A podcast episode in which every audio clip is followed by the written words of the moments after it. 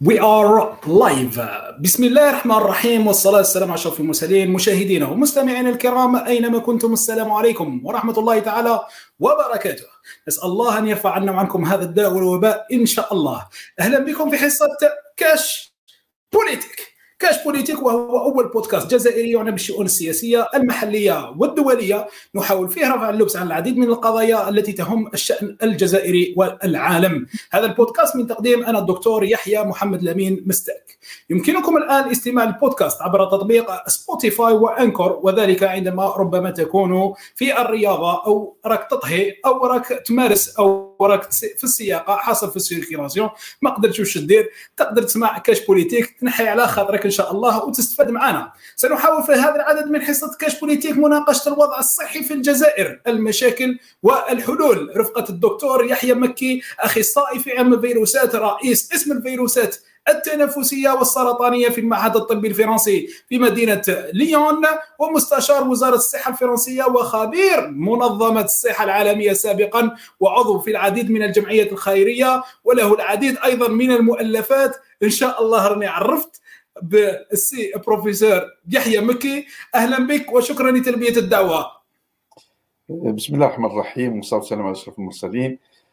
تحياتي لك الأستاذ يحيى محمد أمين ولكل المشاهدين والمتتبعين آه، الحصة. ونشكرك على الاستضافة ونشكرك على آه، ما تقوم به من دور للتوعية ولتبليغ الحقيقة سواء الحقيقة العلمية أو الحقيقة الاقتصادية آه، عن الوطن الجزائر. وأشكرك كذلك على الاهتمام لأنه منذ تقريبا أسبوعنا في اتصال آه، نؤكد على هذه الحصة. وأنا اليوم يعني أظهر بهذا اللباس وهذه الكرافات لكن منذ تقريبا خمس ساعات كنت في هيئة أخرى كلها آه، كانني عامل من العمال آه، المهاجرين لتحضير تقريبا 12 دفعة مساعدات دوائية للكوفيد لمستشفيات ولاية الجزائر من بشار مرورا بتلمسان إلى الدويرة إلى آه، بسكرة ووصولا إلى الطارف آه، ومرورا بالعزازقه ففي هذا الثلج الجو القارس والبارد جدا. فكنا مع زملائي كما ذكرت آه، أستاذي الكريم الجمعيات الخيرية ومن بينها جمعية الشفاء الذين آمين عام. فكنا نبادر في هذا ودخلت تعبان مرهق لكن حضرت نفسي والحمد لله من أجل يعني نور وجهك الكريم آه، طلبتني فنحن عندنا الضيف يعني منين يجينا ضيف نكرموه؟ منين يدخل نكرموه؟ منين يجي راح نديروا له حتى الريحة ونو ونكرموه كاش اللي فصلي أكيد أكيد. هذا تقاليد جزائري ما نقدروش نمدوا لك نمدوا لك المحبة من قلوبنا ونشكرك وربي ينصرك إن شاء الله في هذه الحصة. آمين آمين. شكرا شكرا. كما يقول لك شعور متبادل وحتى إحنا يعني آه، فخورين بك أساسا كقامة علمية يعني في في المهجر. وأيضا آه، باستضافتك هنا في حصة كاش بوليتيك. مشاهدينا الكرام لإثراء النقاش تواصلوا معنا عبر طرح أسئلتكم من خلال التعليقات سواء في الفيسبوك أو عبر قناتي في اليوتيوب لامين مستك خلينا أستاذ بروفيسور نبداو آه، دون إطالة في السؤال الأول وأول أول rubrique لكاش بوليتيك وهي كاش أسئلة. السؤال حبيت نروحوا إحنا رانا رايحين كما حكيت لك مع الأول نروحوا macro analyse ومن بعد نروحوا micro analyse. نشوفوا الدول. آه سؤالي هو لماذا الدول آه المصنفة آه في في الترتيب العالمي آه كاحسن نظام صحي فشلت في مجابهة جائحة كوفيد 19 على عكس يعني الأنظمة التي هي مصنفة في أسفل الترتيب أنا هنا آه، نذكر يعني آه، بين يعني النظام الأمريكي اللي راهو مصنف يعني آه، أول أو ثاني يعني عالميا والنظام الصيني الصحي الصيني اللي راهو مصنف يعني في 38 عالميا كأحسن يعني كأحسن نظام صحي في العالم. يعني ما هي تعليقاتك حول هذا اولا حول الترتيب أو هذا النوعية أو ما هي المعايير المأخوذة لهذا التصنيف؟ ولماذا يعني لم تنجح كبرى آه، أنظمة صحية في العالم في مجابهة هذا هذه الجائحة؟ تفضل. نعم أشكرك. آه، آه، بالنسبة لهذه الأطروحة لها عدة أسباب. أسباب تقنية وأسباب سياسية. فمن الأسباب التقنية هو أنه وأشكرك بأنك ذكرت الولايات المتحدة الأمريكية وذكرت الصين بين الفرق ما بين المرتبة وحتى أنا أزيد يعني أدخل الدولة الثالثة فرنسا التي أنا أعيش فيها ودرست فيها وأعمل فيها هي من أحسن نظام صحي عالمي كصحي وضمان اجتماعي ضمان صحي. وهي كذلك اليوم بدون لقاح لها ليست لها لقاح صنعته فرنسا وهي من أكبر مصنعات اللقاحات.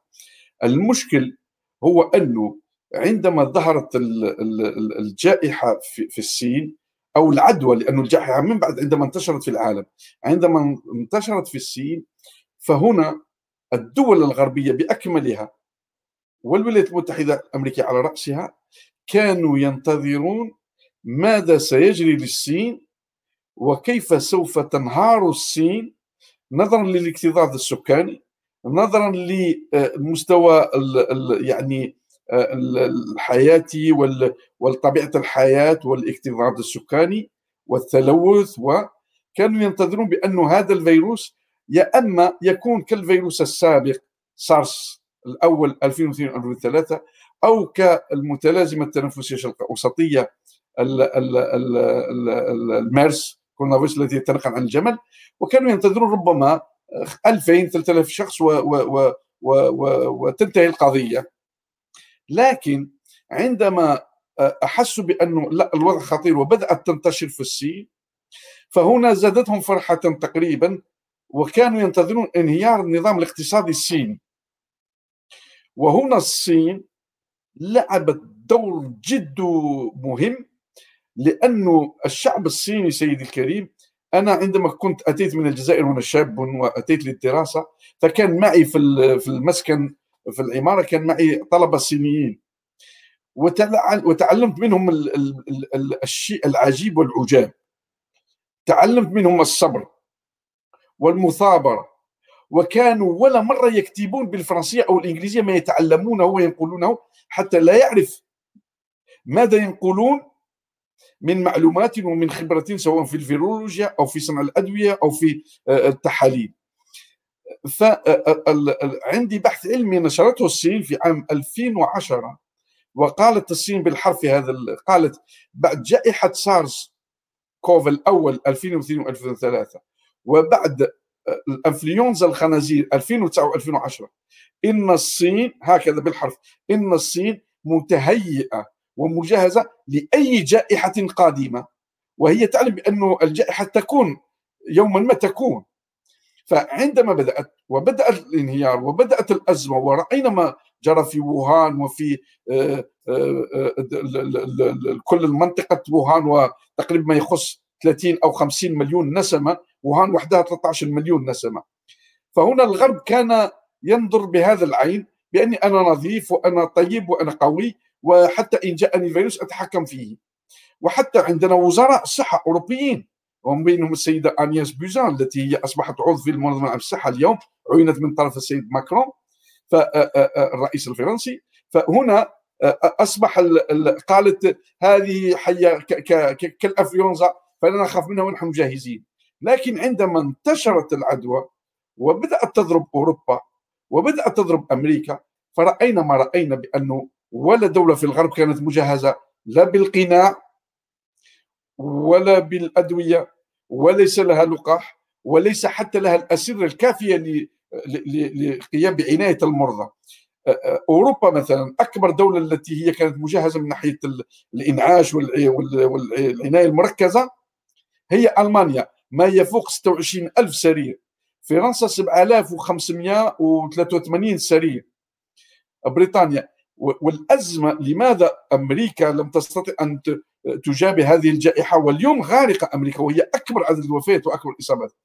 لأنه سيدي الكريم عدم المساواة في الصحة في الشعب الأمريكي بدون ما نتكلم عن الجائحة. 40 مليون في أمريكا يعيشون تحت الفقر. 40 مليون نسمة. العلاج في أمريكا يعني إن كان لك الأموال تعالج إن لم يكن لك الأموال لا تعالج.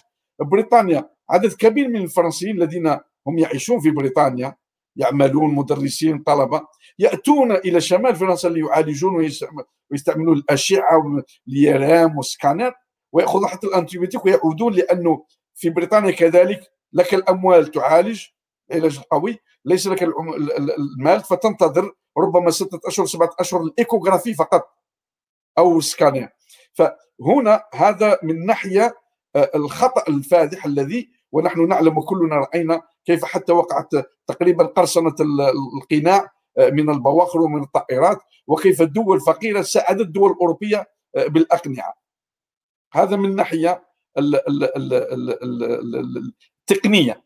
من ناحية الجيوستراتيجية خطأ فادح عوض أن كانوا يجهزون نفسهم لأنه مثلا العدوى متى لحقت إلى أوروبا وبدأت بإيطاليا في شهر مارس بينما الحالة ظهرت في آخر ديسمبر شهر جانفي يناير وفبراير ومارس حتى الآخر مارس. وكان الأوروبيين كأنه لم يهتموا بشيء ولم يعتنوا بشيء ولم يجهزوا أنفسهم. فهنا الخطأ كذلك الثاني. والخطأ الثالث حتى الأوروبيين فيما بينهم إيطاليا عانت المعاناة الشديدة أق... يعني أقصى معاناة عانتها إيطاليا. ولم الاتحاد الأوروبي والمفوضية الأوروبية لم تحرك ساكنا. الدولة الأولى التي ساعدت إيطاليا هي كوبا أطباء كوبيين. وأطباء والصينيين؟ ولماذا منطقة الشمالية لومباردي هي اللي كانت أكثر تضررا؟ لأنه أكبر منطقة صناعية آه، آه، آه، في إيطاليا هي هذه لومباردي وكان لها عمال كثيرين وتبادل التجارة مع الصين ومع منطقة ووهان بالذات. فهنا العدوى انتشرت. فهذا الخطأ كذلك السبب الثاني. السبب الثالث هو الخطأ الاستراتيجي في عدد دول كبيرة نحن مثلا فرنسا أصبحنا بدون قناع لأنه كل رزمنة القناع التي الأقنعة التي كانت مجهزة ومحضرة يعني حرزا لأي طارئ فكانت قضي عليها منذ تقريبا سنتين أو ثلاث سنوات لأنه كانت انتهت صلاحيتها من ناحية التاريخ صلاحية هذه الأقنعة. فهنا أصبحنا في كارثة. والكارثة الجيوستراتيجية وأخلص بهذا الجواب. الكارثة الجيوستراتيجية هو أنه ال ال ال كل الأوروبيين والأمريكيين تقريبا عندنا واحد المثل اليمني وهي ندعو الله سبحانه وتعالى أن يصلح أحوال إخواننا اليمنيين وأن يطفئ النار شعلة النار اليمن وأن ينقذ الله سبحانه وتعالى في هذه السنة. إن لم يكن إرادة من الله ومن الشعوب التي تحن على الشعب اليمني سوف يكون تقريبا 400 ألف طفل يمني سوف يموتون جوعا وليس بالكوفيد سيدي الكريم. ففي مثل يمني يقول فاك نفخ ويداك أوكتا ما معنى هذا حتى نبسط ربما للشبان إذا كانوا يتبعون الشبان؟ فاك نفخ ويداك أوكتا لأن اليمنيين كانوا يصطادون الأحجار النبيلة في في البحار وفي الخليج وكانوا لا يحسنون السباحة فكانوا ينفخون. فاش ينفخون؟ ما كانش la bouée تاع الحالية الحالية كانوا ينفخون في الشكوة يعني بطانة الخروف أو المعز يجعلونها فينفخونها ويربطون الخيط ويستعملونها comme la bouée باش نعوموا فهذا واحد اليمني كان يعني تكاسل لم ينفخها جيدا ولم يحزمها جيدا. فعندما وصلوا في وسط البحر فبدأت النفس تقل والحزام تحل فقال له زملائه يداك أو فاك نفخ ويداك أو تغرق لأنه ما يستطيعوش ينقذوه. فهكذا ماذا وصل من ناحية جيوستراتيجيه والجيو اقتصاديه الخطأ الفادح هو انه كل الدول الأوروبية والدول أمريكا اللاتينية وأمريكا نقلت كل مصانعها إلى الصين منذ سنوات نظرا للرخصة اليد العاملة رخيصة جدا وقلة الضرائب والمستفيد الكبير هو أوروبا وأمريكا من الفائض كل المنتجات. فبالأزمة الاقتصادية والتخوف من الجائحة والانهيار خافوا من انهيار الصين فالصين تقريبا أممت بدون ما تؤمم كقانون كقرار آه، آه، سيادي للتأمين. أي شركة مثلا الجزائر أممت شركة البترول في 69 من القرن الماضي. فالصين في ما بين ليلة وضحاها أممت كيف أممت؟ فكل الشركات الأوروبية والأمريكية باعت رسومها وباعت شركاتها بأقل أثمان. وهنا السبب الرئيسي الذي أغضب السيد ترامب وقرر أن يجد حل آخر حتى ليحمي وجهه أو ينقذ بالعكس. فهنا السيد ترامب أراد أن يبرر بأن هذه الجائحة سببها الصين والصين لازم تدفع الملايير الدولارات للتعويض للدول لكل الدول. والصين أثبتت بأنه فيروس عادي تنقل من الخفاش إلى حيوان تذيي بانغولا الذي أعدى الإنسان وانتقلت العدوى. هذه النقاط التي أردت أن أبينها من الناحية التقنية والجيوستراتيجية. شكرا شكرا. يعني إجابة كانت بالعربيه ولا نتكلم بالفرنسويه كي تحب لا الحمد لله تستمر باللغة العربية. إحنا يعني مفقود الشيء انه اذا كاين إخوة francophones ويحبوا نتكلموا لهم شي نترجموا لهم نترجموا لهم ذلك. آه ماشي مشكل ماشي مشكل إحنا نتحدثوا باللغة العربية يعني إحنا on est destiné اسمه les arabophones هناك بعض بعض التعليقات يعني حول حول ما قلتم. آه، هناك تعليق لعلي علي علي لوروا لوروا تروا هكايا. يقول باللي انه الشعب الصيني التزم بالحجر آه، والشعوب الغربية لم تلتزم بذلك. وما هي قراءته؟ أحسنت سيدي الكريم.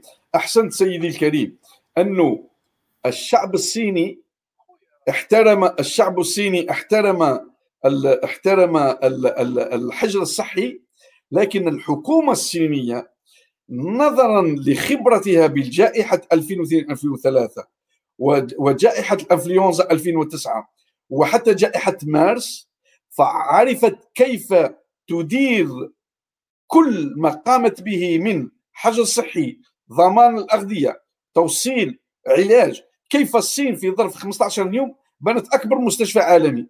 مستشفى يعالج 45 ألف شخص في مستشفى بمقاييس دولية مستشفيان بنتهم. وعالجت. نعم سيدي الكريم أحسنت وأشكرك على الملاحظة بأنه الحجر الصحي والتزام الشعب قاس الشعب الصيني في تقريبا ثلاث اشهر مقاسات ومعاناة كبيرة تدهور أعصاب أمراض يعني نفسية كآبة كبيرة جدا. وهنا أنا نعم هذه النقطة أنا لم أنا أنا اضطرأت من الجانب السياسي لكي أفسر ما هي الأزمة الأوروبية لكن من الناحيه الطبيه نعم الصين الحجر الصحي استعمال تطهير كل الأحياء والجدران وحتى السيارات والقطارات كلهم طهرتهم بمبيدات ضد الفيروسات وضد كل الميكروبات. قامت ب كانت مجهزة. رأينا كيف الأطباء والممرضين كلهم مجهزين بالأقنعة وباللباسات كأنهم يعملون في, في الأسلحة النووية وليس فيروس. بينما الأوروبيين كانوا لا يجدون حتى رأينا أطباء في الولايات المتحدة الأمريكية سيدي الكريم وممرضات استعملون كأياس كرمكم الله أكياس السود للقاذورات ولرمي الأوساخ سيدي الكريم. نحن في فرنسا أصبحنا في الأول قالوا لنا لا هذا الفيروس ليس بخطير لا نحتاج إلى إلى قناع. ومن ثم قال لا نحتاج آه، أعطونا قناع لليوم. بينما قانونيا قناع لأربع ساعات. أشكرك على هذه الملاحظه نعم الحجر الصحي الشامل واحترام هذا الحجر الصحي. وخاصة القوة الصينية. كيف استطاعت الصين أن تقوم بحجر صحي شامل وتطلب حتى آه، آه، دخول وتطلب حتى دخول الجيش لأنه كانت مجهزة كيف تصل الصين الغذاء والأكل والشرب والأدوية إلى إلى مليار نسمة أو مليارين نسمة آه، لمدة ثلاثة أشهر. هذه إلا قوة عالمية والصين أصبحت قوة في هذه الحالة اليوم. نستطيع أن نقول الصين آه، أصبحت قوة عالمية لمكافحة أي جائحة أخرى. وإن شاء الله تكون دول أخرى تأخذ حذوها في هذه الحالة في جائحة كوفيد 19 خلينا آه مع الأول قلت لك باللي on va on va واسمه حنقسموا يعني الحصة إلى حصة كاش اسئله من بعد كاش commentaires. وأنا نشوف هناك عديد من التعاليق وراهم مرتبطين يعني. خلينا بالك حنديروا مزج يعني. حيكون هناك مزج ما بين التعليقات. من الأحسن هكا سهل الأمور. أنا في خدمتكم وخدمة كل المتابعين إن شاء الله. شكرا شكرا. هكا باش تكون certaine interactivité entre entre اسمه المشاهدين. والبروفيسور هناك سؤال يعني آه، لأحد المتتبعين يقول باللي في نيوزيلندا أعلنت عن عدم تسجيل إصابات منذ أيام بدون غلق وبدون كمامات. سؤال مطروح. أعتقد أن طريقة انتقال الفيروس تبقى لغز وليس كما هو شائع. هو هل تشاطر تشاطرني الرأي؟ لا, لا لا سيدي. هو على حسب المناطق. نيوزيلندا أين هي في القارة الكرة الأرضية؟ أين هي؟ في الشمال أو في الجنوب؟ ولكي يعلم المشاهد الكريم بأنه نحن في فصل الشتاء حاليا في فصل الشتاء فجنوب الكرة الأرضية القطب الجنوبي هو في فصل الصيف. ولذا نحن كنا نتمنى في السنة الماضية بأنه الفيروس بدأ في الخريف أو في نهاية بداية الشتاء السنة الماضية 2019 ديسمبر وكنا نتمنى بأنه في آخر فصل الربيع سوف ينتهي وننتهي من هذه العدوى. وقلنا وإذا عاد موسمي فيعود في سبتمبر. لكن انتشر في كل السنة. لكن ما لاحظناه وأنا عندي يقين بأنه إن شاء الله بعد سنة أو سنتين سوف يصبح موسمي. إلا إذا كانت قدرة الله سبحانه وتعالى يجعل له طفرة يسقط منه مكون جيني كبير ويزول ويموت كالجمرة عندما تطفأ. فهنا لاحظنا بأن العدوى انتشرت بشدة في الشتاء الماضي سنة 2019-2020 بدأ ينتشر كذلك في بعض في الخريف في الربيع لكن انتشر في الصيف لكن قليلا في القطب الشمالي لأنه كنا في الصيف. عودة إلى الخريف عندنا والشتاء فانتشر بشدة. فأنا الفيروس ينتقل عن طريقتان الفم والأنف والأيدي إذا التسمت التمست اللعاب وحكت الأعين كما فعلت أنا قبل دقائق وهي الأيدي مملوءة. الأنف الفم أو الأيدي مملوءة بالقطرات من الفم أو الأنف ونحك العين أو نأكل بها أو نشرب بها. هذه طريقة العدوى. بينما علمنا ودرسنا وعدة أبحاث بينت بأن الفيروس يبقى فوق الكاغط يبقى في البلاستيك يبقى في ال inox يبقى في في في البلاستيك لعدة ساعات إلى عده أيام. وعرفنا كيف ينتقل. ووجدنا في غرفة غرفة المريض مريض وحده. يدخل الغرفة ليس فيها الفيروس. ويبقى فيها 24 ساعة 48 ساعة ثلاث أيام 72 ساعة. فنجد الفيروس في القباضه الابواب والنوافذ. نجده في السرير في التليفون في حتى في ال climatiseur. وأنا كنت من الأوائل الأخصائيين اللي تكلم على ال climatiseur آنذاك. ووجدنا حتى في فتحة الهوائية لل climatiseur فيتنقل له عدة طرق يتنقل بها.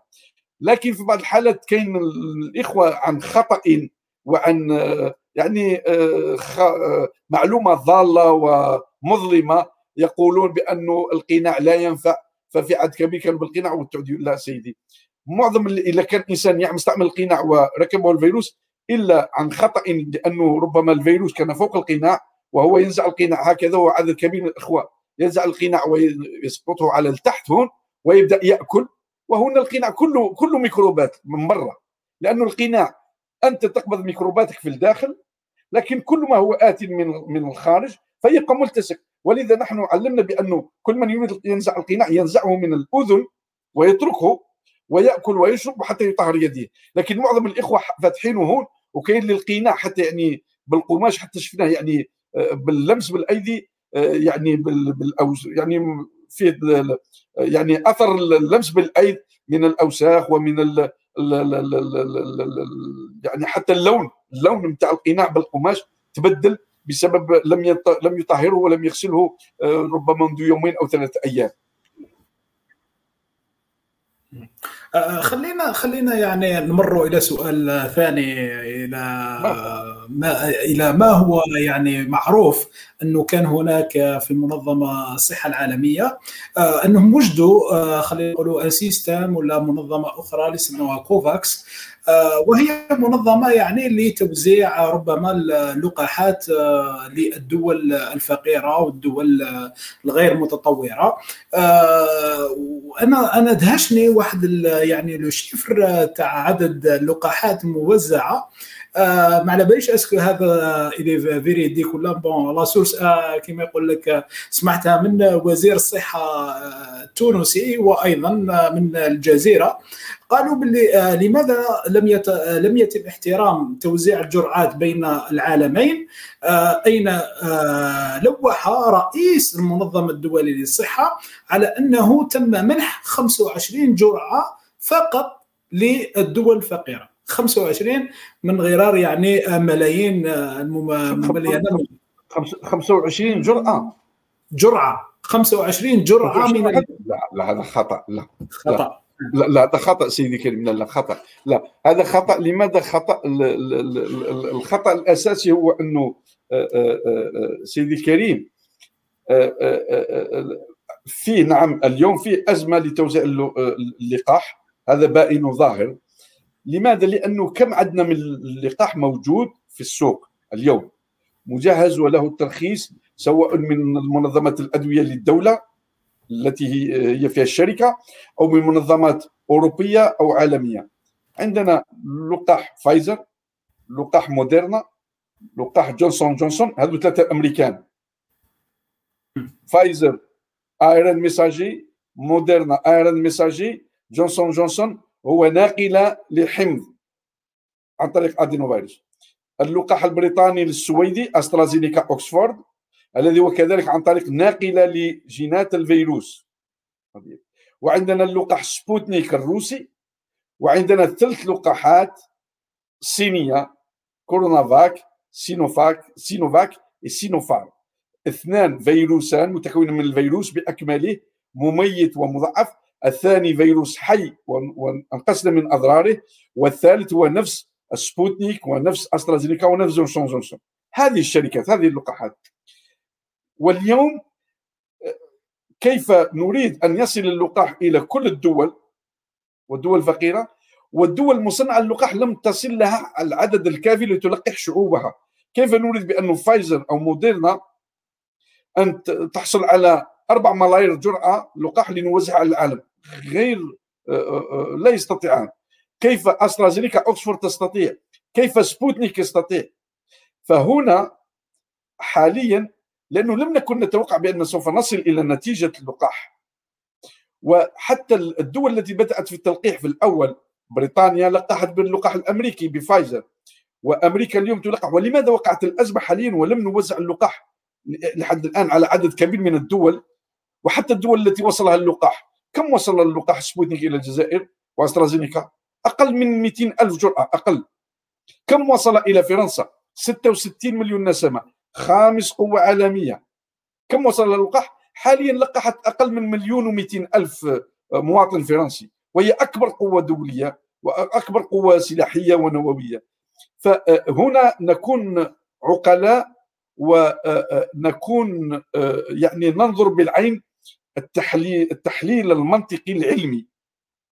شركة فايزر هل هي شركة كبيرة كسانوفي أو كباستور؟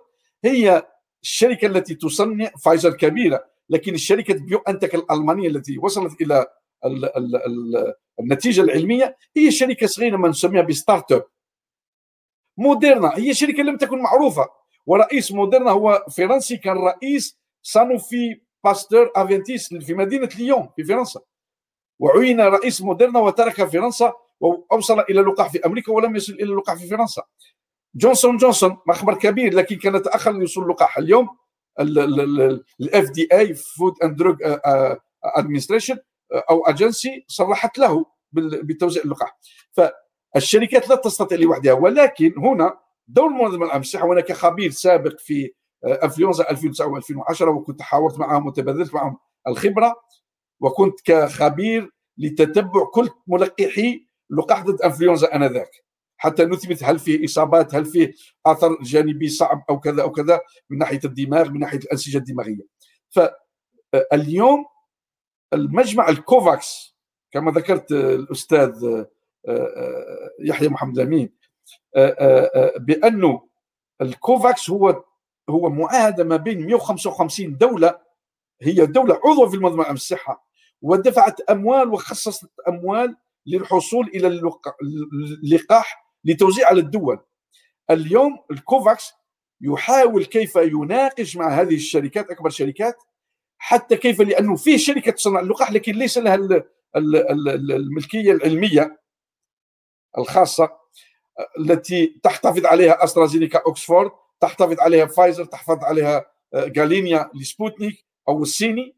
فهنا حاليا النقاش دائر ما بين الذين أنتجوا الخبرة العلمية ووصلوا إلى اللقاح مع الدول التي تصنع اللقاح حتى يا أما تبيع لها الشهادة للحفاظ على الملكية أو تدخل معها كشريك في اي كل لقاح يصنع. الشركة التي تصنع تأخذ مثلا دولار والشركة التي هي يعني لها براعة العلمية هي تحصل مثلا على اذا كان يسوى 10 دولارات. تأخذ تسعة. وهنا النقاش مثلا أسترازينيكا مع اوكسفورد ناقشوا مصنع هندي الذي أثبت سوف يصنع في 2021 مليار جرعة لقاح. كذلك الشركات الفرنسية عندنا تقريبا ثلاث شركات فرنسية قررت صنع اللقاح فايزر ولقاح أسترازينيكا اوكسفورد وهذا التعاون ولذا لا نقلق أنا لا أقول هنا لأنه عدد كبير حتى من السياسيين يخطئون في هذا. وأنا اسمع أقول يخطئون يقول بدأنا في عدم المساواة. الدول الغنية تلقح والدول الفقيرة تمو لها الله سبحانه وتعالى. نعم لها الله والحمد لله لحد الآن الدول الآسيوية والخليج والشرق الأوسط والمغرب العربي وإفريقيا أقل ضررا في العالم بهذا الفيروس وأقل وفيات إذا قارناها إلى أوروبا وإلى أمريكا وإلى أمريكا اللاتينية كارثة بالنسبة للدول. وهذا ربما حماية من الله سبحانه وتعالى نظرا لفقرها وعدم وصولها للعلم وعدم وصولها لإنتاج اللقاح. النقطة الثالثة هو أنه ليس بعدم مساواة لو لقحنا 70 مليون 30 مليون فرنسي ولم توزع فرنسا اللقاح لو لقحنا كل الشعب الأمريكي وكل الشعب الألماني يا أخي ألمانيا لقحت مليونين بريطانيا مليونين أي مليونين في 80 مليون نسمة انه الدول الأوروبية حتى أصبحت أزمة أوروبية مع السيدة أورسولا رئيس المفوضيه الأوروبية التي يعني انتقادات حادة ما بين الاتحاد الأوروبي 27 دولة لأنه عدد كبير من الدول الأوروبية في, الاتحاد الأوروبي لم يصل لها لحد الآن اللقاح بينما الجزائر بدأت تلقح وبدأت تلقح في الهضاب العليا وفي الصحراء النائية من تيهرت عاصمة الرستميين إلى تلمسان الزيانيين إلى بجايه وإلى مسيله وإلى عنابه فهنا نفهم بأنه أصبحنا في وضع حاليا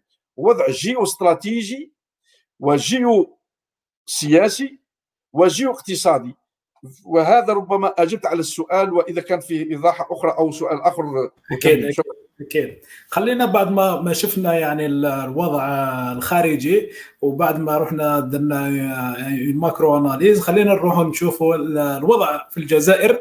آه، سؤالي يعني حول الجزائر آه، قبل ما نلحقوا على الكوفيد وما حبيت نسقسيك قبل الكوفيد. يعني حول المنظومة وانت راك آه، عايشت يعني ودرست هنا في الجزائر وواصلت. يعني دراستك. آه، حول واقع أداء النظام الصحي في الجزائر آه، قبل كوفيد 19 وما هي المعايير المستعملة لتقييمه؟ إذا حبينا زعما نقيموا النظام المنظومه الصحيه في الجزائر. سؤال شوية compliqué إن شاء الله لا لا لا لا, لا, لا ماشي compliqué لا, لا بالعكس بالعكس بالعكس. هذا السؤال اللي فرحنا لأنه آه، نهتم نتكلم على الدول الأخرى لكن عندما يخصنا أن نعطي المعلومة الحقيقية عن الوطن وعن ال ال ال ال ال ال الإطار الصحي وعن آه، كل المنظومه الصحيه آه، الجزائر من ناحية الصحة لأنه نحن نسمع ما يقوله الشارع وكيف يشتكي الشعب لكن الحقيقة بالمعطيات وليس معطيات الحكومة الجزائرية ولا السيد وزير الصحة ولا السيد ولا معهد الدراسات الاستراتيجية الجزائري ولا معهد الإحصاءات ولا معهد الدراسات والاستشراف. لا هذا أنا لدي معطيات بصفتي كخبير سابق منظمة الصحة وطالع على كل المعلومات. هذه معطيات المنظمه العالميه للصحه الجزائر ما بين الدول المتطورة في الناحية الصحية. كيف كيف هذا متطورة؟ هذا واحد يقول لك أيوه هذا ربما يتهمونني أو يوبخونني على ما سوف أقول. لا نعطي الحقيقة العلمية أيها الأخ الكريم أيها المشاهد الكريم الحضور الأفاضل. نحن في الجزائر 44 مليون نسمة تقريبا. الله يبارك كما نقول إحنا الله يبارك. وجدودنا يقول لك خمسة في في عينين الحساد. 44 آه، مليون نسمه كم عندنا من مستشفى مستشفى جامعي طبي؟ عندنا 14 مستشفى جامعي طبي. بشار تلمسان بالعباس وهران مستغاني لغواط بليدة الجزائر تيزي وزو قسنطينة باتنا سطيف عنابة نزيد نزيد نزيد نزيد نزيد. عنابه ربما نسيت قسنطين عنابه سطيف بالضبط سطيف. عندنا 14 يعني موش معهد مستشفى جامعي des centres hospitalo-universitaires. أين هذه القوة؟ عندنا المعاهد الصيدلية جامعة الصيدلية. كم؟ هذا المستشفى الجامعي الطبي الصيدلية. سيدي الكريم أنا لا أنتقد انتقد الجيران لكن أذكر الحقيقة.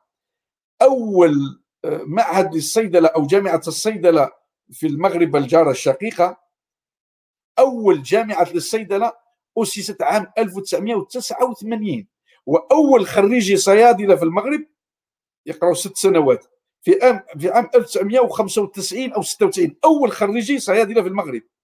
إحنا أول جامعة صيدلية في الجزائر كانت في منذ 1953 في الجزائر العاصمة. ومنذ جامعة الصيدله في وفي وهران وفي قسنطينة وفي وفي فالجزائر كهيئة طبية كتعليم للطب للصيدله لطب الأسنان للبيطرة للفلاحة المهندسه الفلاحية.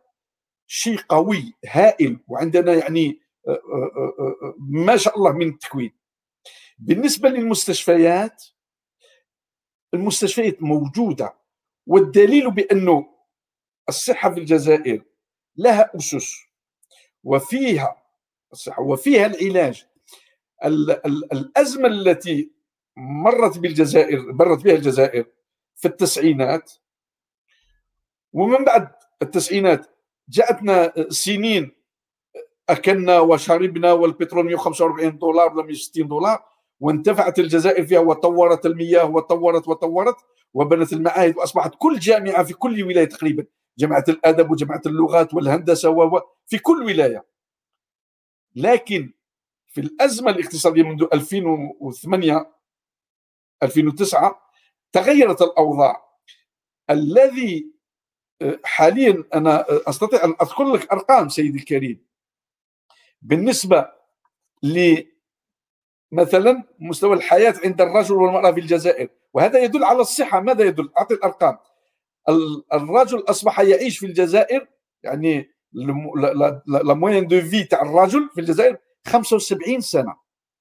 20 سنة قبل كان 65 سنة. معظم الرجال يموتوا 65 سنة. 75 سنة. النساء 77 سنة. هذا على ما يدل. هذه معطيات 2016 2016 كم عندنا مثلا عدد الوفيات ما بين السن 15 و 60 سنة.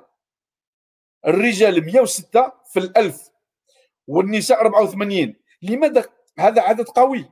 معظم الوفيات بسبب ماذا؟ هل بسبب عدم العلاج وعدم الصحة؟ لا. معظم معظم عدد الكبير عند الوفيات عند الشبان هو حوادث المرور. حوادث المرور وسوف نعطي هذه الأرقام الحقيقية. هنا غادي نبينوا الحقيقة. الجزائر على كل مواطن تصرف سنويا 932 دولار. لكل شخص جزائري 932 دولار للصحة للنظام الصحي.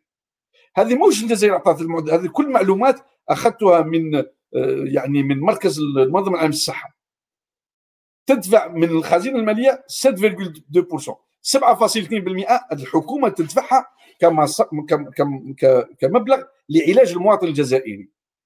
هنا غادي خاطر غادي نقارنوا خاطر غادي ربما يقول الدكتور هذا خاطئ إحنا السبيطارات راهم رايحين فيها مكان علاج مكان طب مكان كذا مكان كذا. لا هذه الهضرة العامة.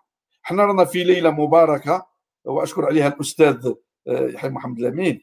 آه، ليلة علمية وليلة ذو مستوى رفيع فيه علماء وأساتذة وطلبة. فنحن أنا أنا ما أقول إلا الحقيقة الحقيقة العلمية والحقيقة بمعطياتها. كم عندنا عدد الأطفال الذين هم في في المدرسة يدرسون في المدارس؟ 98% من الأطفال هم في المدارس. هذا على ما يدل. يدل بأنه ما نستطيعش ندير المدرسة 98% من الأطفال هم يدرسون والصحة تقول خالية ولا تقول ولا تقول ضايعة ولا تقول هم تمشى ابدا. ونعطيك الأرقام. 92% من الأطفال هم متعلمين. يعني الجزائر في ظرف 60 سنة. نقولوا 60 سنة مازال ما حقنا 60 سنة الاستقلال مازال. رانا شوية. في ظرف 60 سنة كنا ما يفوق 65% من الأمية. في الاستقلال 65% من الشعب الجزائري كان في أمية تامة. وحتى نبشر الإخوة الطلبة اللي متبعونا في هذه الليلة المباركة. كم كان عندنا من باشولي الذي كان حصل على البكالوريا في 5 جويلية عام 1962 كم؟ 100 جزائري. والسنة الماضية هذه كم عندنا بكالوريا؟ كم عندنا من طالب يدخل سنويا؟ كم عندنا عدد الطلبة الذين يدخلون للجامعة مليون طالب يدخل سنويا للجامعة. 92% متعلمين أطفال متعلمين. 94.5 هم ذكور أطفال.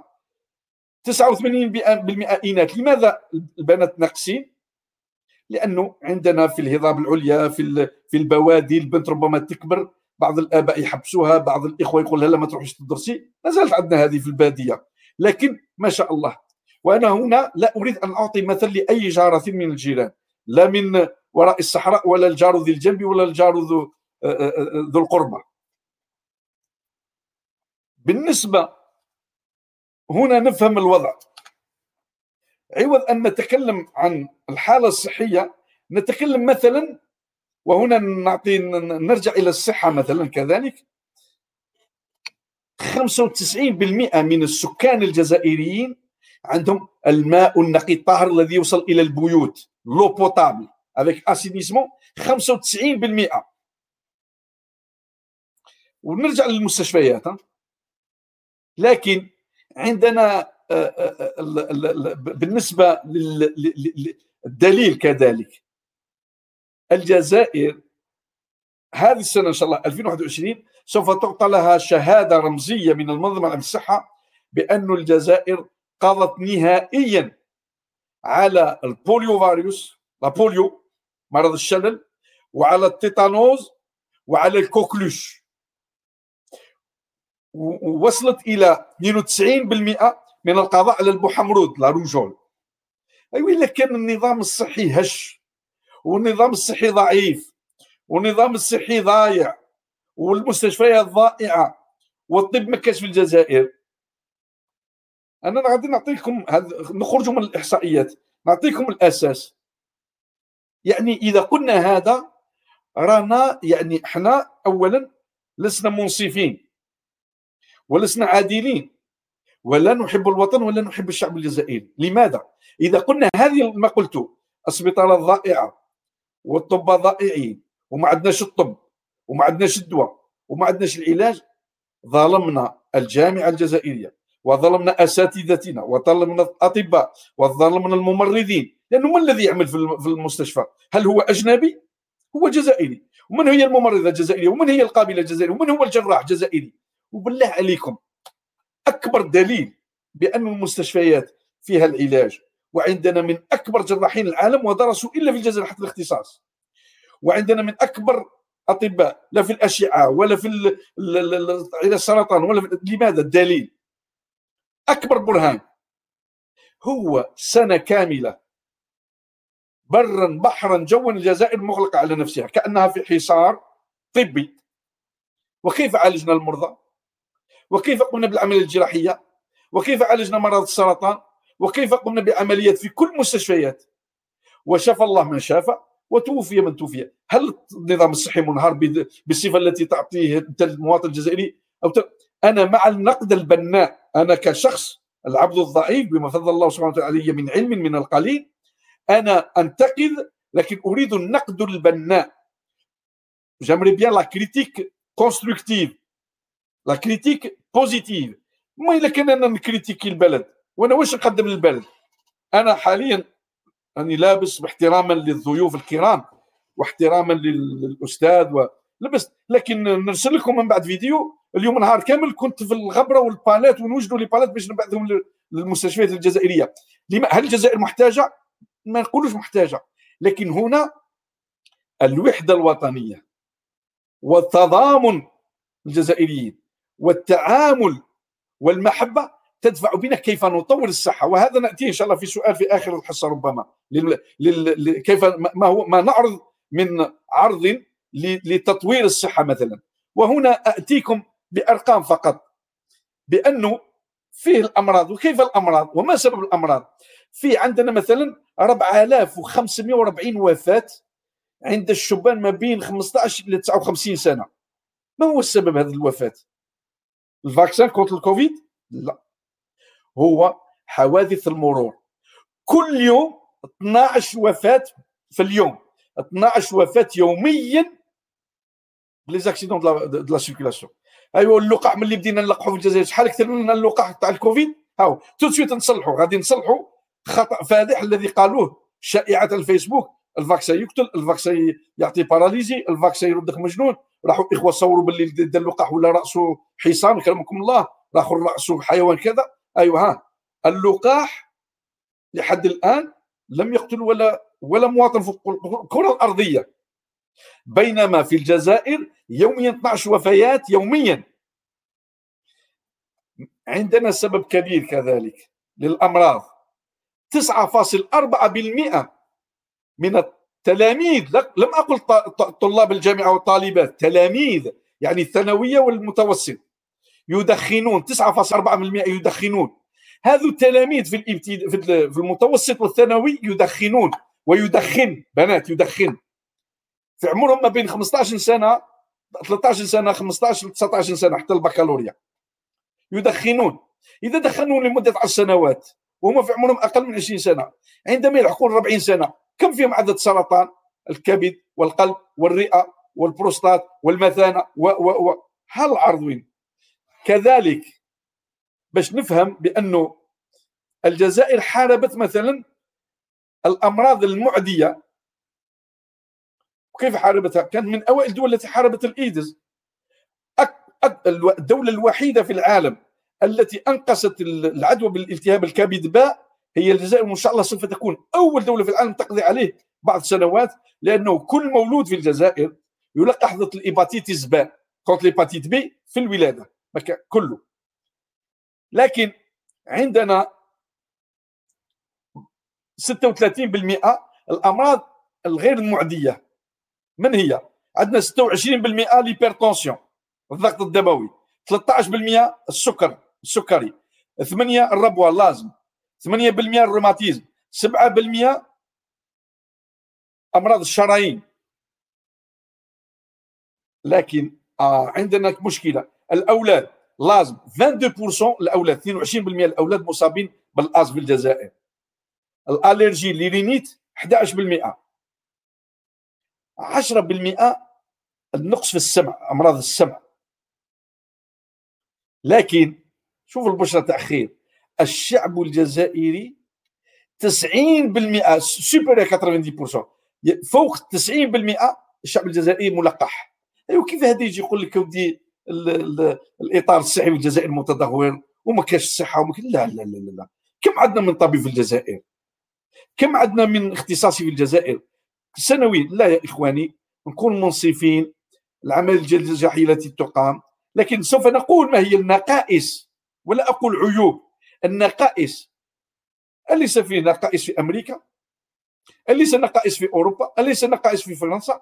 نعم المستوى العلاج ليس بحد ذاته لكن بالنسبة للشعب الجزائري هنا ندخلوا في في في في نقطة أساسية وهو كيف كيف نريد أن يكون مستشفى الجزائر في 2030 إحنا رانا في 2021 ما زلنا تسع سنين. كيف نريد أن يكون المستشفى الجزائري من الشمال إلى الجنوب ومن الغرب إلى الشرق؟ كيف يكون هذا المستشفى؟ هل يبقى على حاله اليوم؟ لا. أنا معكم. لازم فيه تطوير للمستشفيات. لازم فيه تطوير. إذا قيم إذا تقييم للصحة الجزائرية. هذا هذه كل معطيات معطيات المنظمة العالميه للصحة التي هي بتقرير لها لها خبراء يزورون الجزائر ويدرسون ويدفعون لتتبع السرطان لتتبع الأمراض السكري أمراض كذا وتعطي نصائح للجزائر وتعمل هذا مع كل الدول ليس إلا دولة الجزائر فمن ناحية هذه آه، أنا أقول بأنه المستشفيات ما هي النقائص؟ أي نذكر النقائص حتى نكون منصفين في الحوار ما هي النقائص؟ أنا والله قبل حيكون حيكون هناك سؤال يعني حول هذا؟ خلينا قبل اسمح لي اقطع كلامك بالحسن لا لا سامحني أنا أنا أنا اريد أنا j'aime pas que ce soit monologue ماهوش غير الدكتور يتكلم. لا حبسني. كنت أنت الذي تدير الجلسة. هو كان هناك العديد من التعليقات آه، من طرف آه، المتتبعين حول ما ما قلتم. آه، خلينا ناخذ مجموعة من التعليقات ومن بعد نعلقوا عليهم كامل.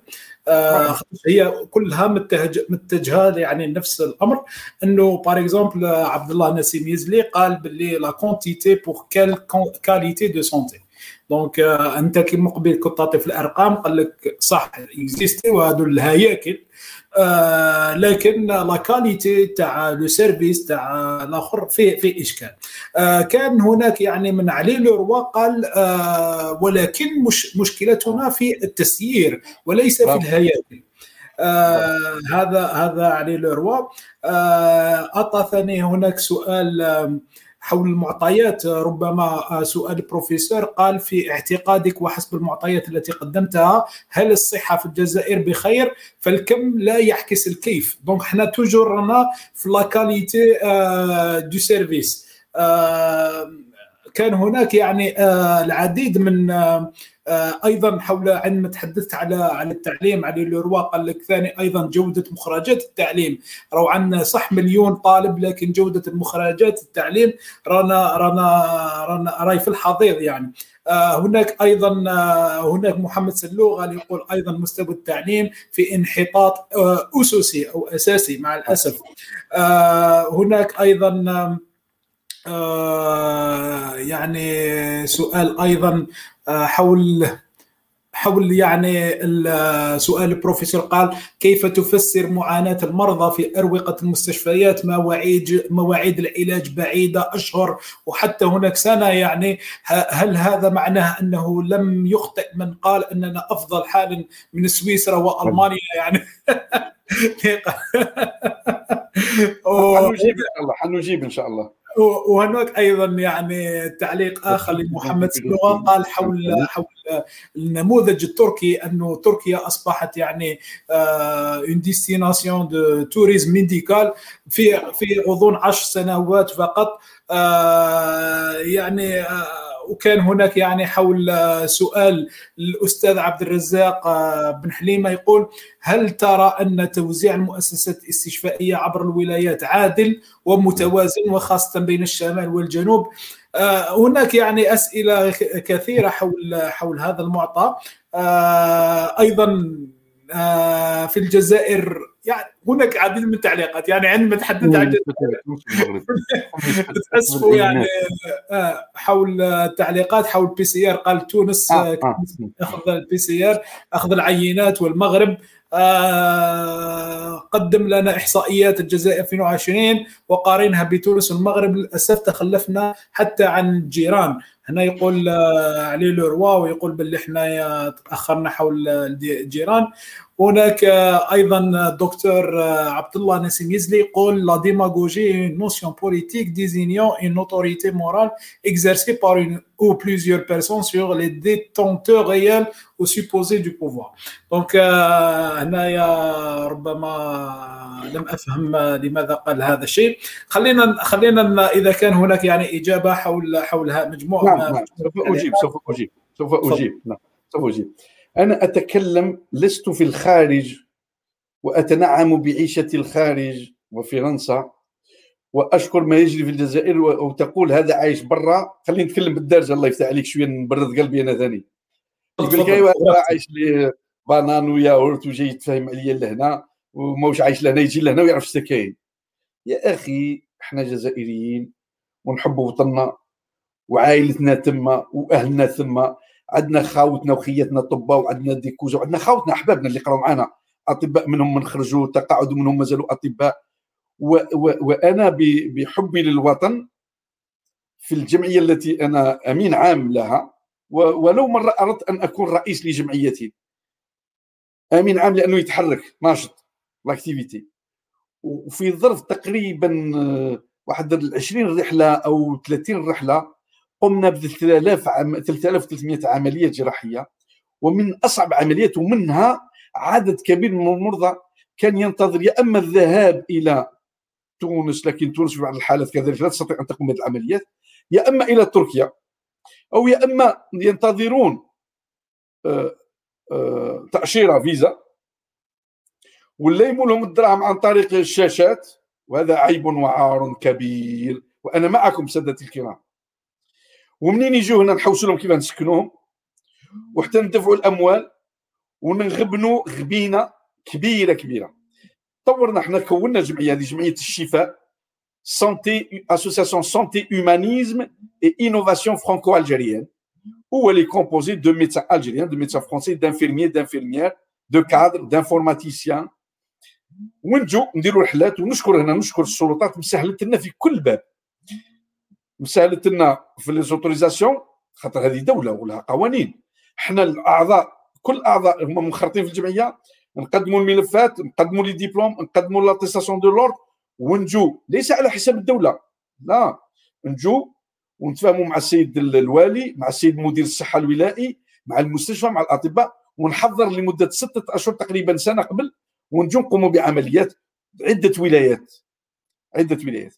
أما اللي راني عارف راني عايش الواقع في الجزائر وراني عايش الواقع اللي عايشين وعندنا إخواننا عندنا ولاد خاوتنا عندنا إحنا عائله الجزائر ما كاينش عائلة اللي فيها ثلاثة ولا أربعة. إحنا غير من فوق 20 25 الله يبارك. أما لي ماني نتكلم من قلبي من صميم قلبي حتى إذا أردتم أن أقول من لب فؤاد قلبي.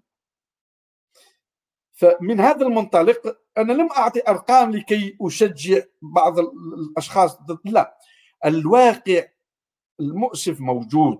وبعض المستشفيات موجودة وبعض المستشفيات كما تقولون مازال فيها سكانير تاع ربما آه، quatre barrettes واش يبين؟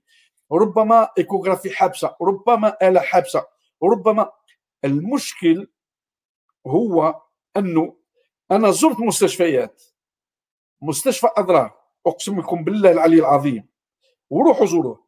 من أحسن المستشفيات وأنا اقولها يعني أعرف ما أقول مستشفى جديد حتى PET scan فيه la radiothérapie le Gamma Knife Gamma Knife هذا في فرنسا عندنا أربعة أو خمسة. باريس مارسيل ليون والله أعلم بريست ولا نانت ستراسبورغ ال Gamma Knife موجود في أدرار بشوف عيني بنظري لأنه قمنا بأيام طبية جراحية في أدرار. مستشفى جديد في برج بوعريريج مستشفى كل المستشفيات اللي زرناهم في آلات. المشكل كما تفضل الأستاذ في التسيير ما معنى التسيير انا نعطيك مثلا النقص أه، أه، لماذا الجزائر استطاعت ان تطور النظام البنكي البنوك comment l'Algérie a pu développer tout le système bancaire pourquoi le système bancaire il s'est développé il était le premier à développer parce que c'est l'argent, parce que l'argent, on échange avec les pays du monde. Et donc, on doit développer l'informatique, développer la sécurité de l'informatique, échanger avec l'informatique. Pourquoi Sonatrach, elle s'est très, très bien développée son attaque s'est développée parce que c'est une société internationale qui échange British Petroleum, Agip, euh, le, le, le, Repsol, le Total, et ainsi de suite, les Américains, les, les Espagnols. Et donc, elle était obligée d'être dans la mesure. Et pourquoi? Donc, les hôpitaux, ils ne sont pas informatisés. L'informatisation, c'est un rendez-vous, c'est un dossier médical, c'est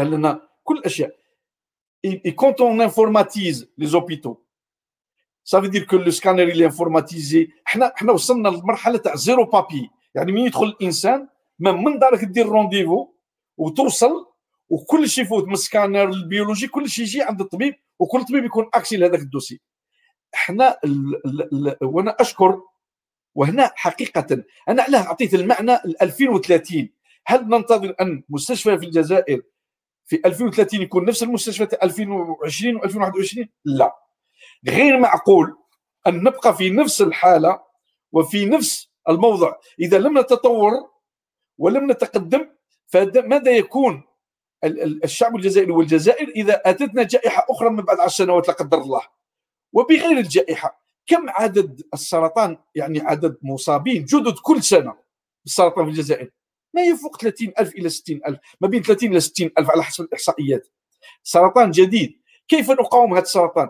هل نبقى دائما الأستاذ بوزيد وأنا أشكره وربي يطول في عمره ويبارك فيه الذي هو جعل منارة tout ce qui est le cancer et la radiothérapie et l'oncothérapie في الجزائر.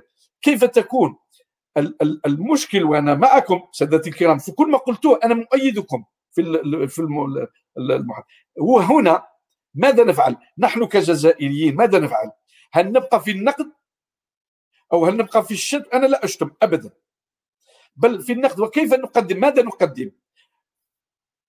عندنا إطارات جزائرية في المهجر وإطارات قوية وعندها العلم وغزيرة في العلم وغزيرة في ولها مناصب عليا أن أنا أمامهم أنا قطرة ماء في محيط لست بعالم ولست بأستاذ علماء كبار نعطيك مثال.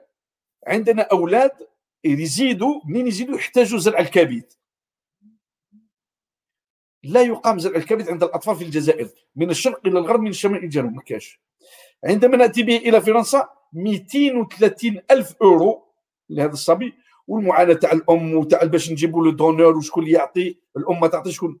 غبينا la greffe d'organes on peut la développer في تلمسان في وهران. في الجزائر في بليده في قسنطينه في تيزي وزو في باتنا في عنابه ونديروا ان بول في الصحراء يا وارقله يا يا اضرار سهل ومالا خدمتي انا حاليا جو سوي دو غارد اجوردي ماتنون سوي دو غارد pour tout donneur d'organes tout donneur d'organes dans le Rhône on m'appelle le premier pourquoi le premier Parce que c'est moi qui fais les tests virologiques pour savoir s'il a l'hépatite B, s'il a l'hépatite C, le VIH, on oriente.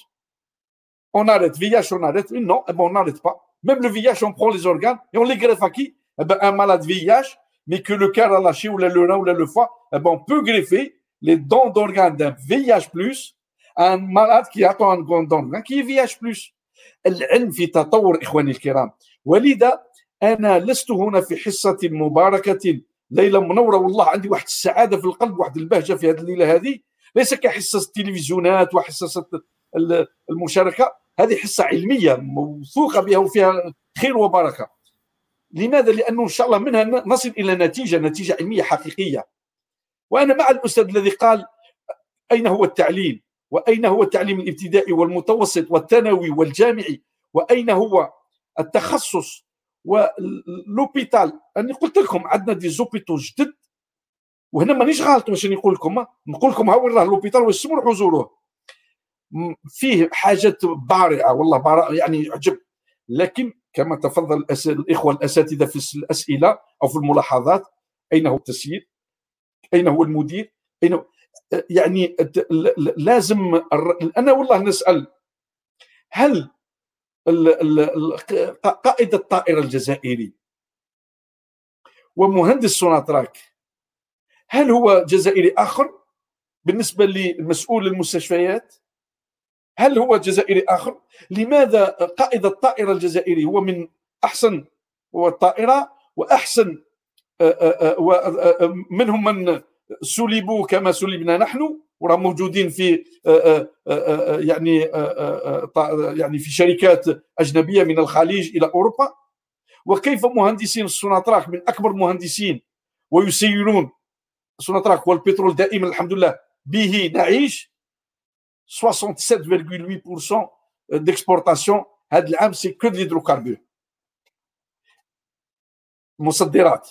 فكيف هذا الجزائري؟ وكيف الجزائري في البنك حتى في البنك؟ تسيير جيد لأنه يتعامل مع البنك ومع البنوك الدولية.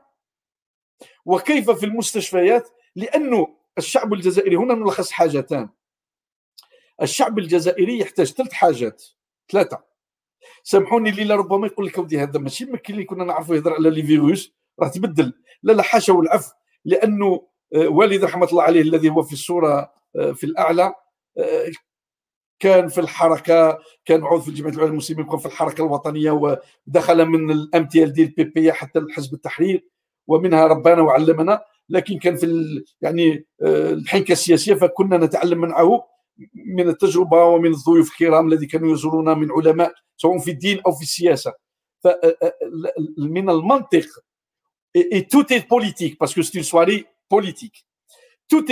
حنا أنا أنا سنويا نروح نقرأ un diplôme نسموه la politique de la santé وعندنا un diplôme يسموه l'économie de la santé وعندنا un autre diplôme le management de la santé وحنا لازمنا نروحوا نقراو لأنني أنا أسير فريق تاع 10 أو 20 لازم لي لا جيستيون لازم لي ال management لازم لي في كل هذه الأبواب. تفضل أستاذ. أستاذ برك حول ال management de la santé خاطر كان هناك تعليق يعني البعض آه، عليه لو قال وذكرني إنه للأسف الشديد هناك آه، العديد من المستشفيات في الجزائر اللي يجيريوهم آه، ماشي déjà متخصصين كاع في la médecine الحاجة الأولى. donc تصيبو تصيبو بالك خريج l'ENA وداير قانون صحه وتصيبو هو اللي يسيني le professeur اللي قرا 13 سنه ولا أكثر من 13 سنه وكذا يسيني له un truc باش يقدر يجيب médicament وكذا donc أنا je pense باللي y a un problème aussi صح ال problème c'est ال problème de gestion لا لا لا سوف وهنا ذكرني قال لي ربما لا يملكوش هذا البكالوريا حتى أنا لا ما تروحش سوف اصحح أنا مع الملاحظه لكن سوف اصحح نقطه اساسيه ليس من الضروري ان يكون وزير الصحه من طبيب وليس من الضروري ان يكون وزير الطرقات مهندس في الطرقات سيدي الكريم وليس حتى من الضروري أن أن ديبوتي نائب يكون آه، دكتور أو مهندس أو لا سيدي لا. لأنه السياسة في تسييرها تسير من السياسي كسياسي. والخبرة tous les directeurs des hôpitaux آه هنا معك سيدي الكريم. tous les directeurs des hôpitaux en France vous ne les trouvez pas des médecins du tout. C'est des énarques de l'ENA ou de l'école d'administration. ou de Polytech ou l'école d'IMI, mais, mais, a une école des cadres de la santé qui est à Reims et qui doit étudier quatre ans plus sa spécialité pour pouvoir devenir directeur d'hôpital. Mais فيش انا عندي لهنا monsieur Lemoine le président directeur général des hôpitaux de Lyon خارج من لونا le directeur de l'hôpital de la Croix-Rousse درت l'école des cadres de la santé وحنا في ليون عندنا l'école de formation des cadres de la santé انا معك سيدي الكريم اي مدير هذا المدير اللي ماهوش قاري ولا اللي ماهوش ما يحسنش ال informatique ولا نعم أنا معك. هادو سواء راهم وصلوا la retraite نتمنى لهم إن شاء الله تقاعد مبروك وصحة ودائمة وعافية. لازم يكون فيه يعني عندنا مشكلة هو كيف أترك مكاني للآخر؟ هذا مكاني للآخر غير نعطيكم لمحه برك إحنا en France la retraite elle est 65 ans dans le domaine médical. اقسمكم بالله واشهد على والله شاهد على ما أقول le soir de 65 ans c'est-à-dire Zaïd le 15 février il a 65 ans. Le 15 février à minuit à minuit تنحبس له الانترنت على l'hôpital يحط المفتاح تاع البيرو ويخوي البيرو ويخلي وينحوا له التليفون وينحوا له الباج.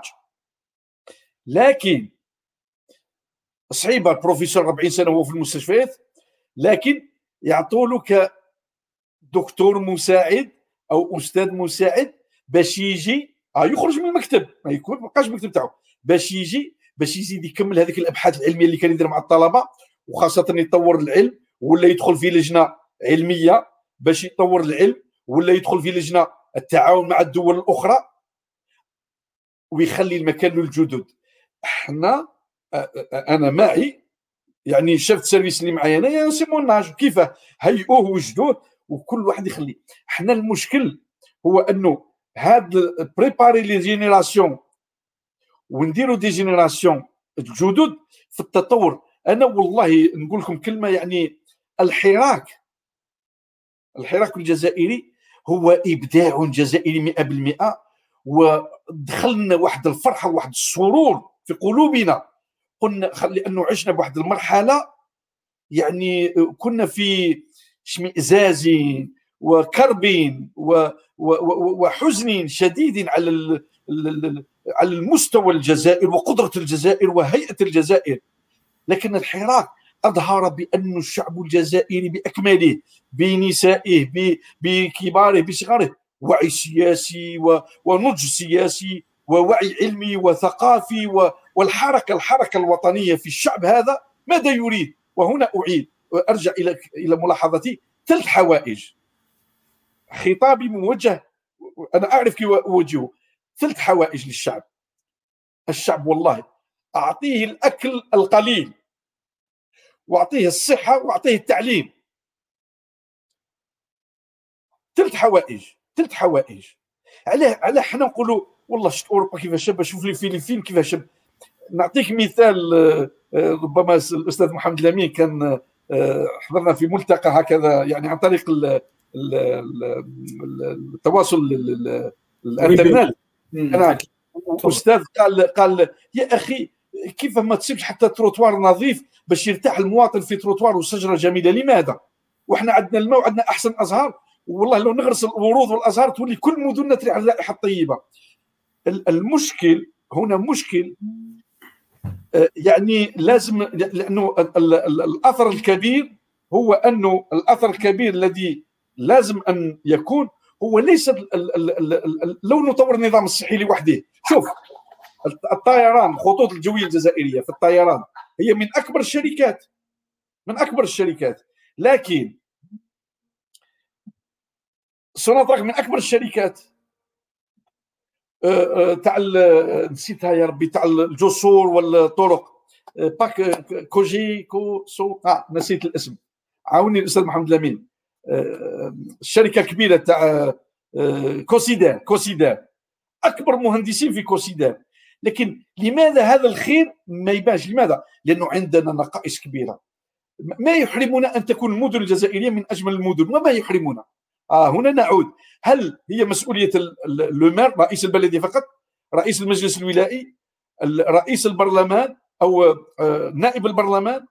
السيد الوالي؟ السيد رئيس المحكمة؟ السيد وكيل الدولة؟ السيد رئيس الدرك؟ السيد قائد العسكري؟ هل هي مسؤولية إلا هذا؟ ومن وهل يعني حتى نقول أليس في في, في هذا كل المسؤولين أليس مسؤولين علماء وأشخاص أقوياء وحكموا البلاد وحكموا سيد المشكل هنا نعود إلى الثقافة وأصول ومستوى ووعي ومسؤولية الفرد الجزائري سيدي الكريم أنا والله زرت عدة مستشفيات وتحيرت. وجدت في المستشفيات موجود كل الآلات موجود سكانر موجود الأدوية موجود ال pansement موجود كلش. فسألت سيد المدير قلت له سيد المدير ولماذا في ال service. قال لي يا أخي لو نحط لهم كاع les quantités اليوم غادا ما نصيب لا مقص ولا sparadrap ولا gants. قلت له كيف؟ قال لي نتعامل باليوم. عندما وزنت قلت له ولما لا تجعل الثقة؟ قال لي راك هنا معنا هذا الأسبوع؟ قلت له نعم سيدي. قال لي غدا نشوف.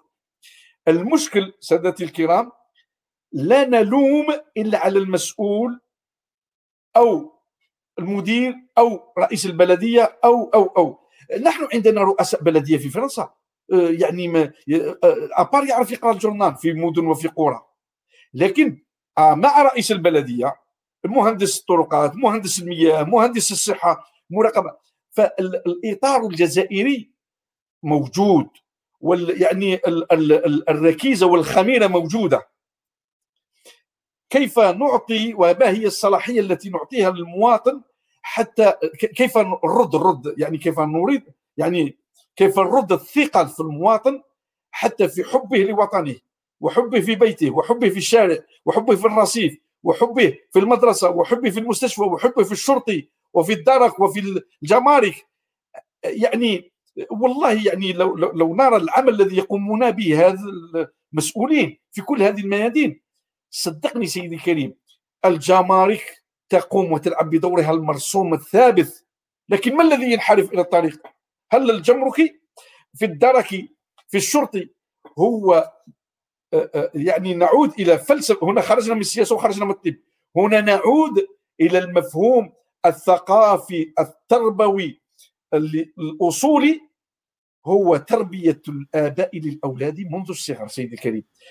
كيف كيف الرجل الكبير يسوق 35 سنة عنده ال permis على ما يحترمش les feux rouges وأنا أنا أنا شحال مرة منين نجي في الصيف نحصل؟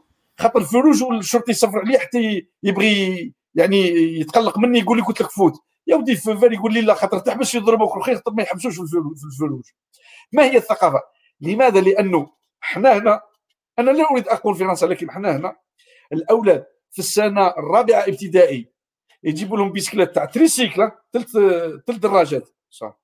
وفي ساحة المدرسة يفوتوا لهم permis vélo يديروا له feu rouge وال feu vert وال feu orange وال passage piéton منذ ربع سنوات. أما اللي أنا شحال من نكون نقلق نفوت في ال orange الإبن يقول لي لا أبي خطأ كبير ظلم. وهذا الذنب عند ربي خاطر اعطيناهم التربية الإسلامية والتربية ال civile المدنية. فهنا سيدي الكريم إذا بقينا كم من سنة نلوم المسؤولين؟ كم من سنة نلوم المسؤولين؟ والله بالله عليكم أسألكم اليوم. الظروف صعبة لكي نغير الأستاذ اللي ذكر لي تركيا بارك الله فيك. هل زرت تركيا في عام 1980 سيدي الكريم؟ و85 تركيا كان كل ست شهور انقلاب عسكري. وكان تركيا باش تروح تشرب القهوة القهوة القهوة هذيك تاعنا إحنا تشربها بالك بدي دينار الله أعلم شحال شحال راهي. باش تروح تشرب قهوه ترفد سعفه تعرف القفة كما تقولوا أنتم في الجزائر العاصمة. إحنا نقولوا السعفه ترفد سعفه دراهم وانت قاعد عند القهوة تقول له قهوة. وما غير الأحوال وكان في تغير الشعب التركي؟ هنا وهنا أرجع إلى الحراك. ساداتي الكرام مسؤولين المحترمين هنا نغتنم الفرصة كيف نخاطب شعبنا الكريم. شعبنا العزيز نخبة الشبان. شيء عظيم هذا مليون باشولي سنويا مليون طفل يدخل الابتدائي سنويا مليون ولادة سنويا. الجزائر راها نعمة. خلينا ما نهضروش على السمش والصحراء والماء والفاكهة والثمر والقمح والشعير. كيف الجزائر بكل هذا الخير؟ ما نجي نتكلموا عن هوائل كيف نبدأ؟ واليوم اليوم اليوم. أنا أنا يا ريت يا ريت. يسن يعني وسيلة كيف نصل اليوم كيف نخاطب الشعب. مش نخاطب الخطاب الرنان هذا تاع الكلام دير بعد يقول لك أيوة، هذا جاي شرعي اليوم. لا يا أخي والله ما تربي ولادك اليوم منذ الصغر. خطر على بالكم. شوفوا البارح كنا في التسعينات أيام سوداء. ومن بعد جينا في, في الألفينيات عشنا وتفحفحنا شكون اللي ما عندوش portable؟ يقول الجزائر لكم أغنى في ال portable منا إحنا في فرنسا إحنا عندنا واحد في العائلة. أنتم كل جزائري عنده deux portables deux minimum deux. والفلاح النائي في الجزائر في الصحراء في الهضاب فلاح بالغنم والقصبة ولا عنده portable. كيف يتعلم هذا ال portable؟ الجزائري له الذكاء وله الحنكه وله الوعي لكن لازم نرد الثقة العظيمة ما بين المواطن وما بين الحاكم وفي كل الاطارات على هنا يجلس لي واحد يقول لي هذه والله نشرب الدواء بصح تاع الجزائر ودي ما يدير لي والو جيب لي دواء تاع فرنسا. هو نفس الدواء والله نفس الدواء. هذا كتبوه له وهذا كتبوه بالفرنسويه معظم الدول اللي في فرنسا معظم الدواء. راه يجينا من لاشين تفضل أستاذي تفضل. سامحني. آه، آه، برك آه، هي في نفس يعني في نفس الإطار كان الدكتور جمال بوشما قال في الصميم بروفيسور لكن عدم احترام النظام والأخلاق العامة. أظنه راجع لانعدام التطبيق الصارم للقانون والعادة وانعدام الرقابة والمحسوبية. والمحاسبة أنا نقول المحاسبة. نعاقب على هذا ولا أكيد أكيد أكيد. هو كان هو يتحدث حول يعني كي كنت تهدر على الشعب إنه لازم الشعب ثاني ما لازمش نلوموا المسؤولين. حتى الشعب يعني عندما يدخل يدخل الطبيب يعني يدخل له بالموس وشفناها شعب من خطرة يعني يدخل السبيطارات بالموس ويهدد وحتى يضربوا أطباء وغير بشيء هذا يعني آه، راجع أيضا للشعب إنه الشعب آه، حتى الرسول صلى الله عليه وسلم عندما بعث بعث ليتمم مكارم الأخلاق. لازم نركزوا على الأخلاق ولازم نركزوا على التربية يا أستاذ. تفضل. هي كاين كاين حاجة من نصحوها مليح مليح. معظم الناس يعني حاسبين بأنه يا أخي الجزائر كدولة كقوة كعظمة مش ما يشهد لبنان هذه حقيقة. يا أخي القانون الجزائري من أشد القوانين في العالم. القانون كقانون وفي كل الاطارات كل الاطارات سواء في الجمارك سواء في في الطب سواء في كل في الطيران في السياقة. القانون الجزائري المشرع الجزائري يعمل ليل نهار لإصدار القوانين. الجريدة اقرأوا الجريدة الرسمية وتعرفون ما في الجريدة الرسمية سيدي الكريم. لأن الناس تنتقد الانتقاد البراني هذا اللي ولينا ننتقد كل يوم يعني الانتقاد الانتقاد مليح يعني هذا يزيد من وعي المواطن. لكن ما يعمله المشرع والنائب الجزائري ورجال القانون في الجزائر يا أخي فيه ناس وناس في الرئاسة وفي الوزارات وفي الإدارات يعملون ليل نهار وي... ويصدر. لكن أنا مع يتحدث عن التطبيق يعني. آه. لو يطبق سادتي الكرام لو يطبق القانون في الجزائر لأنه نحن نتكلم طبق القانون إلا على الحكام يعني الذي سرق أو الذي آه، اختلس اموالا أو الذي أو الذي. يا أخي إذا طبقنا القانون. ماشي بسبب كوفيد قلنا لك اقعد في دارك. أنت تحاول تقول والله ما نخرج تعيط لجارك تقول روح روح شيل الحليب القانون يطبقوه. علاه خاطر بزقت في الأرض أكرمكم الله. تبزق في الأرض 20 أورو. حنا هنا حنا هنا 20 أورو. لماذا؟ لأنك بالبصقة غادي تعدي وغادي تنتشر وغادي كذا وغادي القانون إذا طبق القانون إذا طبق. انت الكام يقول لك الكام يقول لك يلفت 20 قنطار كيف دير 50 قنطار ومنين يدير لك procès تقول له دولة ظالمة؟ وين ظلمتك الدولة؟ تفضل سيدي تفضل. لا لا قلت لك يعني كنكتة إحنا الشمه دايرة حالة في السبيطارات دايرة حالة. لا لا سامحني سامحني. أنا لا أنا لا أنا ابدا لا أعطي المثل بتركيا أو إسبانيا أو الجارات ما هي الجارات رحت لتونس هذه السنة؟ روح لتونس وشوف العجب والعجائب روح زور المغرب وشوف العجب والعجائب ما يعجبكش الحي الذي فيه الملابس والنحاس والذهب ولا ولا الأوتيلات ولا. لا يا أخي لا. ال ال ال ال التركي تعرف كيف اغتنم الفرصة باش ولات تركيا واش ولات؟ تعرف ماذا قامت أردوغان؟ وسنده الجيش وسنده بالسقوط الاتحاد السوفيتي. دولة نجحت في هذا الباب. إيران وتركيا بالسقوط الاتحاد السوفيتي استقطبوا علماء الاتحاد السوفيتي السابق من بيلاروسيا وأوكرانيا واوزبكستان و و و و وطوروا. لكن كيف طوروا؟ روح شوف العامل التركي روح شوف المواطن التركي. ادرس المواطن التركي ما هو؟ وروح شوف المواطن التركي إذا يشتم ولا إذا يضرب ولا إذا خسر. وهنا الدور الأساسي أنا لا أركز إلا على حاجة. نعيد التعليم الابتدائي وفي نفس الوقت ندير التعليم الابتدائي وتعليم الآباء الأولياء. لأنه معظم الضياع هو ضياع الأولياء للأبناء وهذا ما نراه يوميا. نحن معظم معظم الحالات لهنا. مثلا عندنا هنا en France la prison c'est pour les adultes pour les enfants يسموها maison de redressement إعادة هيك إعادة ها؟ إعادة تربية أو إعادة إعادة تربية. هنا هنا. إعادة تربية 80% هم مسلمون. الجزائر المغرب تونس. 8% أقل من 18 سنة. ولماذا؟ طلاق الآباء الخمر المخدرات وعدم تربية لأنه هاد الأولاد ما في السبعينات ولا في الستينات ولا كان القهر والفقر والآباء جاهلين. حنا نضرب في ال quatrième génération. وهذو عندهم الأحياء وعندهم الرياضة وعندهم كل الخير كل الخير كاين دروك عندهم أولاد في الأحياء. ولماذا؟ ما هو السبب؟ السبب عدم التربية. قليل الاتراك قليل الأفارقة نوعا ما الآسيويين منعدمين تقريبا. آسيويين إلا ربما يدخل للسجن الكبار. ربما trafic de commerce ولا. لكن معظم وما السبب؟ هنا أنا أعيد وأؤكد سادتي الكرام. كيف الشعب الجزائري؟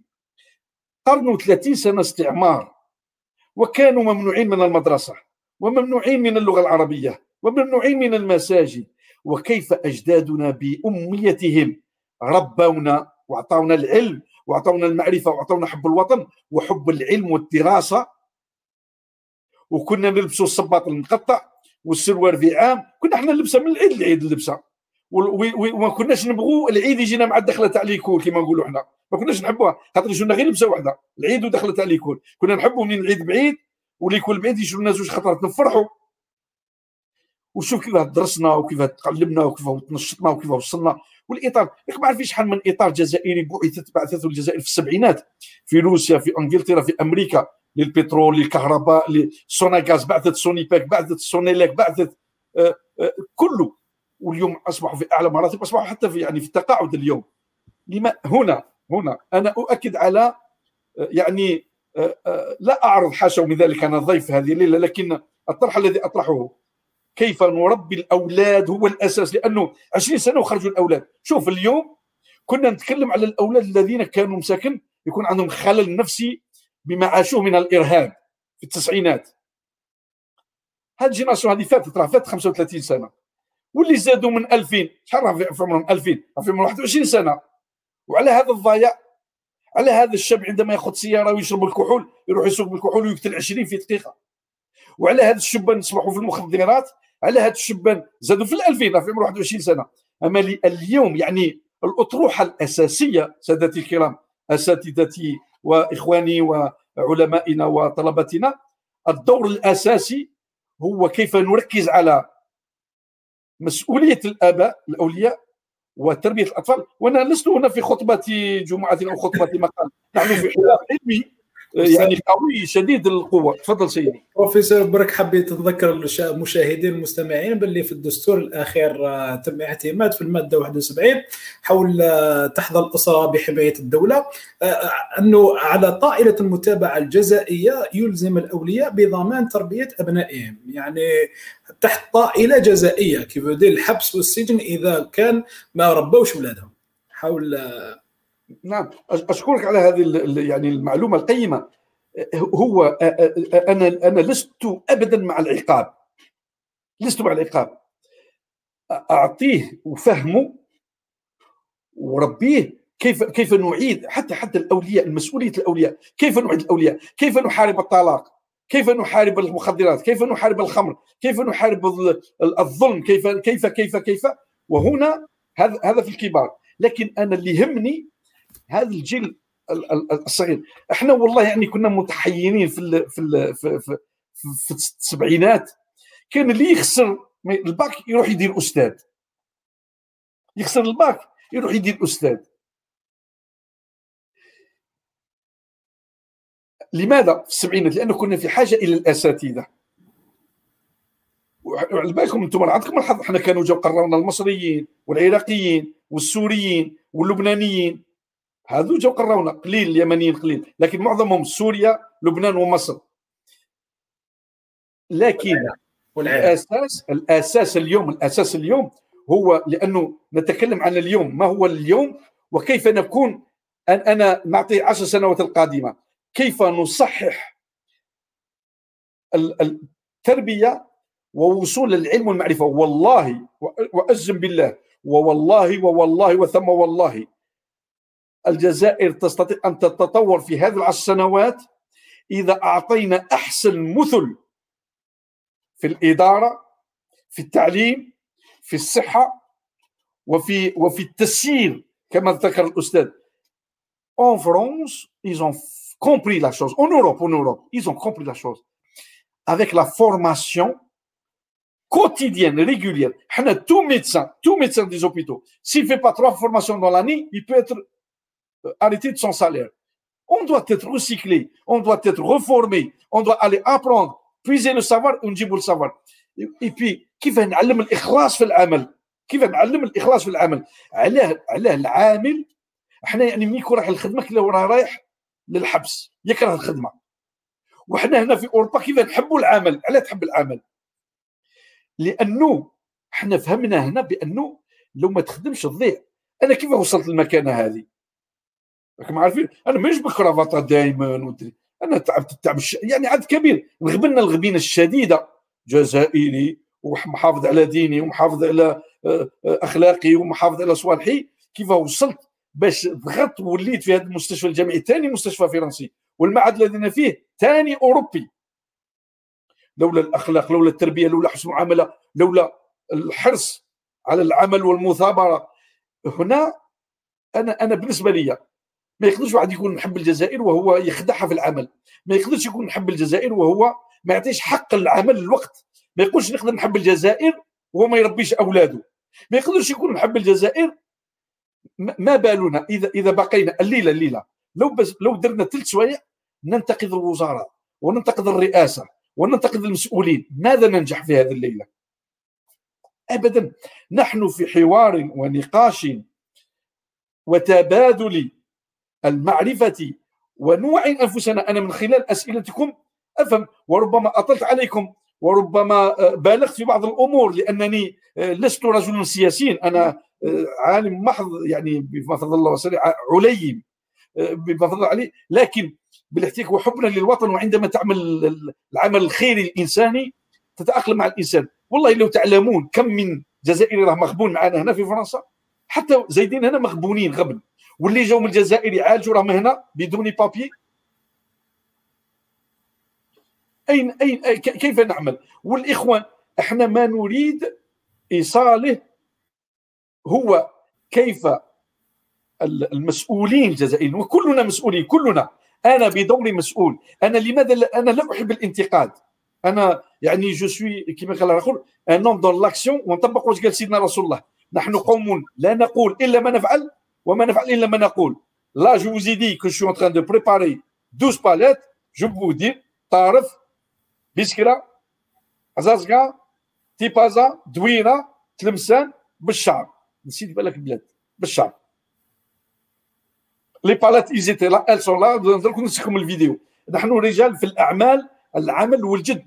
باش نقول لكم حتى الزملائي. قال لي سي كي مستوى العلم وراك في لي بالات والغبرة. حبس بركاك من لي بالات قلت لهم علاه نحبس. والله نقول لكم حاجة واقعية. اليوم قال لي سي كي روح كتب كتاب وريح انت تعبتوا قلت لهم علاه واش دركم؟ لي بالات بدينا على السبعة تاع الصباح والثلج وخفت تجلسي بين اللوطو ندير لابولا وصلنا وخدمنا وشربنا وكلينا ورجعت رجعت العام المستشفى راني خدام قلت لكم. خدمت وجي فاليدي الكوفيد وخدمت كوفيد وطورت واش طورت وجيت راني مع إخواني وأعزائي وأساتذتي آه، نتبادل بهذا العلم. حب الوطن ماهوش سهل. آه، آه، الحب الوطن ماهوش كلام. أنا الانتقاد آه أنتقد نفسي. أنتم دروك أنا الله يفتح عليك الأستاذ سي محمد لامين. ماذا بك؟ قول لي اللي راهم ينتقدوا فيا. يقول لك هذا طول لك خاطر قال لك رحم الله عبدا ذكرني عيوبي محاسني أعرفها. لا لا إن شاء الله. إحنا عنا إحنا برك باش تكون على علم عندنا باقينا. ست أسئلة اللي موجودهم هنايا. وهناك العديد يعني من التعليقات. رانا نديروا هكا في رو mesure عندنا درنا حد الان ساعه ونص ربما رانا رايحين الزوج سوايع يعني. الله يفتح عليكم اسمع رانا في أول رجب. نبداو نصوم. ولينا نقعدوا حتى السحور وغدوة الصبح صايمين معنا الحمد لله الحمد لله. إن شاء الله إحنا ويكند تخدموا غدوة. إن شاء الله. إن شاء الله إن شاء الله. هو السؤال بعد ما قيمنا بعد ما جزنا حول ما هو واقع الاداء النظام الصحي في الجزائر قبل كوفيد. سؤالي مباشر هل نجحت الجزائر في تفادي الكارثة في آه، كوفيد أو في آه، أعز الجائحة آه، كوفيد 19 أشكر السؤال مفيد مهم. اولا نبدأ بالشيء الأساسي هو بفضل من الله. وبحكمته وبقوته وجلاله وجبروته وبرحمته كما ذكرت في أول النقاش والحوار الشيق هو ربي حمد الدول العربيه لسبب ما. قارن ما يفوق 86 ألف وفاة في فرنسا ما يفوق 450 ألف في أمريكا ما يفوق والجزائر أقل بكثير الثلاث دول المتضررة في العالم العربي الإسلامي المغرب مصر السعودية ومن بعد الجزائر. جنوب إفريقيا حاجة أخرى. فبفضل من الله. السؤال الثاني نعم نستطيع أن نقول نجحت. وكيف نجحت؟ كيف الجزائر؟ وين أنا أنا لموني أشخاص وحتى مسؤولين. آه، تلقيت واحد الخطرة مسؤول آه، آه، حتى نجيب شوية ضحكة للمشاهدين الكرام المتتبعين عفوا متتبعين إخواننا الكرام. كنت في المطار رحت نوصل واحد مريض والأزمة هذه تاع الطيران.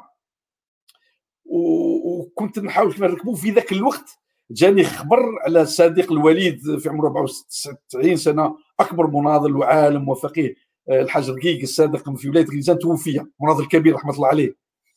وفي ذاك الوقت نهضر هو هو صديق وقريب وحميم للوالد وأنا كان يحبني كثير. كنت نهضر مع ابنه ونعظم الرجل بديت نبكي. جاتني واحد العجوز قالت لي يا وليدي ما تبكيش والله ذاك تروح ذاك تروح في الطيارة ما تخافش يدوك إن شاء الله. ما تبكيش. وأنا كنت نبكي على وفاة الخبر حتى نطرب شوية الجو. فالمسؤول هذا لامني قال لهم هذا اللي ما حبكمش تروحوا. هذا اللي خلاهم يغلقوا الطائرات. قلت له يا أخي لسبب علمي قلتها. فإن شاء الله تروح الجائحة وتفتح الطائرات. لكن قرار السيد رئيس الجمهورية والسيد رئيس الوزراء والسيد وزير النقل ووزير الداخلية كان قرار جد مفيد ونافع. لماذا سيدي الكريم؟ فرنسا اليوم غارقة في النسخة البريطانية والنسخة جنوب افريقيا بريطانيا غرقت. فرنسا على شهر مارس سوف يكون 50 53% من الإصابات الجديدة في فرنسا بالنسخة البريطانية والجنوب افريقيا ألمانيا أغلقت. البرتغال غرقت وأغلقت. والجزائر غلقت ونجت والحمد لله. تونس فتحت كانت أحسن مثل دولي عالمي في مكافحة الكوفيد في الموجة الأولى. أصبحت غارقة اليوم. المغرب غارق اليوم. مصر كذلك. دول الخليج. الجزائر بفضل من الله وبهذا القرار الغرب تضررنا كثيرا. اليوم اليوم أنا أنا والله كلنا قبل ما نرقد الشهادة يا ربي اكتب لي أن أعيش حتى أعود إلى البلد ونموت في البلد. اللي يموت هنا يبعثوه وحده ما يروح معه حتى واحد من أهله. واللي يموتوا لنا ثم ولا حضرنا ماتوا لنا أقارب أصدقاء أطباء مساك الله يرحمهم. فيعني نعيش الأمرين. فالجزائر نعم بقرار غلق. فهمنا بأنه الفيروس هذا لا يتنقل عن طريق الريح لوحده في السماء ولا عن طريق البحر والمياه بل يطرق عن طريق المسافرين والسواح. فحكمة من الله أغلقت وفرنسا اليوم وأوروبا أغلقت مع الدول الأخيرة. على بالك الأوروبي إذا خرج اليوم خارج الاتحاد الأوروبي 2000 أورو وسنتين سجن. فهذه حنكه نعم الأولى.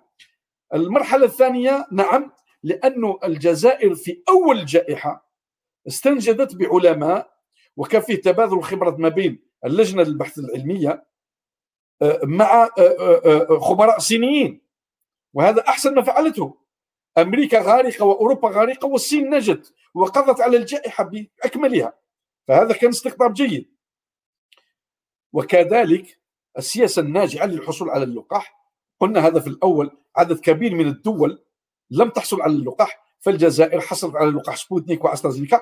ولو كمية قليلة لكن سوف تأتي إن شاء الله يعني تدريجيا سوف يصل اللقاح.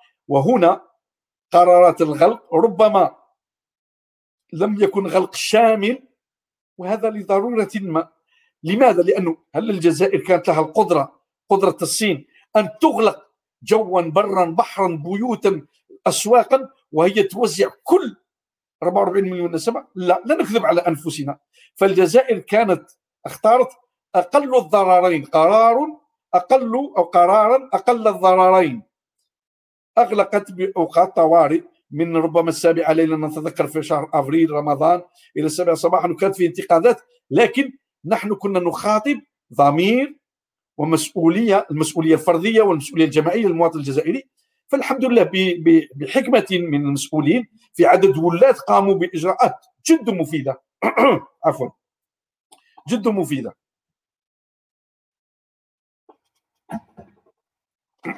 ولاة ولاة مستغانم ولايه تيارت ولايه تلمسان ولايه باتنا. عدد كبير من الولايات كانت تغلق كانت مراقبة. وهنا من بعد يعني الشعب الجزائري أخذ الوعي حتى ولاو يتصلوا بي عدد كبير من الإخوة آه، بدأت القناع يستعمل. لكن من بعد لكن كيف كيف الشعب الجزائري في عدد كبير؟ اللي كان يقول لك اكذب هذا الفيروس. وهذا استعمله ربما آه، لحاجة آه، لبعض الفئات أو أشخاص. لكن الواقع اليوم عرفناه فنعم الإدارة الجزائرية مهما كان قامت بدورها آه، مثل الدول والحمد لله الجزائر معفية اليوم لو كانت الإصابات أكبر. لكن ما زلنا في حرب مع هذا الفيروس. فأنا من خلال هذه الحصة إذا كان آه، يتبعنا أحد الإخوة الكرام المحترمين المسؤولين فعلى البقاء بالقناع وبالتباعد المسافي وبمنع الاجتماعات منع الأعراس يعني نصرح بالأعراس لكن إلى أفراد العائلة لأنه أنا عندي عدة أشخاص توفوا بسبب الحفل العرس. تعدوا عائلة باكملها فالإدارة من الناحيه العلمية من الناحيه الطبية إدارة جيدة لكن لكن لكن الواقع موجود. عدد كبير من المستشفيات لم تستطيع أن تكتفي بالمرضى عدد كبير. وهنا كان دور الجزائري. سامحني. هنا هنا كان دور المسؤولية الوطنية المسؤولية الفردية والمسؤولية الجماعية. la conscience individuelle la conscience collective la conscience personnelle la conscience professionnelle Je ne peux pas dire que je suis médecin à l'étranger, je critique l'État algérien et je ne bouge pas un doigt. Eh bien, nous avons, grâce à notre solidarité avec le peuple algérien, avec les autorités, avec les hôpitaux, nous avons fait, et beaucoup d'associations, beaucoup, en France, du Canada, de, des pays du Golfe, nous ont contactés et on a fait ce pont de solidarité et d'aide. On a laissé de notre temps, de notre sommeil, et on a donné de nos poches, et on a subi des pressions, et on a fourni, eh ben, équipé des hôpitaux. Euh, je vais les citer.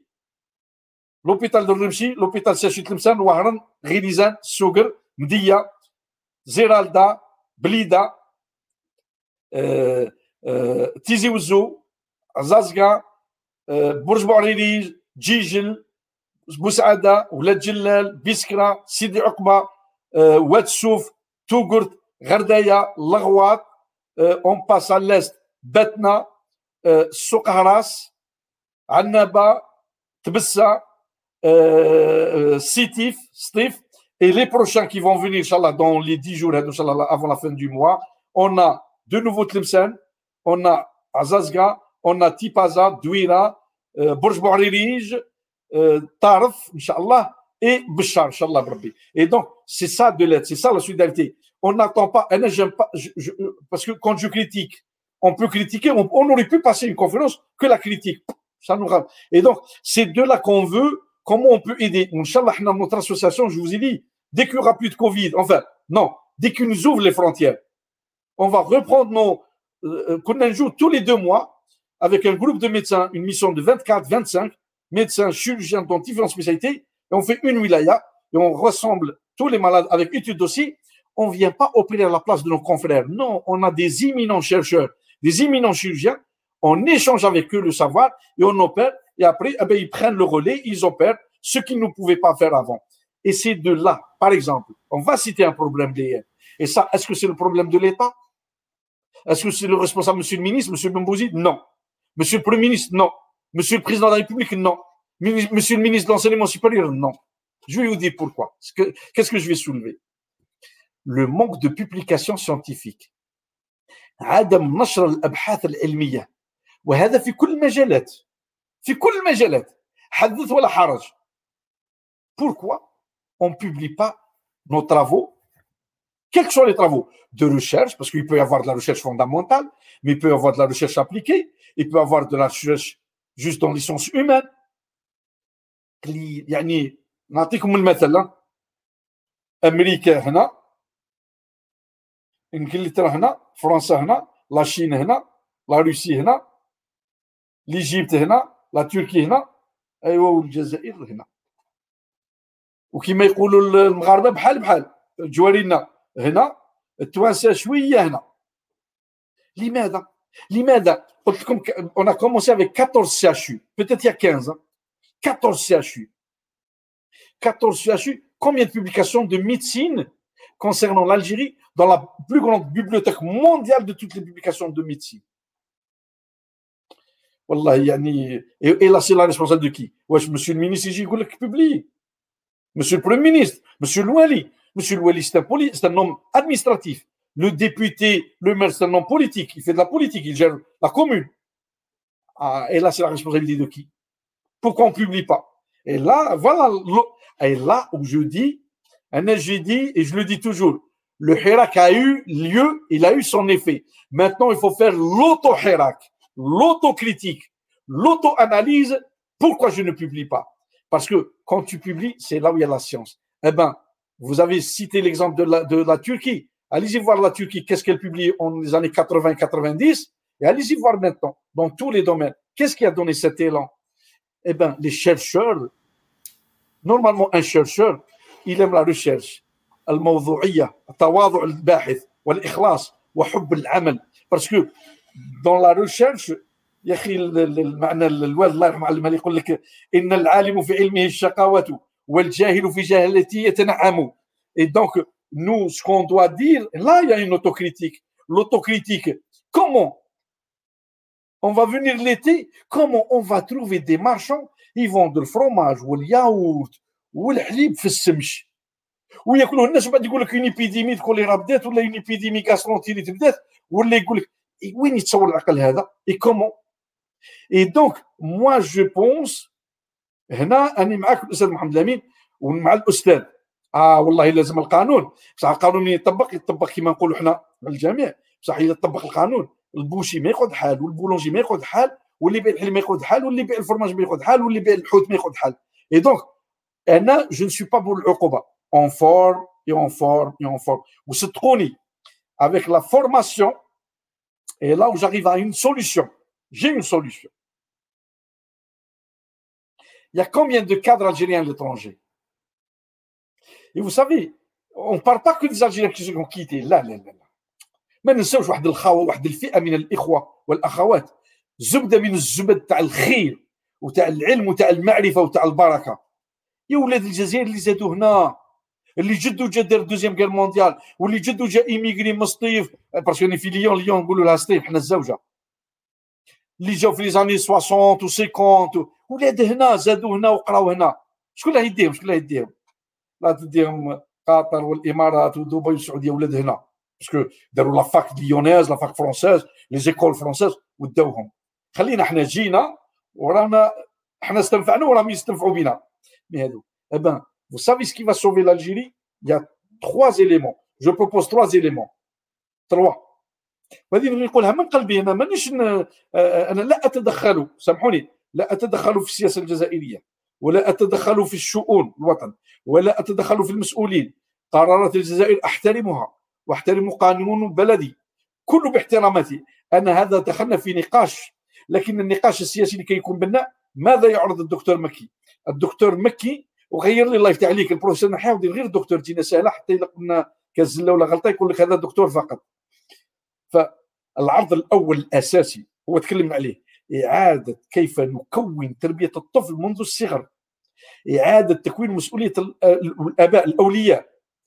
وباش ننجح من الناحية العلمية ومن ناحية ال administration ومن ناحية الإنتاج والإبداع.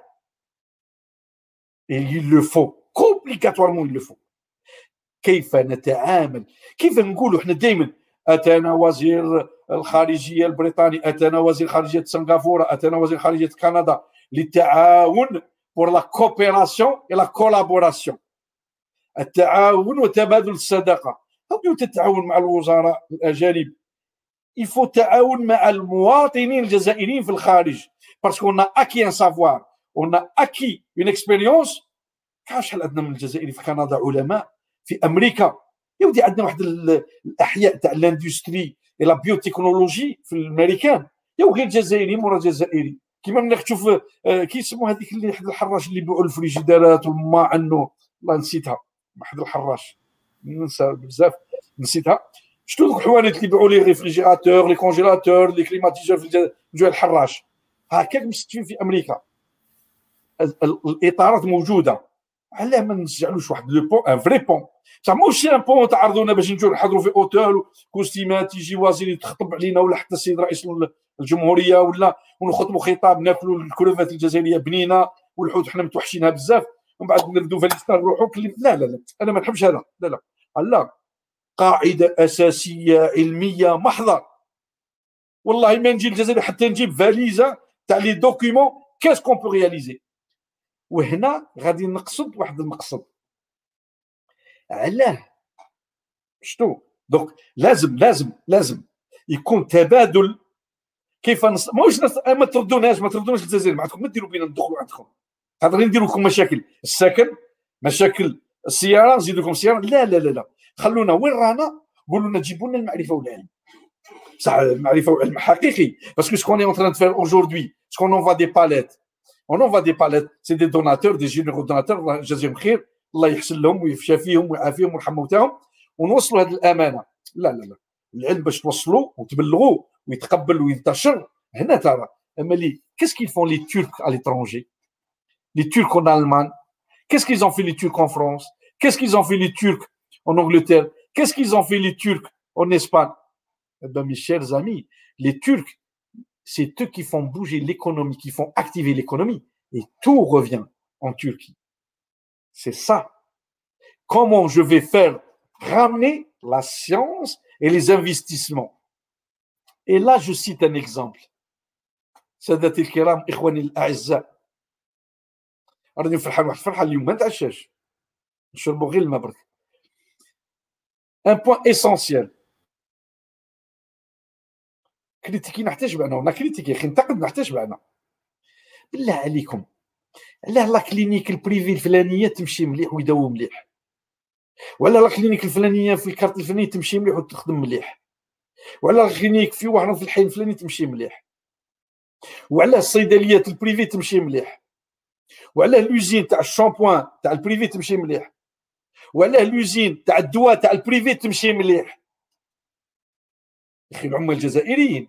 ما جبناش عمال شنوا ولا عمال من اليمن ولا عمال من آه، من سنغافورة ولا من بنغلاديش ولا غير جزائريين.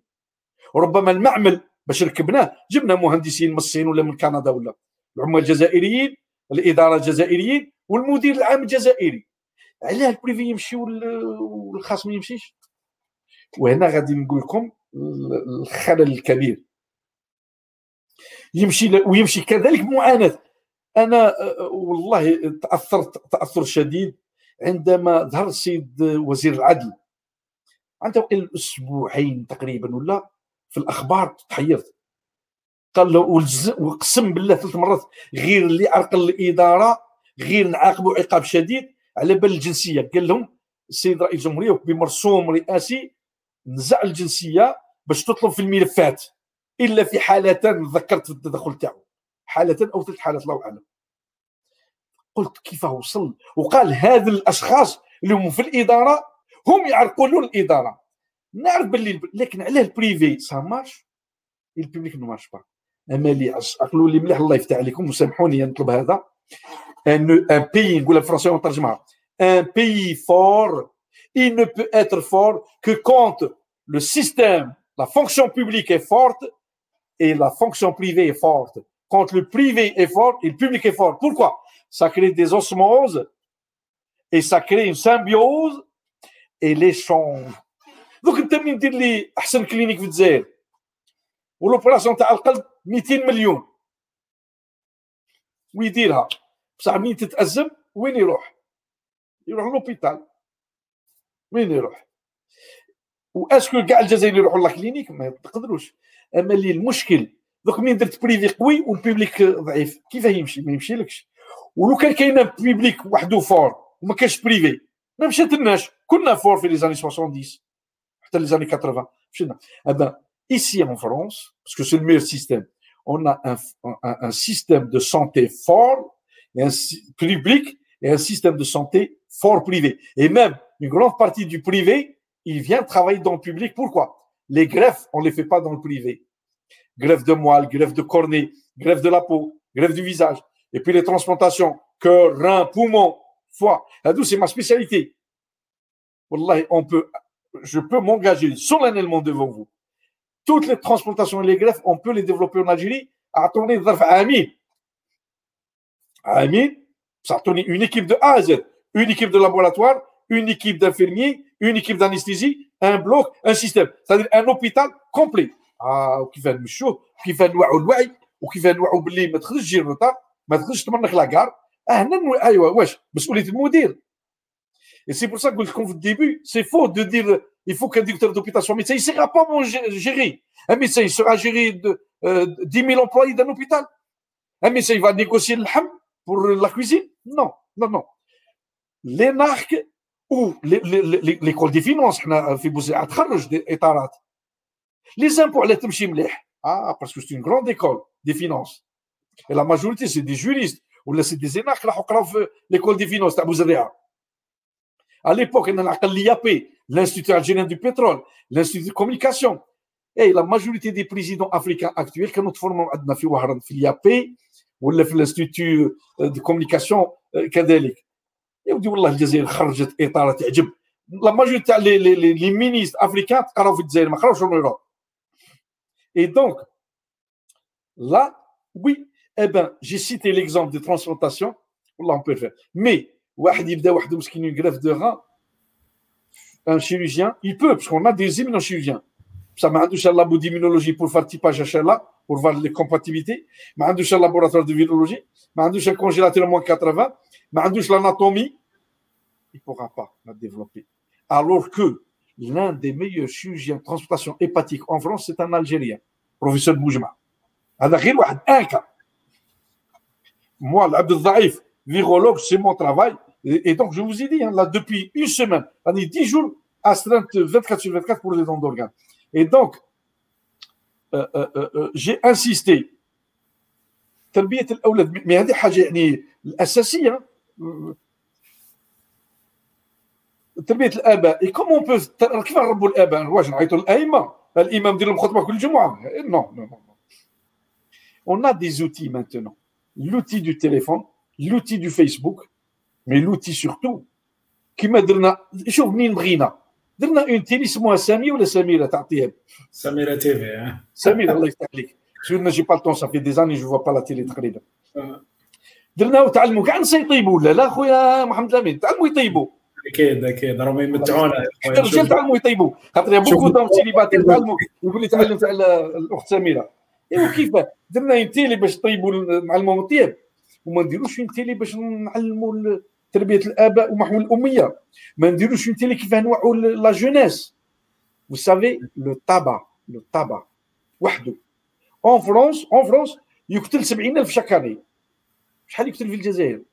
الله غير يقول واحد 100 120000 باسكو في ليجين وفي l'alcool وحده en France il tue 49 500 par an combien يقتل في الجزائر et donc on a on a de quoi faire et on a de quoi travailler Euh, je m'excuse, peut-être j'étais trop long. Symphonie. Une télé, une télé, une télé, une télé. Ça, quelle télé Quelle télé on veut Eh ben, je vais rappeler, parce qu'il y a beaucoup de jeunes, bon, ceux qui sont d'imagination, et on a une chaîne وحده غير ندخلوا l'école نروحوا نغسلوا سامحوني نفكر les jeunes شوية نغسلوا نديروا nos devoirs نديروا كلش من بعد نحلوا نبداو بالقران ومن بعد الدرس ومن بعد كان عندنا تعليم عندنا prof de maths في la télé كان عندنا prof d'histoire géo الله يرحمه توفى كان عندنا prof de physique les profs de philo ملي كانت الاذاعه اذاعه ومن بعد كان يجينا bon الحصه الاخبار ومن بعد كان عندنا tous les mardis soir مسرحيه tous les jeudis soir كان عندنا وكان عندنا la musique classique حنا la musique classique كانوا يديروها لنا وكنا نثقفوا وكنا نقراو والشعب الجزائري ما كناش نلبسوا اللبس اللي عندكم دروك ما كانش عندنا لا ايفون لا اي 8 لا اي 12 mais quand télévision, quand, et, et pourquoi pas Pourquoi pas composer une télé spéciale pour les parents et surtout, surtout, au bout d'un an de travail, quand on montre le fruit, combien de jeunes ont arrêté la drogue, combien de jeunes ont arrêté la cigarette, combien de femmes ont arrêté l'alcool, combien de jeunes filles ont arrêté la cigarette, et puis surtout l'orientation au travail, et combien, et puis on peut modifier, ou qui m'a dit, tout ce que j'ai dit, حبا لاخواني الجزائريين حبا لوطني اي جو فو كيف تكون الجزائر في 2030 ان شاء الله بحول قوته جو ريميرسي بارك الله فيك فيك بركه عندي برك مجموعه اخرى من من التعليقات كانت حول جمال بوشماخ قال لك quand vous êtes en train de parler de la publication il a dit en faisant des recherches on retrouve toujours des failles avec des absences de traçabilité on retrouve toujours des failles avec absence de traçabilité معناتها سامحني أخي الكريم est-ce que تقدر تفسر لي شوية خليه دوك نقول ندعوه ندعوه يزيد يفسر لنا شوية خويا جمال ces failles de traçabilité c'est-à-dire, est-ce que c'est des publications algériennes qu'on ne les trouve pas? Ou est-ce que c'est des Algériens qui publient, mais on ne sait pas dans quelle revue? Ou non. Vous cherchez sur certaines recherches et vous ne les trouvez pas. C'est ça la question. تفضل خويا تفضل زيدنا سؤال ان شاء الله ان شاء الله يجاوبنا آه خلينا نسقسيك سؤال قبل من قبل ما نروحوا يعني هي في الحقيقة هذا السؤال راك سيد جاوبت عليه يعني من خلال مداخله مداخله تاعك هو حول مشاكل القطاع الصحي في الجزائر بالنسبة لك ما هي المشاكل؟ القطاع الصحي أنت تحدثت حول يعني ربما حول مشكلة التسيير لكن ما هي مجمل إحنا مشاكل القطاع الصحي في الجزائر؟ بعد ما أنت درست بعد ما قلت لنا يعني حول أعطيت بارقام واقع أداء النظام الصحي حبيت الآن نعرف المشاكل المشاكل الذي يواجهها القطاع الصحي. تفضل. نعم. شكرا. الأخ تاع السؤال الأول اللي عاود يطرح أنا نجاوب على السؤال الثاني. عفوا يعني قطعت الصون اكسبري باحتراما للكرام عندما أكيد أكيد ما في مشكلة. لأنه شوية مع الثلج اليوم خرجت بكري. العمل مجهود طهور إن شاء الله طهور إن شاء الله. إن شاء الله. السؤال كان هو ما هي مشاكل مشاكل, مشاكل المستشفيات بصح اللي سال السؤال اسمع لي اللي سال السؤال قول له يقعد معايا حتى الفجر. إن شاء الله. مسائل لا لا لكن لا نضحكوا شوية نطردوا شوية الجو.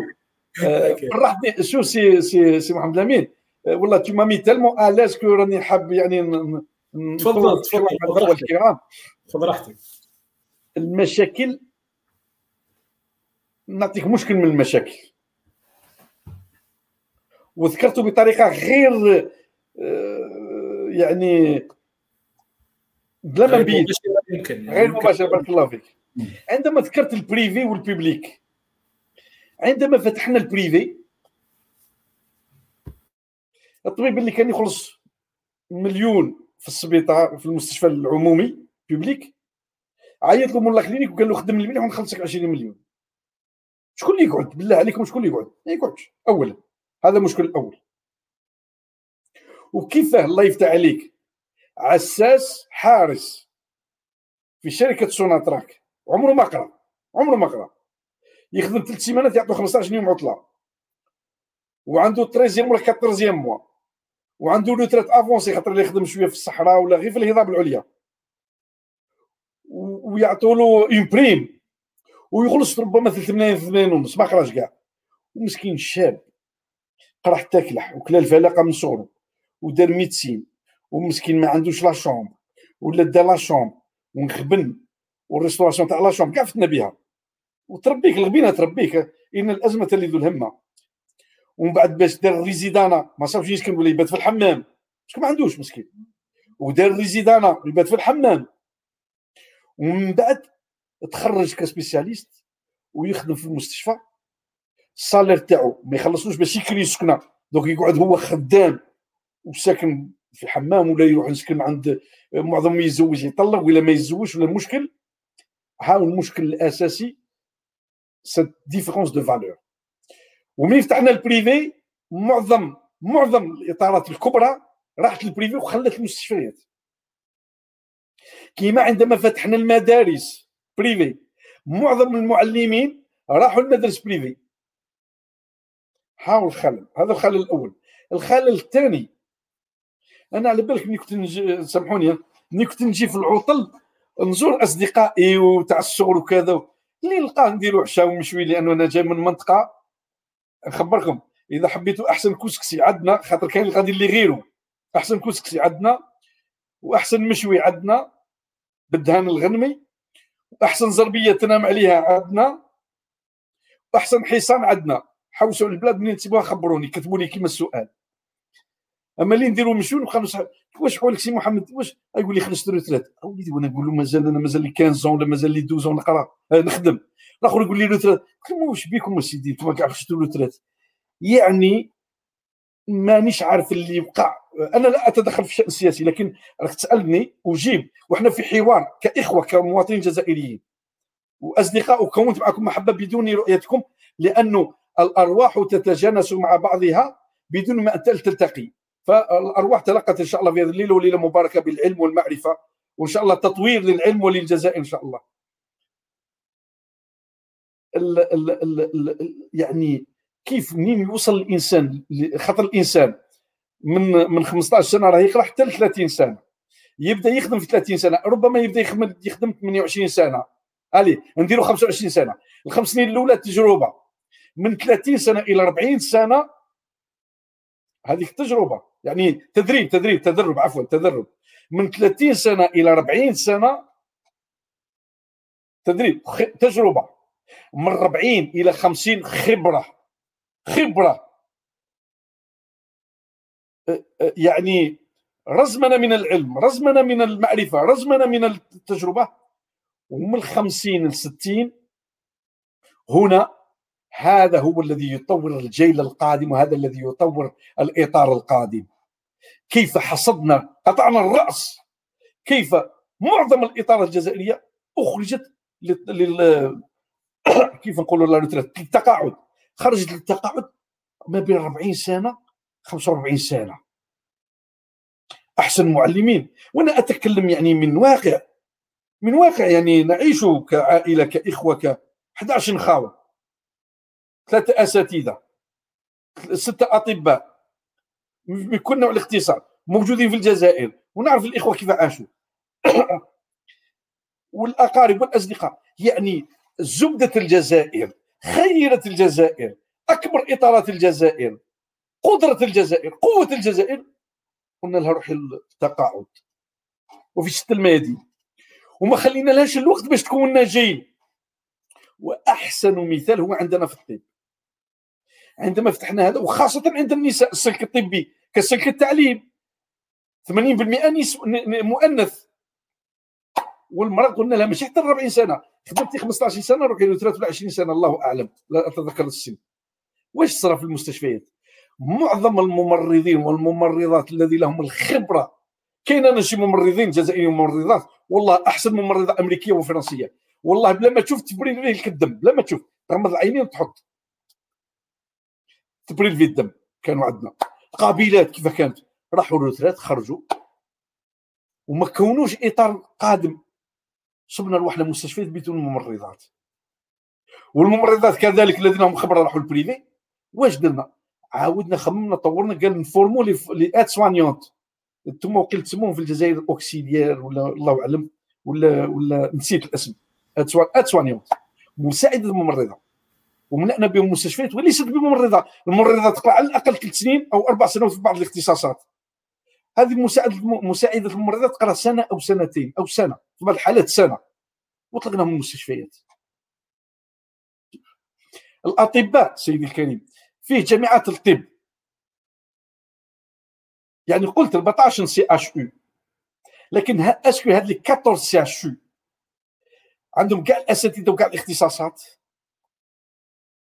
وهل عندهم كاع المخابر للتدريب في التشريح في الطب في ال في الهيستولوجيا في ال anatomie في الاشعة في ال... درت جامعات في كل ولاية 48 ولاية. في كل 48 ولاية درت جامعة الفلسفة وجامعة العلوم الإنسانية وجامعة الأدب العربي وجامعة الاقتصاد وجامعة الرياضيات والفيزياء تستطيع. لأنه علوم إنسانية. الفيزياء لها مخبر لكن مخبر الفيزياء سهل. مخبر الماتيماتيك هو كله في الرأس كما يقولون علماء الرياضيات لكن يا أخي جامعة طبية في الاغواط وما أدرك مع علماء الاغواط وجامعة تلمسان وجامعة بشار وجامعة بلعباس وجامعة وهران وجامعة مستغاني باتنا عنابة سطيف. تيزي وزو هل هي كلها هل أنا أسأل هل خريجي الطبيب والاختصاصي خريجي وهران كخريجي باتنا كخريجي آه، تيارت كخريجي مستغانم كخريجي آه، تيزي وزو كخريجي. أنا على حسب معرفتي لا أظن نفس الخريجي. ولذا ربما نحن مثلا في فرنسا كان تغيير une réforme universitaire إحنا في ليون كان عندنا أربع جامعات طب في ليون وحدها. وكان عندنا أربع جامعات طب جامعة واحدة الصيدلة وجامعة واحدة آه، طب الأسنان. جمعوهم ردهم إلا اثنان. لماذا؟ لأنه آه، يعني جمعوا الطاقات العلميه اللي اكبر أساتذة راحوا للتقاعد جمعوا الطاقات. فما بين تيلمسان بالعباس كم كيلومتر تيلمسان وهران كم كيلومتر وهران بالعباس كم كيلومتر. في الجامعة الطبية. ومستغاني مهران كم؟ فكيف يكون التكوين؟ فالتكوين وأنا معك سيدي الكريم ومعظم الأساتذة راحوا إلى ال privé الخاص المستشفيات الخاص فهنا وقع تزعزع النظم الصحية والتكوين الصحي الجم لأنه أحسن مثل كذلك للبلاد وتطوير البلاد هو النظام الطبي. الجامعة تخرج الأطباء وتكون العلماء والممرضين وطب الأسنان والصيدلة وهي التي تدفعهم إلى المستشفيات. فعندما ما كانش كاين ال privé كلنا موجودين. ال ال ال ال الفارس في الطب والعلم والمتوسط والضعيف. لكن عندما فتحنا الخاص فكله هرب إلى الخاص. والخاص يختار من يشاء.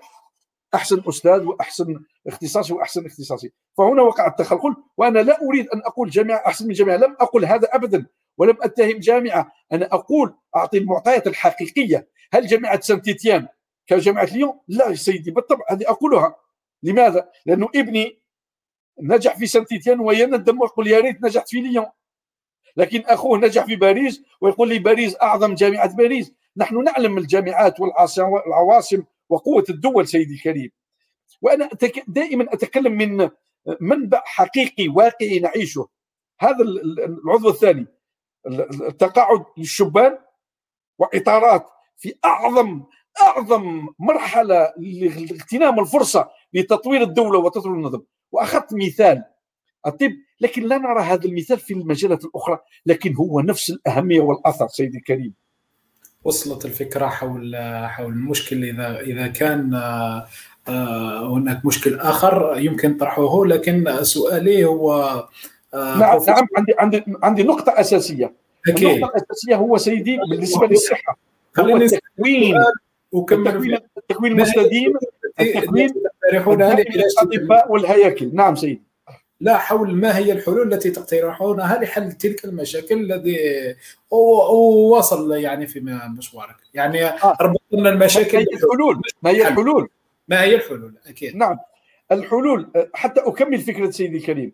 هي نفس الفكرة بالنسبة للجامعة التكنولوجيا. جامعة الجامعات كل المهندسين بكل اختلافات الهندسة. كيف يكون عندك أحسن مصنع للأدوية إذا ما عندكش les ingénieurs de biotechnologie متخرجين من أعظم مكونات؟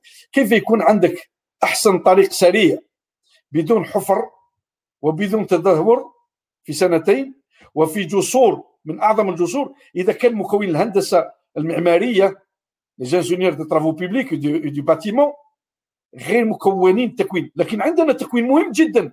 أنا لا أقول لم أقول ولن ولا ولم أقول بأنه عندنا ضعيف. لا هو كيف نطور هذا التكوين وكيف نعطي الفرصة للمهندس كيف يطبق في العمل.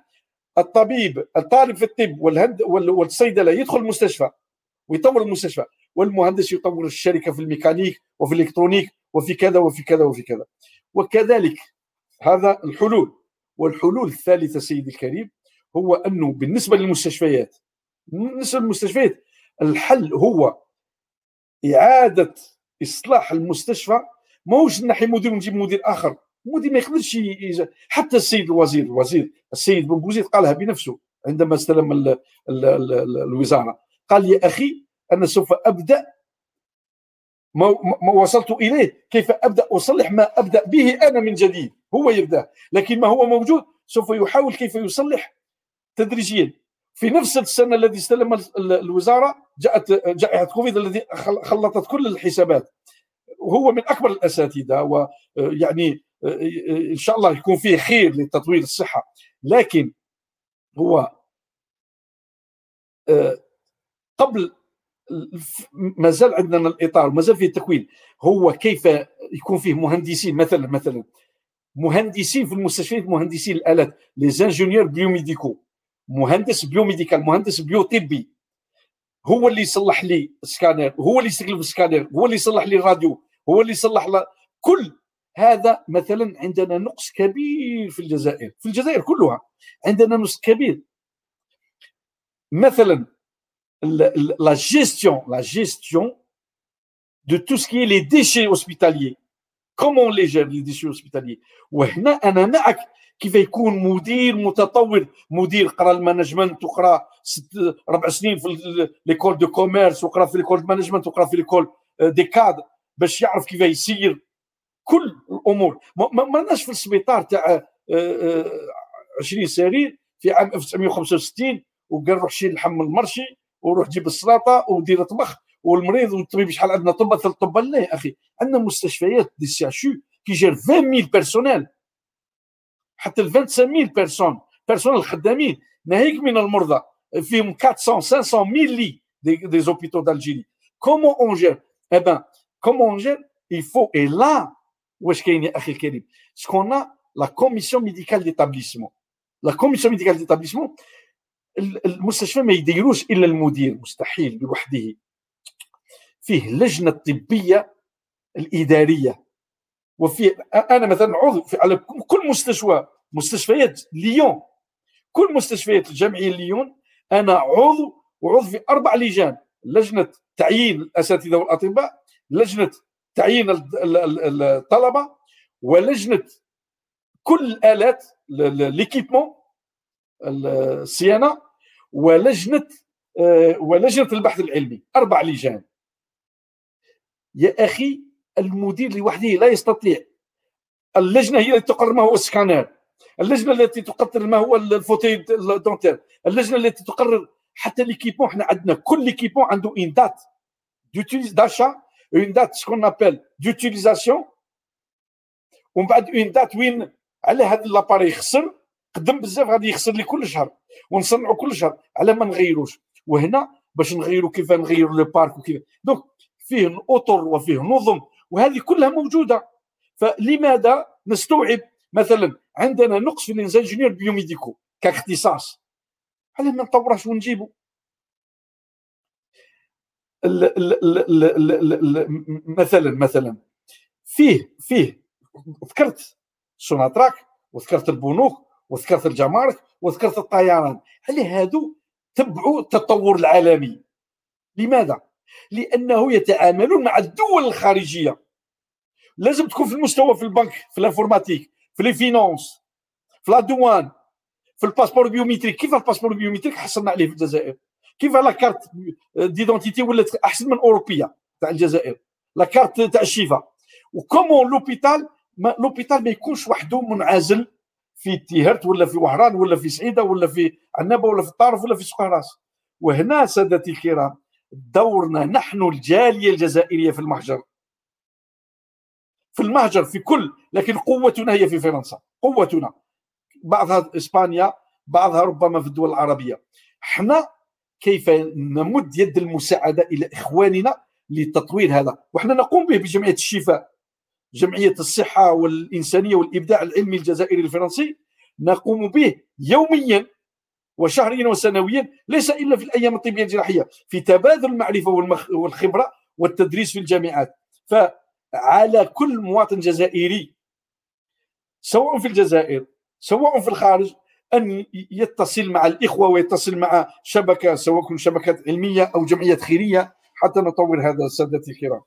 شكرا شكرا يعني على الاجابه على هذا السؤال تم قبل ان أمر إلى سؤالي الآخر يعني آه، دكتور جمال بوشباخ تم يعني il a expliqué la question il a dit c'est-à-dire qu'en faisant des recherches on ne peut retrouver on ne peut retrouver...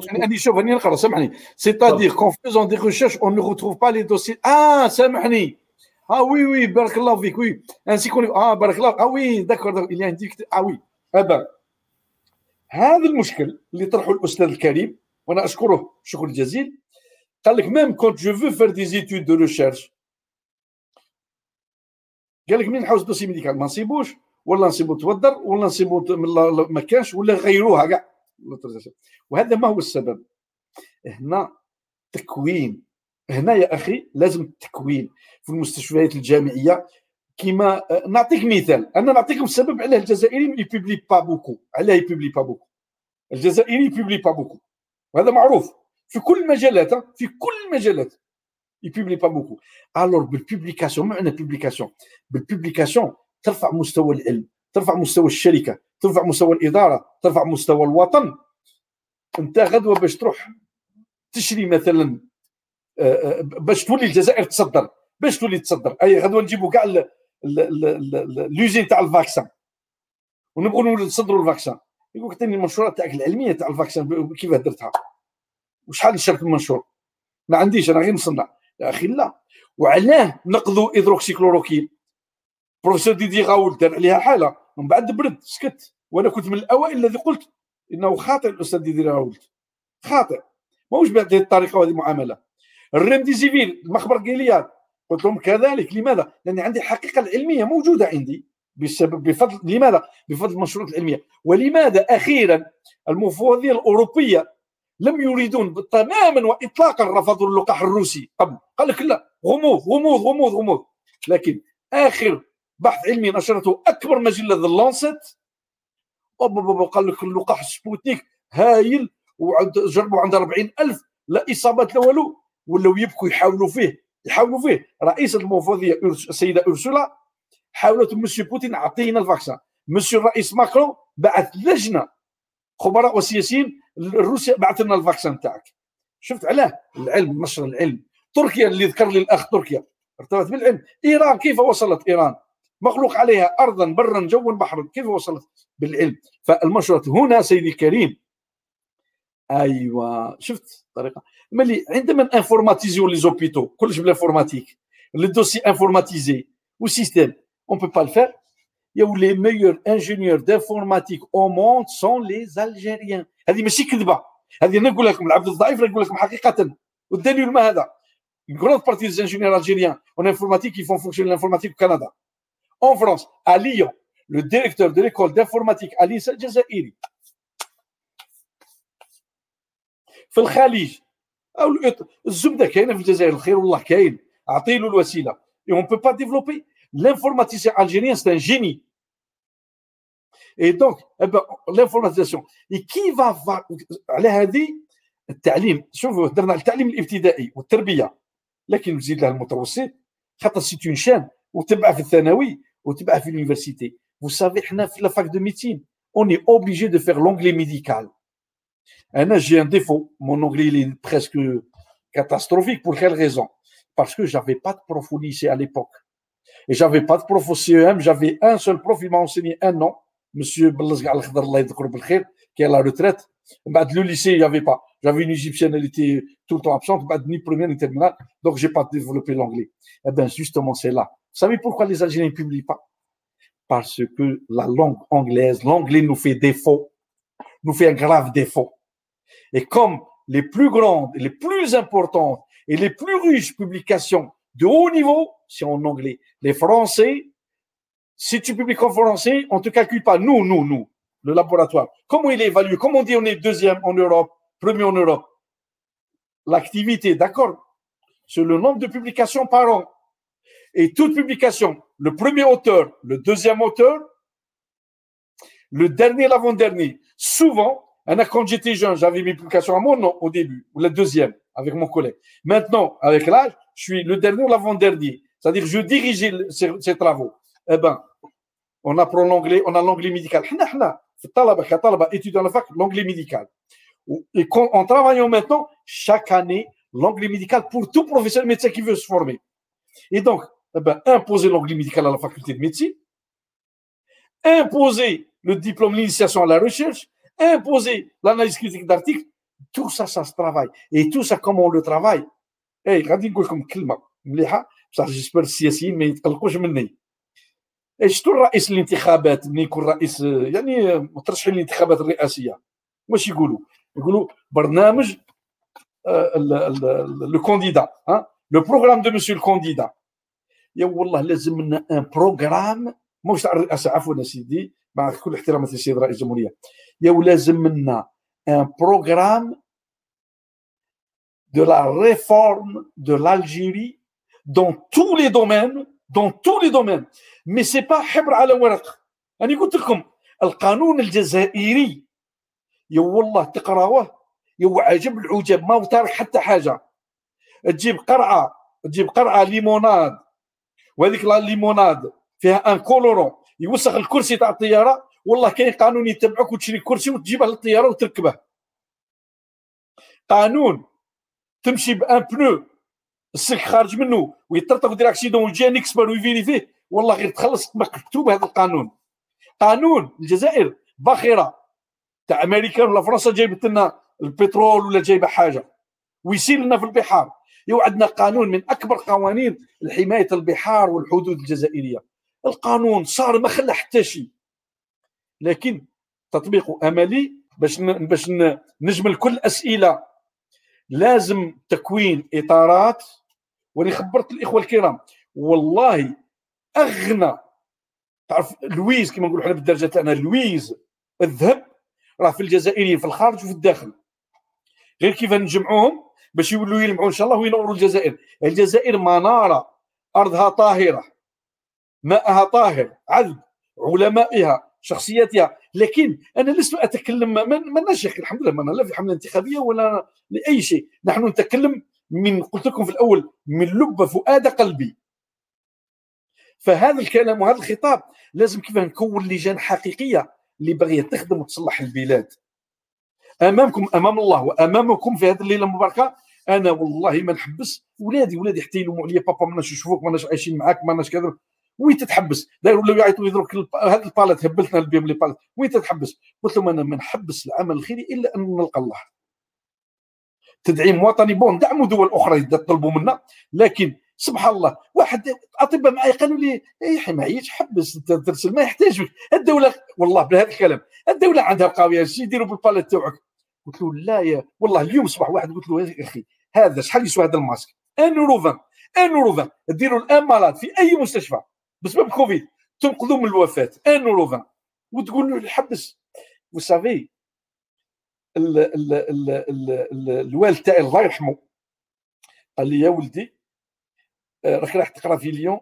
الا بغيت تقرا ودير العلم نعطيك دعوه الخير والعلم معاه. بصح إلا راك راح باش تفلس قعد هنا وفلس. في البلاد بحال. وصاني حاجة أخرى. قال لي ولدي إلا دير العلم ودير الخير تقبل الضربات وعمرك ما تجاوب ما تردش. لأنك راك في العمل الخيري.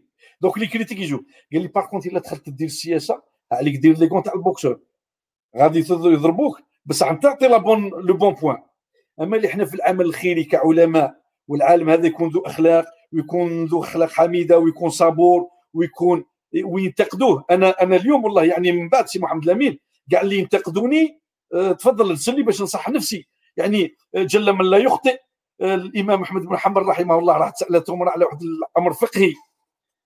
ايوا راح كان في عمره 83 سنة رحمه الله. راح جمع الكتاب وبدا تفتح. قالت له أنا قالوا لي الشيخ أحمد بن حنبل باش تفسر لي حتى تفوت الكتاب. قال لها روح شوف شو العلماء. التواضع تواضع.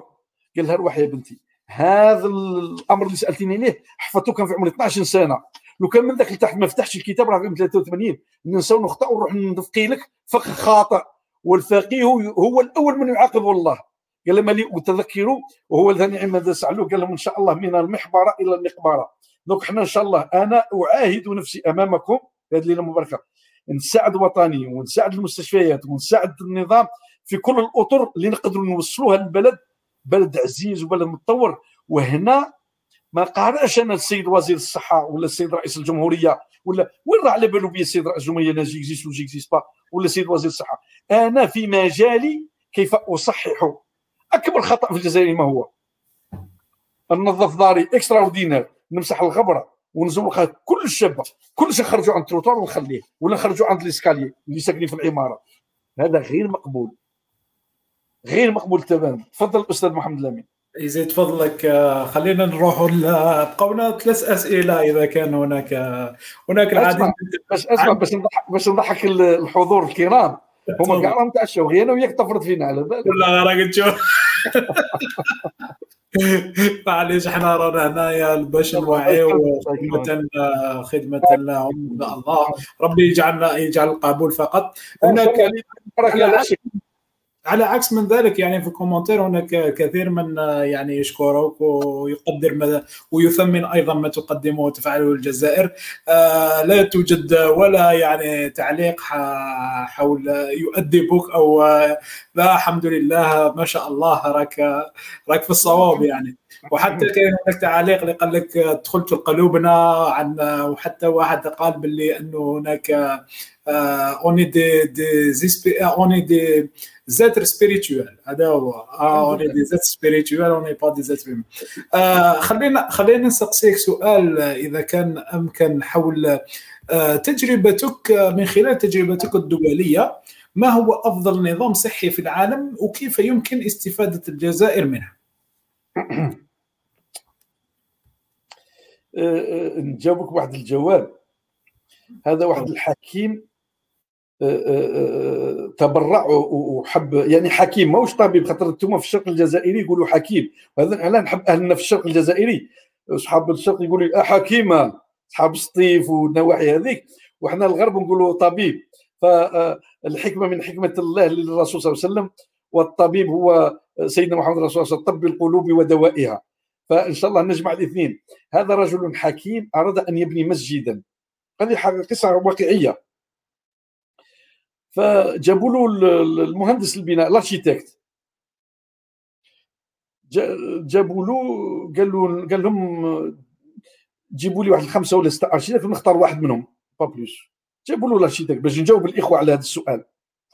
أول منين جابوا له قال له دير لي un plan هو باش اختار قال لهم كاع ديروا لي un plan المسجد كاع داروا له un plan إلا واحد ما دارلوش un plan جا قال له علاه ما درتش ال plan تاعي؟ كيفاه؟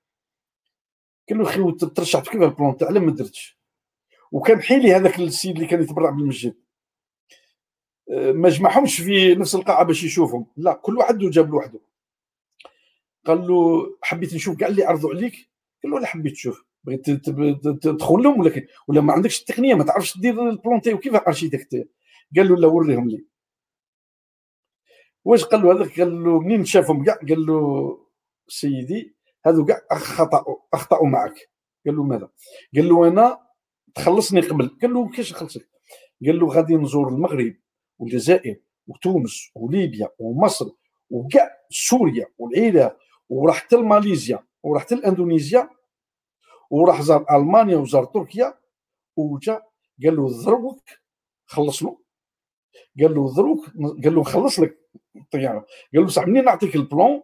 وإلا قبلته ثم تنحي الحق اللي خلص لي فايش في القيمة تاع البلون أبا صنع مسجد صنع له مسجد. هذا المسجد اختار كل حاجة اللي كانت روعة من المغرب من الجزائر من ليبيا من من وصنع له واحد المسجد روعة. ايوا منين جاو قدموا في الافتتاح؟ قال لهم أنا ما تحيرتش كيما أنا دفعت الأموال. وبنيت هو دهاء هذا الأرشيتكت.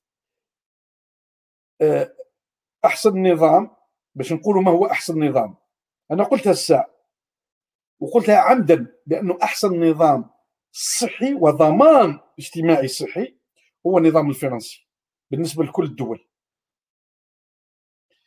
إحنا للجزائر يا ريت رانا في السبعينات الدولة الوحيدة الدواء مجانا والعلاج مجانا والتعليم مجانا كل هذا في الجزائر. ولحد اليوم مازال التعليم مجانا يعني أنا هنا اصدقائي الاوروبيين عندما نقول لهم الطالب يخلص ميم با 3 زورو في العام باش يقرا في الجامعة والشومبره ميم با 5 اورو في العام والبوس ميم با 1 اورو والتيكيت ريستورون تاع السالف ميم با 1 اورو يخلوا يقول لي باطل نقول لهم باطل حاجة رمزيه لكن هذا المستوى شوفوا نوصل دروك مستوى الصحه في الجزائر مع ترخي في, في كما تفضلنا يعني المشكل هو لم يتطور الإداري المسؤول الإداري والتسييري في المستشفيات على التطور العالمي.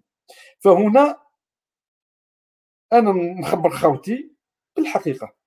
فرنسا أرادت أن تطور النظام الصحي الاصلاح الصحي للمستشفيات الفرنسية. أستاذ راه معي مازال زميلي مازال في اللجنة هذه la CME commission médicale d'établissement بروفيسور غافيون رسلته ثلاث سنين لكندا باش درس النظام الكندي وجاب لهم النظام الكندي. ورسلت أستاذ لألمانيا.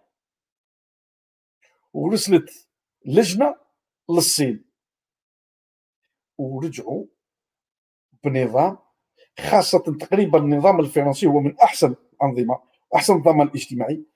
وبدأوا في التصحيح. ولهذا بدأوا في إغلاق المستشفيات في إغلاق نقص من عاد شفتوا la crise تاع الكوفيد بينوا العيوب الكبيرة بأنهم نقصوا من المستشفيات نقصوا من الممرضات نقصوا نقصوا. لكن أحسن نظام ضمان اجتماعي هو tout français quel que soit le français dès qu'il a un salaire et soit le commerce يدوا يدير يدفع حق الضمان الاجتماعي.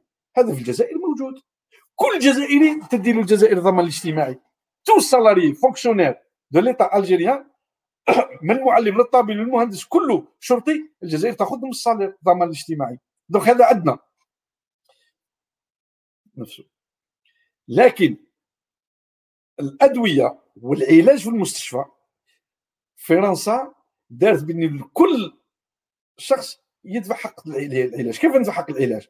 بالبطاقة الضمان الاجتماعي وزدنا لا كومبليمونتير هنا نجو للحقيقة. من نروح عندي الضمان الاجتماعي؟ نعم ندفع الكارطة تفوت. الكارطة دايرين لها حساب 60% 65% والباقي ميتويال معظم ساكن المهاجرين المتقاعدين ساكن كبار السن ما يبغوش يديروا الميتويال خاطر يقول لك أنا عايش بلاد ويدوا لي هذيك 500 أورو في العام ما يديرهاش. منين يجي هنا ويمرض مسكين يخلع. يروح يعالج هما كاع مرضى. آه يقولوا تخلص 200 أورو. عليه خوني الضمان. لا الحاج قانون. ميتويال دونك ليتا حنا يدونا من السالير تاعنا وليتا انه يفيرس لي زوبيتو ومن بعد واش داروا باش يشجعوا les hôpitaux les professeurs les médecins راك خدام عندي t'as ton salaire complet بصح نعطيك 20% ton activité ديرها privée عندي mardi mercredi راهم ليك privé ومنين دير privé صورت 20000 اورو تعطيني 4000 اورو حق le bureau حق la secrétaire حق l'infirmière بوركوا pour attirer les médecins et garder les compétences. Et surtout, l'activité, l'hôpital, comme l'hôpital, c'est le premier fonctionnaire de chaque ville. On a les hôpitaux de Lyon, 26 000 personnels qui dans les hôpitaux, entre médecins, infirmiers, informaticiens, électriciens, plombiers, menuisiers, 26 000 que Lyon. Le premier fonctionnaire, c'est lui. Et donc, comment la gestion comme je تقريبا عندنا في الإدارة تقريبا 30% هم في الإدارة ماهمش أطباء يخدموا لا جيستيون.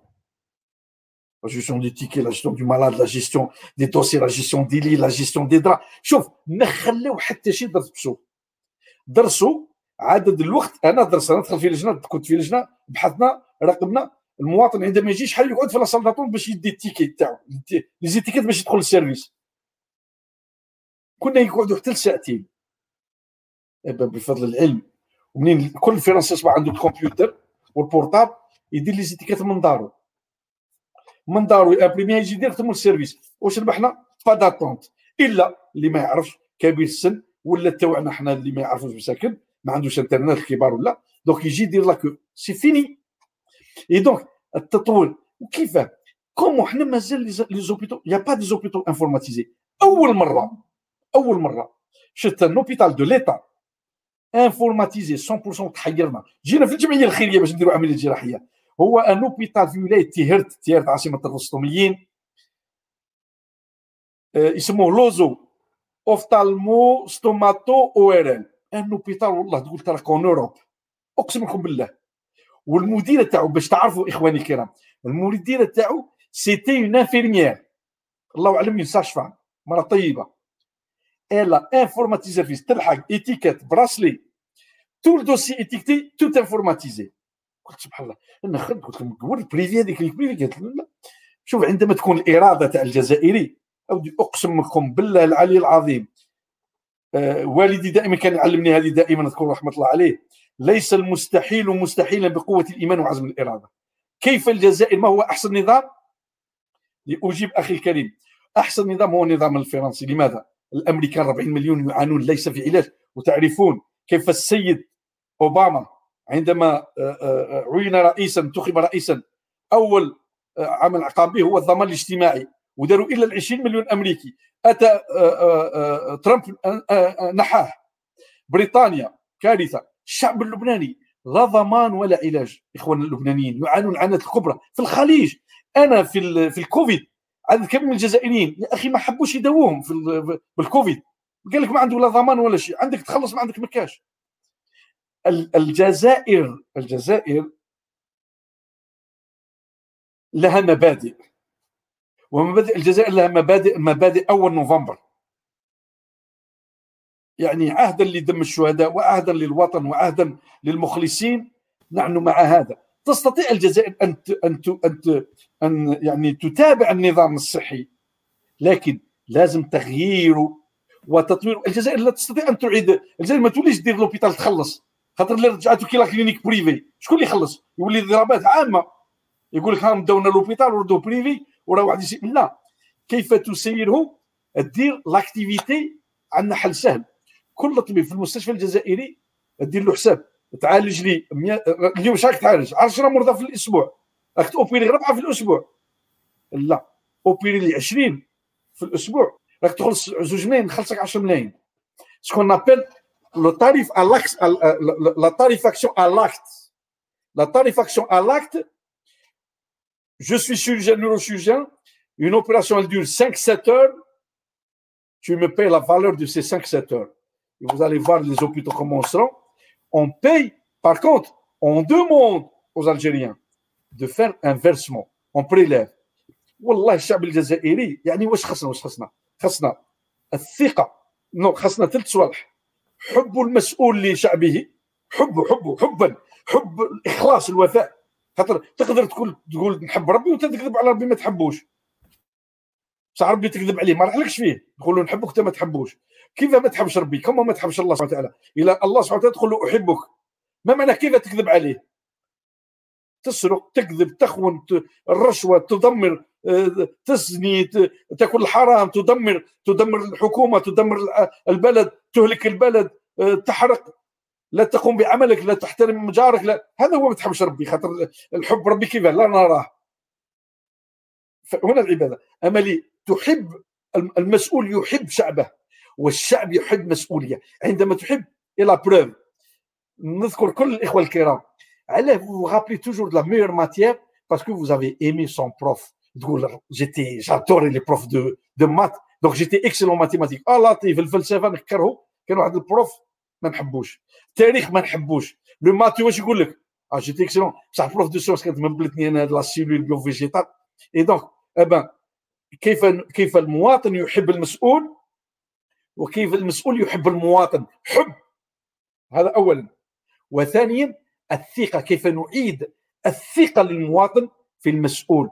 وهذا كيف تعيدها والله إلا بالعمل هذا اللي تكلمنا عليه. كيف نساعد إخواننا في المستشفيات كيف نساعد المهندسين كيف نساعد ال... كل في كل الميادين شوف آه، إحنا كان عندنا واحد الشعارات آه، في الستينات وفي السبعينات كان عندنا الثورة التحريريه كان عندنا الثورة الثقافية كان عندنا الثورة الفلاحية وكان عندنا الثورة الاقتصادية ومن بعد كانت عندنا الثورة آه نسيتها الثورة الخامسة الله أعلم. وكانوا يديروا لنا التمثيليات أنا كنت مثلت واحد التمثيلية آه، في التمثيليات. أبا لازم لنا ثورة إصلاحية عميقة جذرية. لكن تتطلب منا الوقت والله تتطلب من كل الجزائريين. النوم ربع سوايع نوم. ربع نوم و16 ساعة عمل والساعات الأخرى أكل وشرب وشية رياضة. لكن 16 ساعة عمل يا أيها الحضور الكرام مع كل احتراماتي وأستسمحكم وأعتذر لكم ربما على الإطالة والله الدول الأوروبية والدول التركية والدول التركية وكل الدول التي وصلت إلى مرحلة من التطور إلا بالعمل الشاقي 16 ساعة يوميا. وكل مخلص في عمله على حسب ال salaire ما يزيدولوش أنا معايا أنا في الأول معايا des infirmiers ولا معايا des cadres حتى نقول لها Françoise pourquoi tu restes 20 17 تروحي تقول لي non j'ai beaucoup travail نقول لها نقول لها donc tu donnes prime quelle prime قلت لي mais t'es fou قلت لي parce je fais pas mon travail le service يسرا en retard et le service retard ben les Allemands ils vont nous dépasser les Anglais ولا les Espagnols ils vont nous dépasser parce que ما عندهم عقده من اسبانيا والطليان يلحقوهم وعقده من الالمان والبريطانيين فايتينهم اي دونك eh ben, c'est l'auto-hérac dont j'ai parlé, c'est comment je deviens responsable مخلص في عملي احب عملي احب مكتبي احب مدرستي احب مصنعي احب يعني في الصيانه et, c'est de là qu'on est en train de parler depuis tout à l'heure comment le réveil des consciences مش خطاب رنان ولا شعارات أنا أعمل هذا أنا أطبقه اليوم هذا. في عملي هنا ومع الجالية أنتم مش عارفين واش أنا نديروا إحنا أنا أنا العبد الضعيف مع الجالية هنايا. اودي اللي ما صابش السكنة واللي جاي داوي ما عندوش دراهم واللي راه مع عائلته مريض مسكين ما سبنالوش واللي جاو ستاج وعلى بالك من كل الدول يجوني. من كل الدول et donc عند يعني تعب كبير وأنا ما نقدرش نرتاح ولا نروح ندير un footing ونقول ايوا me concerne pas خلي. non eh ben وطني وطني ولا رقاد القطني كما قالها واحد الحكيم.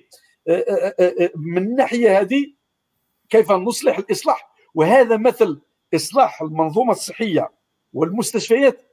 نأخذ مثال على la clinique privée ça marche وعلى بالكم لا كلينيك بريفي يا دي شيرجي دون لا كلينيك بريفي l'État prend en charge. L'État algérien prend en charge. Mais il ne faut pas oublier, on a des grands hôpitaux qui opèrent et qui soignent comme en France. Allez-y voir l'hôpital de cardiopédiatrique de Drabkhada, où ils font de la chirurgie pédiatrique extraordinaire. Allez-y voir à Médéa, l'hôpital de Médéa, de la neurochirurgie pédiatrique extraordinaire, de la chirurgie pédiatrique viscérale digestive à Médéa. Allez-y voir. Donc, on a des génies, on a des sujets. Seulement, ce qui manque, l'administrateur, il n'est pas seul pour gérer que l'administratif et le médecin, il n'est pas seul. Est-ce qu'un avion, il peut décoller de l'aéroport d'Alger s'il n'y a pas de steward, s'il n'y a pas d'hôtesse, s'il n'y a pas le mécanicien, s'il n'y a pas l'inspecteur qui indique le signal? Impossible. Impossible. Un avion, il peut démarrer tout seul. Non, impossible. Eh bien, l'hôpital, il doit fonctionner comme un avion. Et vous savez combien il y a de personnes qui s'occupent d'un avion? Minimum 40 personnes. Pour un avion, 40 personnes qui travaillent. Entre les pilotes, les stewards, les mécaniciens, les agents de nettoyage, toute l'équipe. Et donc, eh oh, comment les ingénieurs de l'aviation, ils nous réparent les avions vers Alger, ils nous font tout les pilotes ils conduisent عندنا لي لين ألجي بيكان ألجي كندا. نوصلوا للعالم اللي زوبيتو عندنا ما نمشيهمش مليح. مستحيل. وهنا لازم نحي شوية الأنانية. هاد الأنانية هذا الانديفيدواليزم. هو اللي عمامك هلكنا. انايا جوري بو ريستي اون الجيري جو سري دوبي لو طون ملياردير avoir une maison en Espagne, avoir deux villas في البلاد et peut-être deux femmes. J'en ai qu'une et je suis fonctionnaire et j'ai et j'ai ma, ma, petite maison où je suis, et je suis encore fonctionnaire. Ici, je suis, j'ai l'attestation d'être nommé par Jean-Pierre, monsieur Jean-Pierre Raffarin, à l'époque Premier ministre, où j'étais nommé directeur de laboratoire. J'aurais pu ouvrir le meilleur laboratoire à Lyon. Talbouni, crédit, crédit, les intérêts. Non. Pourquoi? Parce que j'aime la fonction publique, j'aime l'enseignement. J'ai un DU de néonatologie, un DU d'HPV cancer, un DU virus respiratoire à l'université, je suis peut-être à la douzième thèse, c'est ma satisfaction. Qu'est-ce que je transmets comme savoir aux autres? Et c'est ça qu'on doit apprendre à nos jeunes. كما قلنا نعلمهم حق ال permis واحترام الطريق واحترام واحترام نعلموه حب الوطن وحب تطوير العلم parce que nos profs ils nous ont donné un savoir.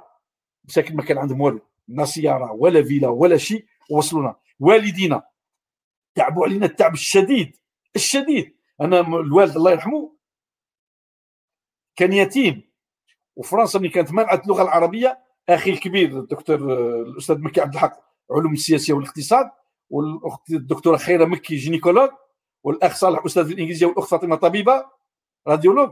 هذو كان ممنوع عليهم الدراسة بالعربية. تعرف باش قراهم العربية؟ أستاذ هذا الشيخ معزوز الله يذكره بالخير كبر السن 95 سنة. كان يجيبوا عطى له حيلة قال له لبس لباس تاع infirmier وروح دخل تخرج العربيه خاطر قال له ما نجيش نقريهم لك. قالوا خاطر الفرنسي المستعمر غادي يقول لك دير في النضال والثوره معاه خاطر كانوا في النضال السياسي. أنا ذاك. قال له عطاو الفكرة الوالد لا دير comme infirmier وجي معاك boîte تاع الإبرة وحنا الام ما تخرجش. بكري ما تخرجش في الأيام. يدير لها الإبرة بالعاني يقول له دير الإبرة. كان يقري خويا عبد الحق والأخت خيرة والأخ صالح والأخت فاطمة قراهم باش كان يدفع لأنه كان مجوهراتي الله يرحمه. يخلص بالدبلون ماهوش محبة اللويز تاع 10 ولا 20 الدبلون تاع 100 خلص بالدبلون تاع هذا الأستاذ معزوز لأنه قال له خطر على حياتي باش علمه اللغة العربية ولغة القرآن والعلم.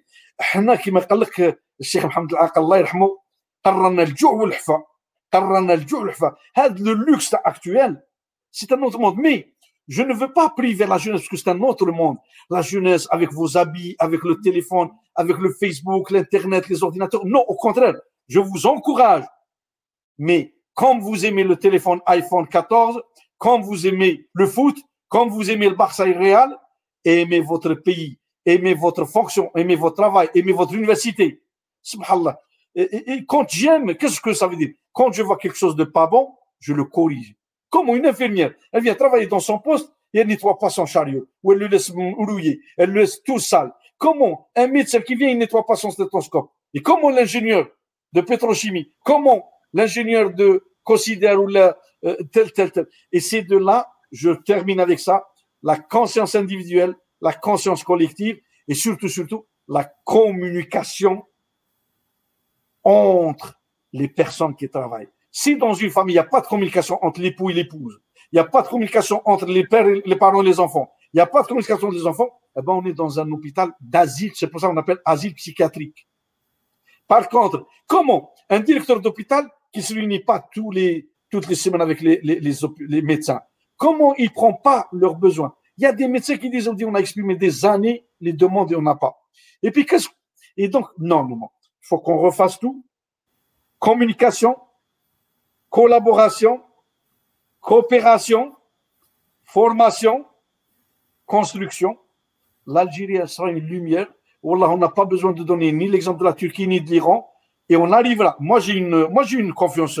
عندي ثقة في الله وثقة في الشعب الجزائري والله سوف نخرج ان شاء الله من الازمه نمشي من ماكش عايش هنا وروح تشوف الشعب كاين اللي كاين اللي يحتقر حتى الشعب شعب عوج وشعب مغندب وشعب جاهل حاشا من ذلك لا بروف لو حراك رعزع زعزع فرنسا زعزع لوروب زعزع لي États-Unis قال لك امبوسيبل Parce que on a construit. Et donc, qu'est-ce qu'il faut? Il faut juste comment guider, comment orienter, comment prendre cette, ce flambeau et le pousser à devenir et réaliser ce qu'on doit réaliser. Et de là, je termine, je m'excuse peut-être, certainement j'étais trop long, parce que vous m'avez donné le moyen. Il y a une grande conférence avec le Liban sur le Covid. Et c'était pour une demi-heure, une heure et demie. Donc, euh, je vous remercie. On est à trois heures de, de conférence. Presque trois heures, presque trois heures. Euh, une dernière question et on va finir avec ça. هناك تخوف من الجزائريين في اقتناء اللقاحات آه يعني كان هناك آه دي بسودو ميديا اللي يشوف كما قلت دير لقاح وتولي عاود وواحد كذا هناك تخوف آه يعني من الجزائريين في اقتناء في اقتناء اللقاحات لماذا ذلك في رأيك وبما تنصحهم؟ وكان هناك يعني حتى عباد يقول لك باللي هذاك الفيروس آه كد آه اسمه l'anti آه l'anti آه ال vaccin كديروه حيكون حيتبعوك بال satellite وما على باليش. المهم. مزيان مزيان رجعنا la spécialité تاعي. الحمد لله بارك الله فيك نخدم هذه ال spécialité. y a deux choses y a deux choses. que veut le peuple algérien واش راه حاب الشعب الجزائري الكريم؟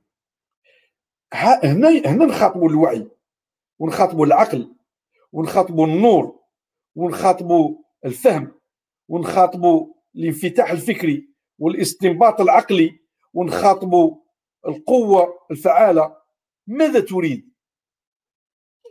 الله سبحانه وتعالى امتحنا بفيروس من سوق من ووهان. انتشر الفيروس. أصاب ما أصاب. قتل ما قتل. وما زال منتشر بشدة. وفي نفس الوقت منحنا الله سبحانه وتعالى بفضل العلم والمال والرجال. منحنا لقاح في ظرف أقل من سنة.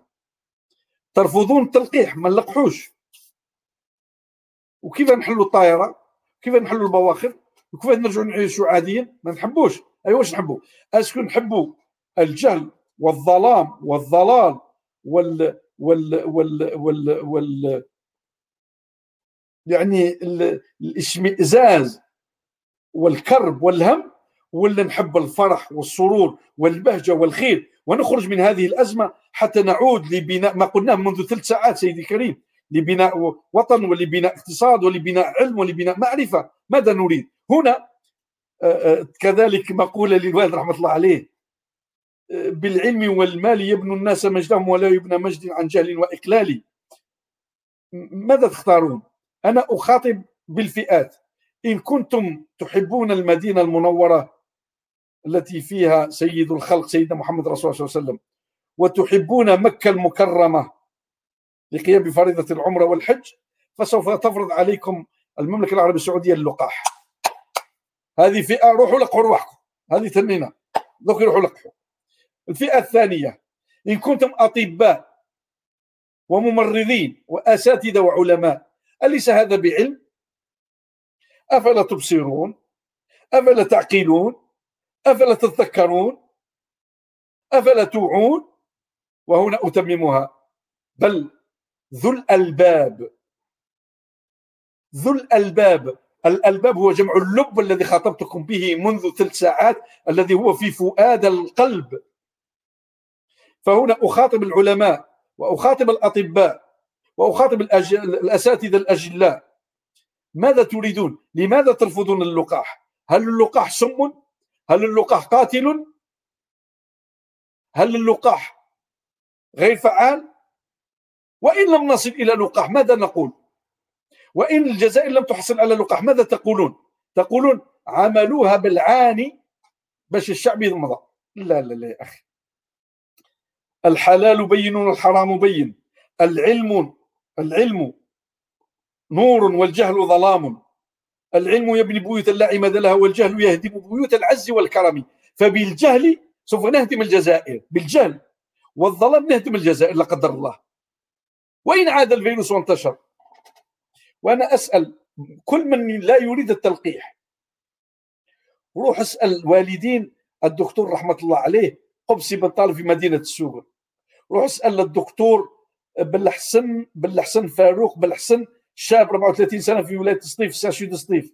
روح اسأل والدين وزوج والولد الصبي الطبيبة في برج بعرير توفيت بالكوفيد. روح اسأل روح اسأل روح اسأل وروح للمستشفيات في العناية المركزة واطلب المريض قول له هل نعطيك اللقاح؟ يقول لك ديروا لي ربما أشفى وأخرج. لا يا إخواني. العلماء خدموا على اللقاح وصلوا إلى اللقاح. اللقاح موجود. من أراد أن ينفع نفسه فلينفع نفسه ومن أبى فله لنفسه. وإن أصابه وتوفي فلا يمنع إلى نفسه. وإن أصيب وأصبح معاق من جهاز تنفسي وإلا بآلة.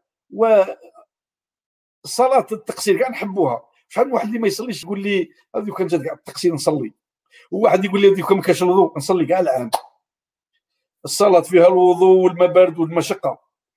وتصلي ربع ركعات وثلاث ركعات ها؟ بصح ربي منين حب المرأة؟ عطاها رخصة. قال لها الصلاة في الحيض ما تصليهاش لا يجوز. بصح ما قالهاش رديها نعمة ورحمة بها ورأفة لأنه كل شهر. بصح رمضان قال لها لا تصومين. ولا تصلين لكن قال لها أعيدي للصيام ولا تصلين وانت عطاك صلاة التقصير. آه، تحبها. وتحب تقصر ربع أيام وشهر ولو يفتوا أو ديرني مسافر كل يوم نفتي والبالور نفتي. وثلاث أيام خمس أيام. أيوه أنت جاك يعني تعرفوا حديث الرسول صلى الله عليه وسلم آه، آه، إن الله يحب أن تؤتى رخصه. الرخصة تاع الله سبحانه وتعالى تحبها. راك مريض ما تصومش. راك مسافر قصر. راك مريض تيمم. ها وجاك اللقاح رخصة من الله باش تبعد المرض وتبعد المستشفى وتعاون الإخوة وتقوم بالدور تاعك لبناء العائلة وبناء المجتمع. الله يفتح عليكم. آه، الحقيقة العلمية موجودة. أنتم يا ريت اللي يوصلكم الحق يعني الحظ باش تلقحوا اللي وصلوا اللقاح وما حبش يتلقح كما أنه وصل لمكه وما بغاش يحج. وصل في الكعبة وما بغاش يحج ورجع. نفس الشيء بالنسبة لي أنا. هذا من الناحيه الدينية من الناحيه العلمية أنا أسألكم درك علاه أعطوني الجواب علاه. أنا تلقحت تغير رأسي ولا تغير ودني ولا؟ لا يا إخواني. وإني قلت لكم سبحان الله العظيم le taux de vaccination national en Algérie ça c'est des données de l'OMS مونديال اون الجيري à 90%. Programme élargi de la vaccination. L'Algérie, Inch'Allah, dans quelques années, elle éliminera l'hépatite B, l'hépatite C. Par contre, l'hépatite C, on n'a pas de vaccin, mais le traitement. Qu'est-ce que je peux rajouter? Qu'est-ce que je peux rajouter? Parce que j'ai écrit certains chiffres. Exactement, je vous ai dit, ici on n'avait pas vacciné contre la polio, on a vacciné contre la polio, on a vacciné contre la tuberculose, on a vacciné contre la tétanose, contre la tuberculose. لا لا يا إخواني الله يفتح عليكم الله يفتح عليكم. اغتنموا الفرصه vous et surtout surtout si vous êtes un médecin ou un infirmier du corps médical du corps médical et vous voulez pas vous vacciner ذنب عظيم عند الله. هذه يقولها لك مش باش نخوفك ذنب عظيم عند الله. لأنه الذي لم يعلم لم يعلم مرفوع عنه لم يعلم بالضرر ودار ذاك الذنب ما عندوش العلم. الماء وخلطوا فيه شوية آلكول وشربته ما على بالكش ربي يعذبك يعاقبك لا شرط عن خطا لكن جبت الخمر وشريته وشربته تعذب. فهنا نفس الشيء. جاك الفاكسان وانت طبيب ممرضة sage-femme وما بغيش دير ال vaccin خاطر علاه انت طبيب مسؤوليتك. ولو كان تكون معدي قلت في ذاك النهار تفيزيتي في ديك السيمانة. خاطر على بالكم اللي يتعدى بالفيروس اللي يتعدى بالفيروس. النهار اللي بان فيه المرض كان معدي سيمانة قبل ويعدي سيمانة من بعد. علاه نقولوا 14 jours quarantaine 14 jours أما اللي 15 jours وهو طبيب دواء اللي دواء نديروا دواء غير ربعة في النهار. 10 40 أوبيرا 20 infirmière sage-femme عدات المرأة وعدات المولود. ايوا راه مسؤوليتك أمام الله مسؤوليتك أمام المجتمع مسؤوليتك أمام الفرد. المسؤولية الفردية والجماعية. والوعي الفردي والجماعي. Conscience individuelle conscience collective et responsabilité personnelle et professionnelle. هنا لازم ندعموا ويعني الفيسبوك اي اي واش قال Didier Raoult واش صرا من بعد واش قال monsieur Perronne واش صرا من بعد واش قال ذاك البروفيسور ايطالي معظم اللي قالت فيه بعض الحقائق لكن معظم est-ce que تخموا أنا بلي نكذب عليكم نقول لكم باللي ال vaccin مليح هو ماهوش مليح. مستحيل. 33 سنة في الاختصاص. يعني لا يا إخواني وأنا المرجو منكم أنتم الحاضرين معايا. أنتم تدعموا وتشاركوا في معايا باش توسعوا وتوصلوا هذه الرسالة آه، إلى الآخرين باللي ودي لا آه، فيه اللقاح اللقاح نافع يعني قلت لكم يوميا 12 morts par accident la circulation 12 وفاه بالحوادث المرور ايوا في الجزائر يوميا شحال يقتل الدخان والخمر يوميا شحال يقتل وصلت وصلت الفكرة. آه، سؤالي يعني عديد من اللقاحات يعني أسترازينيكا فايزر يعني هناك العديد في رأيك ما هو يعني كخبير ما هو أحسن لقاح آه، في في العالم نعم. الآن ضد ضد الكوفيد هو هو هو المبدأ من اللقاح ما هو؟ المبدأ من اللقاح هو عندما نعطي سواء الفيروس بأكمله أو الفيروس وننقص منه من مكونات الحمض والانزيمات أو نأخذ الا البروتين الغلافي. أو نأخذ الحمض لوحده. الحمض لوحده لايرين المرسل هو فايزر موديرنا. أو نأخذ الحمض ونجعله في ناقلة ناقلة آه، آه، vecteur مثل سبوتنيك أو مثل أسترازينيكا أو مثل جونسون جونسون. أو فيروس بأكمله نميته ونضعفه ونجففه مثل سينوفاك الصيني أو نأخذ الفيروس ولا نميته بأكمله. ننقص من حدته فيسمى بالفيروس vivant atténué حي ومضعف من قوته أو الآخر مميت. فكل هذه هدفها عندما يعطى بالإبر. فالخلايا المناعية سوف تقدم هذه المكونات فيتكاثر إذا كان الحمض المرسل فسوف يتكاثر ويعطينا الا البروتين لوحدها لأنه أخذنا قطعة التي تتحكم في إنتاج البروتين الغلافيه المسامير ال glycoprotéine les protéines d'enveloppe spike S إذا استعملنا الفيروس المجفف مميت أو حي ومضاعف فهذا الفيروس عندما يدخل فالخلايا تقدمه إلى الخلايا المناعية وتنتج les anticorps. Donc, dès que soit le virus tué inactivé ou vivant atténué, il rentre, il va se répliquer, il va produire les protéines, le système immunitaire, les lymphocytes T, les cellules dendritiques, ils vont jouer le rôle, et les lymphocytes B vont produire les anticorps, et les anticorps, ils vont être circulants dans la salive, dans les poumons, dans le sang, dans le corps. Si on est exposé au virus, par la salive, par le nez, par les bisous, par les mains, eh ben, les anticorps, on les a, le virus là, tout de suite, ils vont le reconnaître. Ils vont produire des millions et des milliards. Et ils vont venir bloquer le virus pour qu'il n'attaque pas les cellules pulmonaires, cardiaques, rénales, digestives. Et c'est ça le but de la vaccination. Donc, voilà les vaccins. Et qu'est-ce qu'on met? On met des conservateurs avec des vaccins, des protecteurs, pour qu'on les protège dans les bouteilles, et on les injecte. Tous ces protecteurs qu'on les utilise, ils sont connus, on, on les a utilisés dans les vaccins de la grippe, dans les vaccins de l'hépatite B, dans le vaccin de la polio. Donc, c'est pas quelque chose de nouveau. Et donc, on produit des anticorps. Donc, de quoi j'ai. Ah, oui, il y en a qui font mal au point de, l'injection. Il y en a enflement, il y en a des fièvres, il y en a qui font des diarrhées, il y en a qui font des petits vomissements, il y en a une petite migraine. Deux, trois, quatre jours, cinq jours, ça passe et on reprend le travail. Et ça, c'est le vaccin. Je vais dire à ceux qui ne veulent pas le vaccin. الشعب الجزائري الشعب الجزائري الحق يعني القوي الشجاع. الجنود تاعنا ال les militaires يدخل tout militaire يدخل يعطوه des injections 24 ساعة ولا قد واش فيها من ال vaccin أيوا les militaires علاه les militaires يتقبلوا les vaccins y a un vaccin qui tue militaire non parce que العلم parce que حب الوطن وحب المهنة. et بيكون pourquoi le militaire يقبل والحاج والمعتمر يقبل ال vaccin vous savez que tout حاج ومعتمر avant le Covid. Tout حاج معتمر واش يقولوا له vaccin contre quoi contre la méningite آه باش تروح دير أو تروح دير ال vaccin ما سقساش كاع ال vaccin كي داير لا يعطيه وجه كذا ولا يغير الوجه ولا يروح يجري. خاطر حبوا لرسول الله صلى الله عليه وسلم مكة والمدينة حج أو عمرة. وهنا درك ملي قلنا لك الفيروس راه جاك في دارك؟ باش نسلكوك منه. دير اللقاح باش تحمي نفسك وتحمي الشعب وتحمي الوطن ونرجعوا ترفضوا. دونك الله يفتح عليكم الله يفتح عليكم علميا. لكن كاين بعض الحالات ذكرتها يعني مضاعفات حمى قياء إسهال يعني ربما. بعض الحالات قلة معظم معظم الضرر احمرار وبعض الحمى فقط. أستاذ أنت راك لقحت نفسك. ما هو اللقاح نعم نعم نعم, نعم. ما هو اللقاح اللي استعملت؟ نعم سيدي.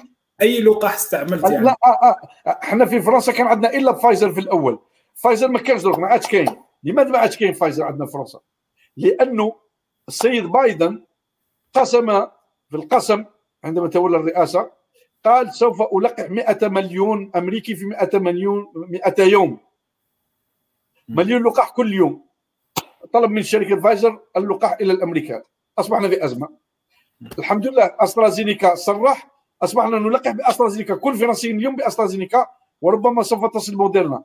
الجزائر إذا وصل سبوتنيك لقحوا بسبوتنيك. من وصله أسترازينيكا لقح بأسترازينيكا. هي نفس المكونات الفيروس. المحفظات ربما تختلف من شركة إلى أخرى. عندما يدخل يعطينا هو أسترا وسبوتنيك هو نفس البرانسيب نفس المنهج. عندما يدخل يكون إلا الغلاف البروتينات الغلافية.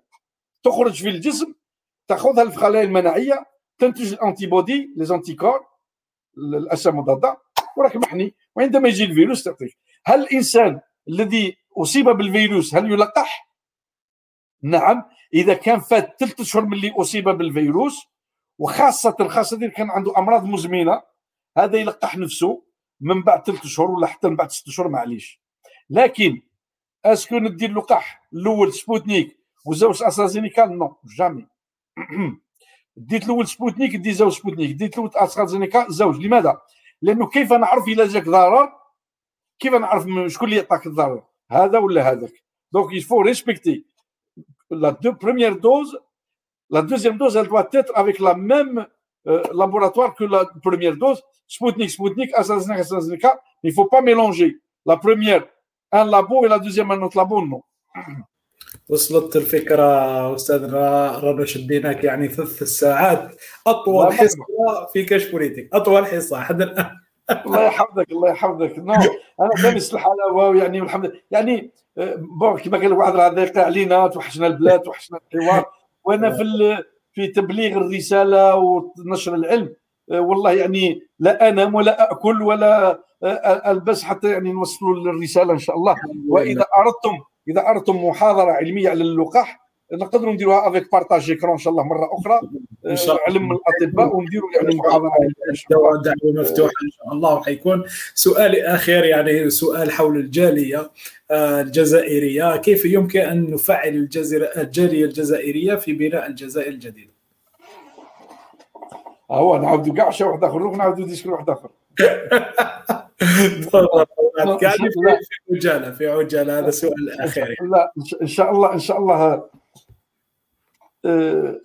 هو اولا اولا وقبل كل شيء نتكلموا مليح مليح مليح. ما كاش جزائري يكره الجزائر ابدا. هذه لازم تكون عندنا. وما كاش جزائري يحب الجزائر أكثر من خوه مستحيل. مسؤولا أو رعية. ما كاش واحد يحب الجزائر أكثر من الآخر. ابدا. هذه قاعدة عند الجزائري. ما ليس واحد يكره الجزائر. ابدا. ما كان جزائري يكره الجزائر. وما كانش واحد يحب الجزائر أكثر من الآخر. ابدا. لكن فيه من هو زعفان وفيه من هو غضبان وفيه من هو محقور وفيه من هو مظلوم وفيه من هو حزين. فهنا تفترق الأمور. لكن حب الوطن من الإيمان ولا فيه فرق ما بين حب الوطن ما بين مسؤول ورعية. هذا قاعدة. كيف نفعل دور الجالية الجزائرية في بناء الجزائر الجديدة؟ أشكر الأخ الكريم ورديتني إلى النقاش. اولا هو إذا أدخلنا فيها السياسة لا نستطيع أن نفعل الجاليه الجزائرية. إذا استعملنا الجاليه الجزائرية في إطار سياسي ما تمشيش. لأنه العلم يمشي مع العلم والسياسة تدير الشؤون. أنا لست ضد السياسة ابدا لا أنا قلت في السياسة الطبية la politique de la santé في l'économie de la santé الاقتصاد الصحة. ف شوف الكوفيد كيف ربط ما بين وزير الصحة وزير الداخلية وزير الخارجية وزير الطاقة وزير الجمارك وزير النقل. كل كوفيد. فهمونا السياسة نعم لكن لكي نفعل الجالية الجزائرية ليس عن طريق النائبين. نائب البرلمان. وليس عن طريق ممثل الجزائر الجالية الجزائرية في المهجر لا لا لا لا, لا. هو تهيئة أرضية حقيقية ببرنامج علمي حقيقي واستقطاب كل الإطارات المتدين وغير المتدين المؤمن وغير المؤمن الجزائر بكل إحنا الحمد لله ما عندناش طوائف لسنا بطوائف. الجزائر بكل خصوصياتها من جبال جرجرة إلى جبال الونسريس إلى جبال العمور إلى جبال ناظور إلى جبال جبال الهضنة في بالعباس وبني شبران إلى هضاب الأطلس إلى هضاب تمر راست جبال تمر راست عفوا. بألبستنا التقليدية وبلهجتنا التقليدية فنجمع كل القوى العلمية ونجمعها في نطاق وإطار علمي محض سيدي الكريم. إذا استقطبنا لخطاب ولمدح ولأكل ولشرب فسوف يكون كالملتقيات. وأنا هذا لست معه بثاثا. العلم وتبادل العلم وتبادل الخبرة سيدي الكريم لا أستطيع أن أعطي كل كل نقوط تكوينه لأنه أمر مهم جدا. تكوين دولة تكوين تغيير نظام تغيير أسس علمية تغيير هذا يكون يعني في مرتبة عالية من مستوى السرية والمنهجية والموضوعية والضمان والثقة الثقة والإخلاص. في العمل. فهنا سيدي الكريم تفعيل الجالية ليس نرسل لها باخرة ونقول نديرها في أوتيل ونديروا مدح ونديروا رقص ولا نديروا حفل وقال أيا أعطونا رأيكم. لا لا لا لا. لا سيدي لا, لا. تفعيلها الجزائر دولة قوية. أنتم ربما الشبان لا تعرفون. أكبر أزمة سياسية حلتها الجزائر في حالتان. أكبر أزمة سياسية عالمية. لا تعرف لا تعرفونها الشبان. ربما درستموها يعني مع كل احتراماتي لكن لم لم تعيشوها لكن أنا عشتها شابا آنذاك. أزمة إيران بالولايات المتحدة الأمريكية. بالحنكة السياسية الجزائرية وبقدرتها وب الاستنباط الوعي السياسي الاداره آنذاك. رحمة الله عليهم من توفوا وأطال الله عمرهم منهم أحياء.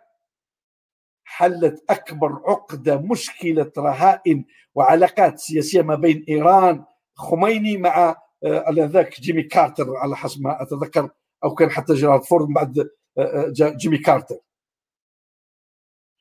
والحل الثاني أكبر أزمة ووقع فيها الصلح في الجزائر هي الصلح ما بين إيران والعراق آنذاك شاه إيران. شفت الحالتان ومن بين صدام حسين رحمة الله عليهما كل من توفى. فكيف الجزائر بهذه القدرة؟ وكيف الجزائر كذلك بالحنكة؟ كيف طورت شركة سوناتراك الجزائر؟ كيف كيف أنتجت و يعني نبثت زرعت وأنبتت وأعطت ثمار سوناتراك؟ فهنا كيف نفعل الجز... الجالية الجزائرية؟ ليس برقص ولا بمدح ولا بكسكس ولا بمشوي بال... بال... بالفكر وب وب بإستراتيجية.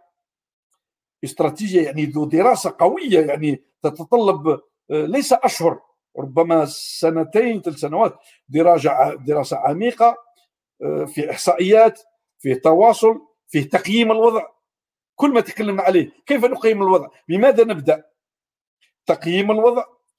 تقييم حسابي تقييم مادي تقييم إنساني تقييم آه، القوة الإنسانية القوة العلمية وتقييم قوة الجالية قوتها في العلم إحصائياتها وهنا نربط ما بين هذا. آه وهنا واش يكون؟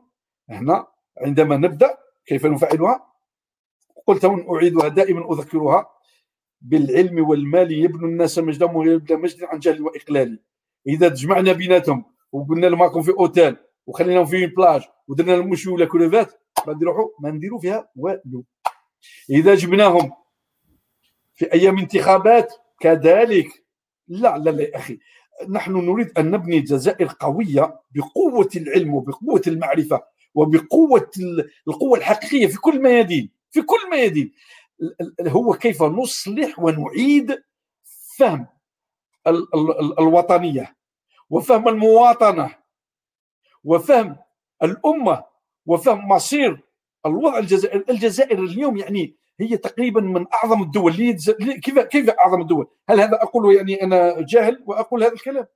كيف دولة دائرة بها كل النيران والعياذ بالله حفظها الله وكل دول في أزمات وهي ربي حاميها لحد الآن. لكن حاميها بماذا؟ حاميها بقوة قوة علمية وقوة آه، آه، قوة مالية وقوة سلاحية وقوة آه، في ما نتكلموش هذا الكلام تاع السوق ولا تاع هذه البلاد راحت. نحن نتكلم في خطاب خطاب ذو مستوى عالي عالي جدا. الجزائر ما زالت لها مكانتها في الأروقة الدولية. وهنا تفعيل الجالية الجزائرية بإعطاء لها حق الكلام كما أعطيتمونا لي هذه الليلة وأنا أشكركم ليلة مباركة إن شاء الله ويبارك فيها ربي سبحانه وتعالى وتكون إن شاء الله بادرة لخير والانطلاقة لما لا لتفعيل هذه الجالية الجزائرية إن شاء الله. إن شاء الله على ربي بحول الله وقوته. لكن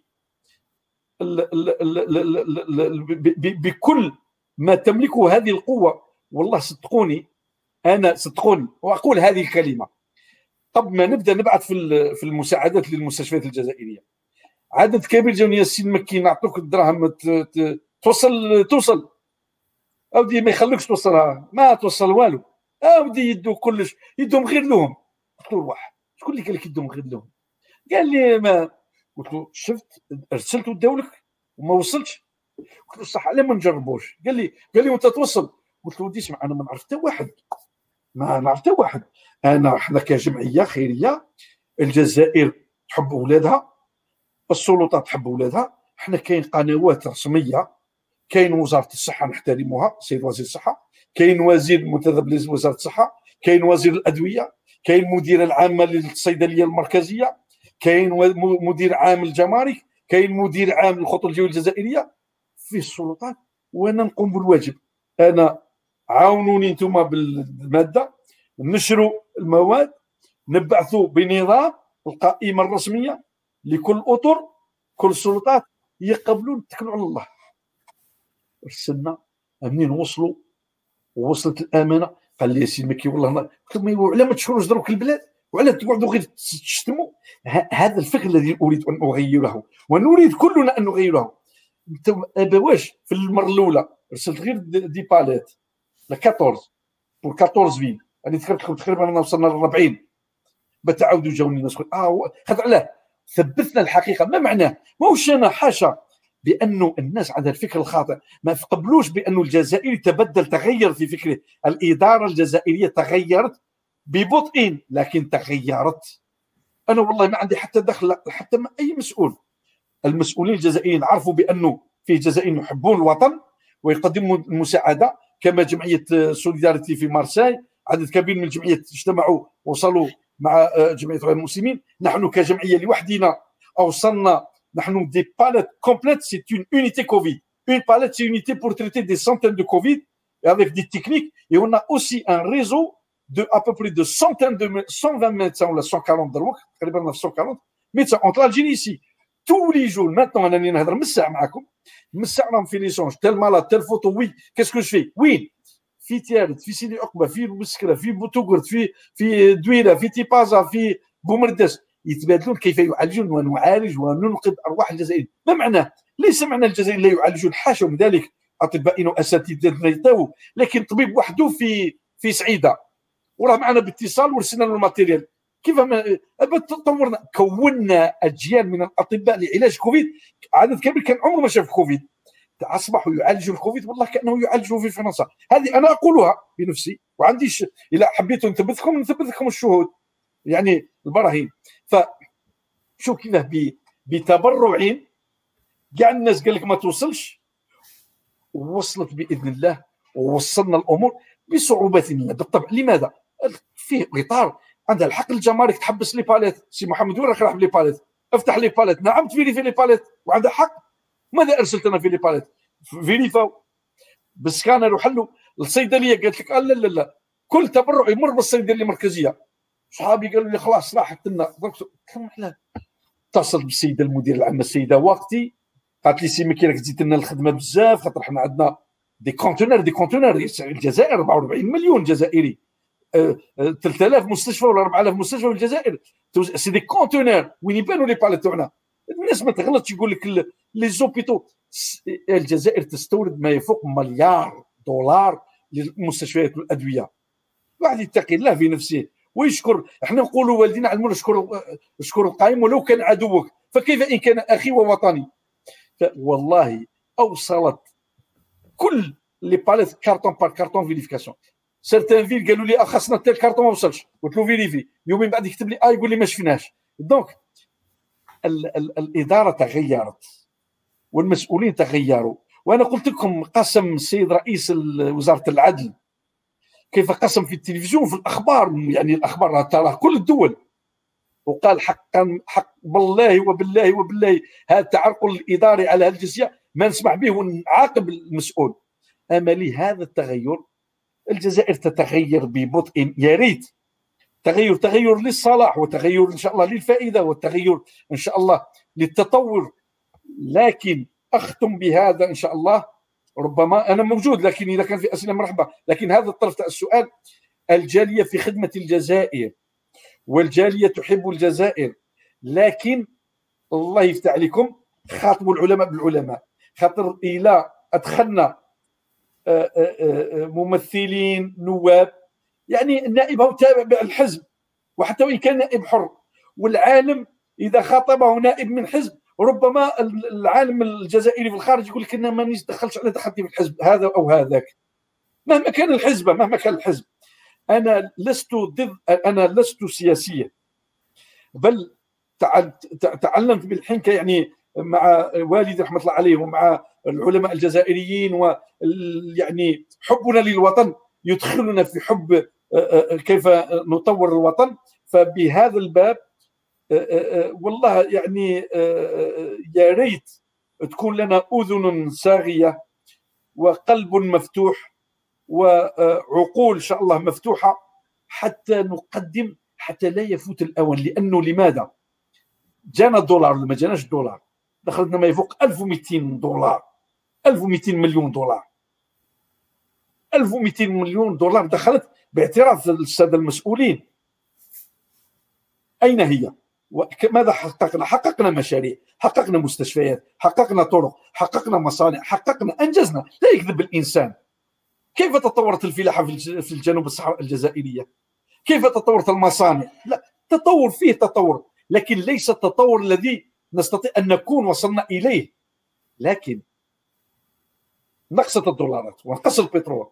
ما عندناش 1000 دولار 1000 مليار دولار اليوم. ما عندناش 200 مليار دولار لا اظن ربما على حسب معطيات المنظمة الصحه والبنك الدولي الجزائر لها مخزون مخزون لكي تكون يعني auto-satisfaction auto-gestion لسنتين تقريبا أو ثلاث سنوات.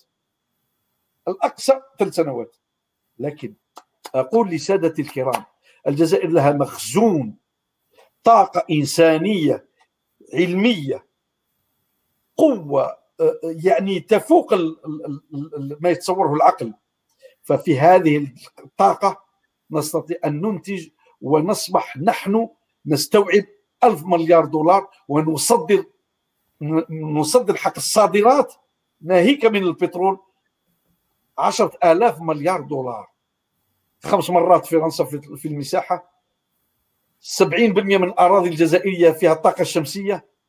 صحراؤنا ماء جبالنا خضراء سهولنا نبات بحرنا عذب بملحه وبسمكه. غزلاتنا ترعرع ونور الشمس في الغروب تظهر وهي نور لؤلؤة النور.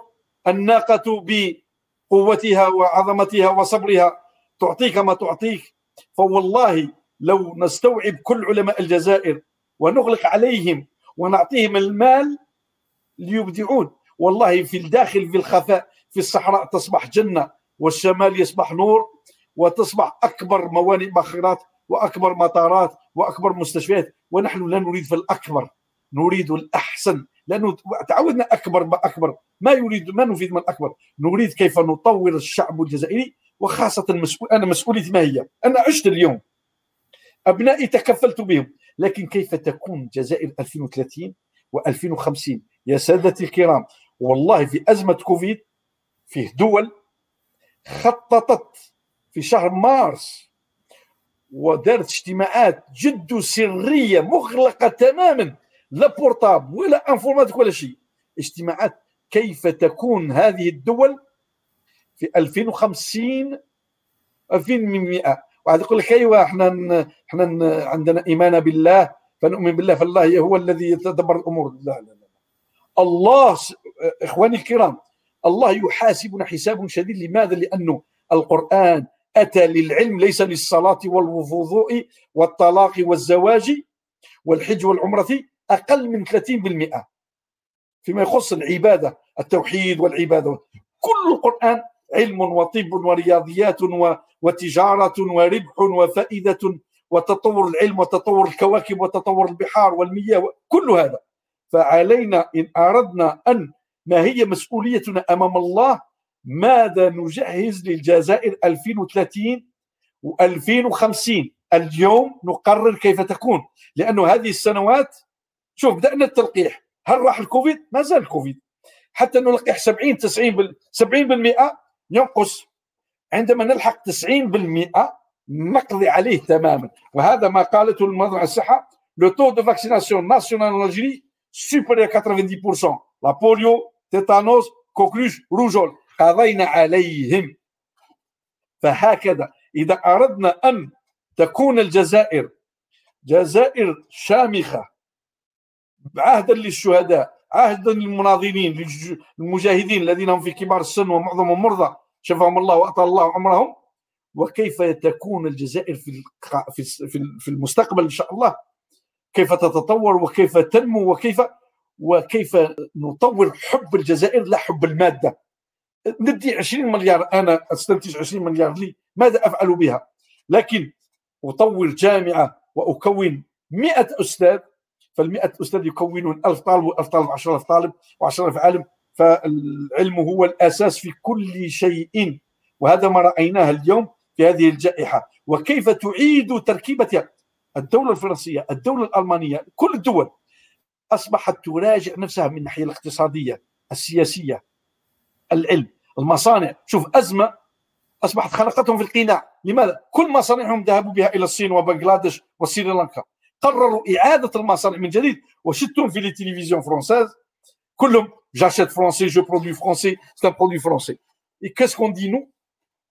Et donc, je vais euh, finir euh, là, peut-être, je m'arrête. Euh, khair. Barakallahu إذا كان في آخر سؤال خفيف مرحبا. باش ما نغيبوش السؤال هو إجابة حول حول السؤال الذي قدمته حول عندما اشرتم على أحسن كسكسي أحسن حصان أحسن كذا آه هو عطوا عديد من آه يعني عديد خلينا نشوف الاقتراح الأول كان هو تيارت. الاقتراح الثاني كان البيض. الاقتراح الثالث كان غليزان. والاقتراح الرابع قال ربما الجلفة. أما لهذا اختاروا اختاروا ممر بنو هلال. بنو هلال بكرمهم وعلمهم. فسبحان الله أنا الوالد هو من مواليد دار بن عبد الله هذا بن عبد الله أول ثائر مع الشيخ الأمير عبد القادر رحمة الله عليه. الجد سيدي يحيى باش تعرف حتى الجد أنت اسمك يحيى كما أنا. في مدينة دار بن عبد الله أكبر ثائرين أهل العلم والقرآن والتعليم اللغة العربية. في ولا في مدينة زموره ولاية غليزان والأجداد هناك. لكن الوالد ثار الثورة ونفته إلى تيهرت. فتمكن في استقطن في السوقر وأنا من مواليد مدينة السوقر فالكسكسي والمشوي والحصان وزربية جبل العمور والدهان الغنمي. فجمعنا هذا فهذا أكبر ولاية. وتيهرت حتى للمتابع الكريم ولأساتذتنا عندما كانت خيمة العلم خيمة العلم والله أنا صغير كان الوالد ينوض للفجر وأنا ندير له الماء الحامي أيوا يقبضني من نيفي ويقول لي خيمة مال ولا خيمة رجال؟ وصغير أنا والفجر أنا صغير نحب الدراهم نقول له خيمة مال. يزيد يزيد نقول له لا لا لا خيمة يقول لي شكون اللي يجيب المال ولا الرجال؟ نقول له الرجال هم اللي يجيبوا المال. بهذه تعلمت من يعني الرجال هم الذين يبنون الوطن هم الذين يبنون المجتمع. ف تيهرت عندما كانت هي عاصمة الجزائر أول عاصمة الجزائر هي تيهرت عاصمة الرستميين عبد الرحمن بن رستم. فعندما أسسها بعث ابنه عبد الوهاب بن عبد الرحمن بن رستم إلى العراق وما أدرك ما العراق وبغداد ويا بغداد وكانت فيها بيت الحكمة. فبعثه بألف ناقة. وألف دينار أن ذاك الدينار كان من الذهب عشرة ألاف دينار من الذهب. وما واش قال له جيب لي قال له جيب لي كوكا كولا قال له جيب لي بيبسي ولا جيب لي نايك ولا آيفون. أتيني بالكتب والعلم. فأعطى دراهم بالذهب سكه الذهب وملأ كل الجمال بالكواف تاع القفال هذوك. وأتوا بها بالكتب وأسسوا في تيهرت أسسوا بيت. شوف شوف الغيورة تاع الحكام والمسؤولين وال أسسوا كانت بيت الحكمة في بغداد فأسسوا بيت المعرفة في تيهرت في تيارت وقال فيها الشاعر آه، لولا العلم فيها. لا فضلوها على العلماء بدأوا يأتون إليها. فضلوها على العراق وما أظنهم أصابوا وفضلوها على الشام وما أظنهم أخطأوا. لولا العلم فيها ما أتوها من الشام والعراق ومصر لأنه ما كانوش يقولوا القاهرة ومصر وشوف ذاك الدهاء ولذلك ما زالت هذا البيت لازم يعني الحي ما زال تاع بيت المعرفة. شوف كيفاه كان طوروا العلم وطوروا المكتب. وأساس نشر الأندلس وعلم الأندلس. مرت من تيهرتي إلى تلمسان ومرورا بفأس ومكناس وطلوعا إلى الأندلس. هنا الفتوحات العلم من الجزائر. مسيلة شكون يعرف مسيلة؟ مسيلة يقول لك مسيلة بلاد صغيرة.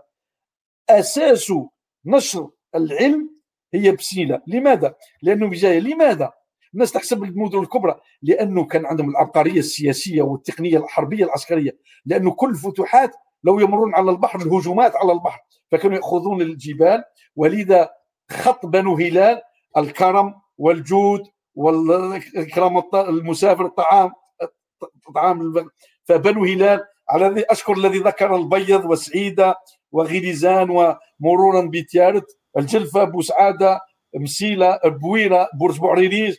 مرورا إلى الصيف هذا بني هلال لكن لكي لا نغضب الآخرين أنتم كرامه أصحاب البحر في الحوت وأصحاب الصحراء يا خويا كرامه في التمر وكرامه كذلك في المشوي. فنحب الوطن ونحبكم. إن شاء الله سامحوني طولت عليكم كثير ربما أنا فرحان الكلام ولأول مرة تحت لي فرصة كهذه فإن شاء الله أعاهدكم. اذا إذا جلبنا الجالية الجزائرية ودرنا إن شاء الله آه، يعني آه، آه، جمع مبارك للعلماء فإن شاء الله نضمن لكم مشوي بإذن الله. نديروا مشوي وكسكسي إن شاء الله ونخلوا أصحاب الجزائر العاصمه يديروا لنا الحوت إن شاء الله أصحاب البحر إن شاء الله. شكرا للدكتور. شكرا جزيلا سادتي الكرام. والله إنني يعني معتز وفخور يعني و... وليلة مباركة.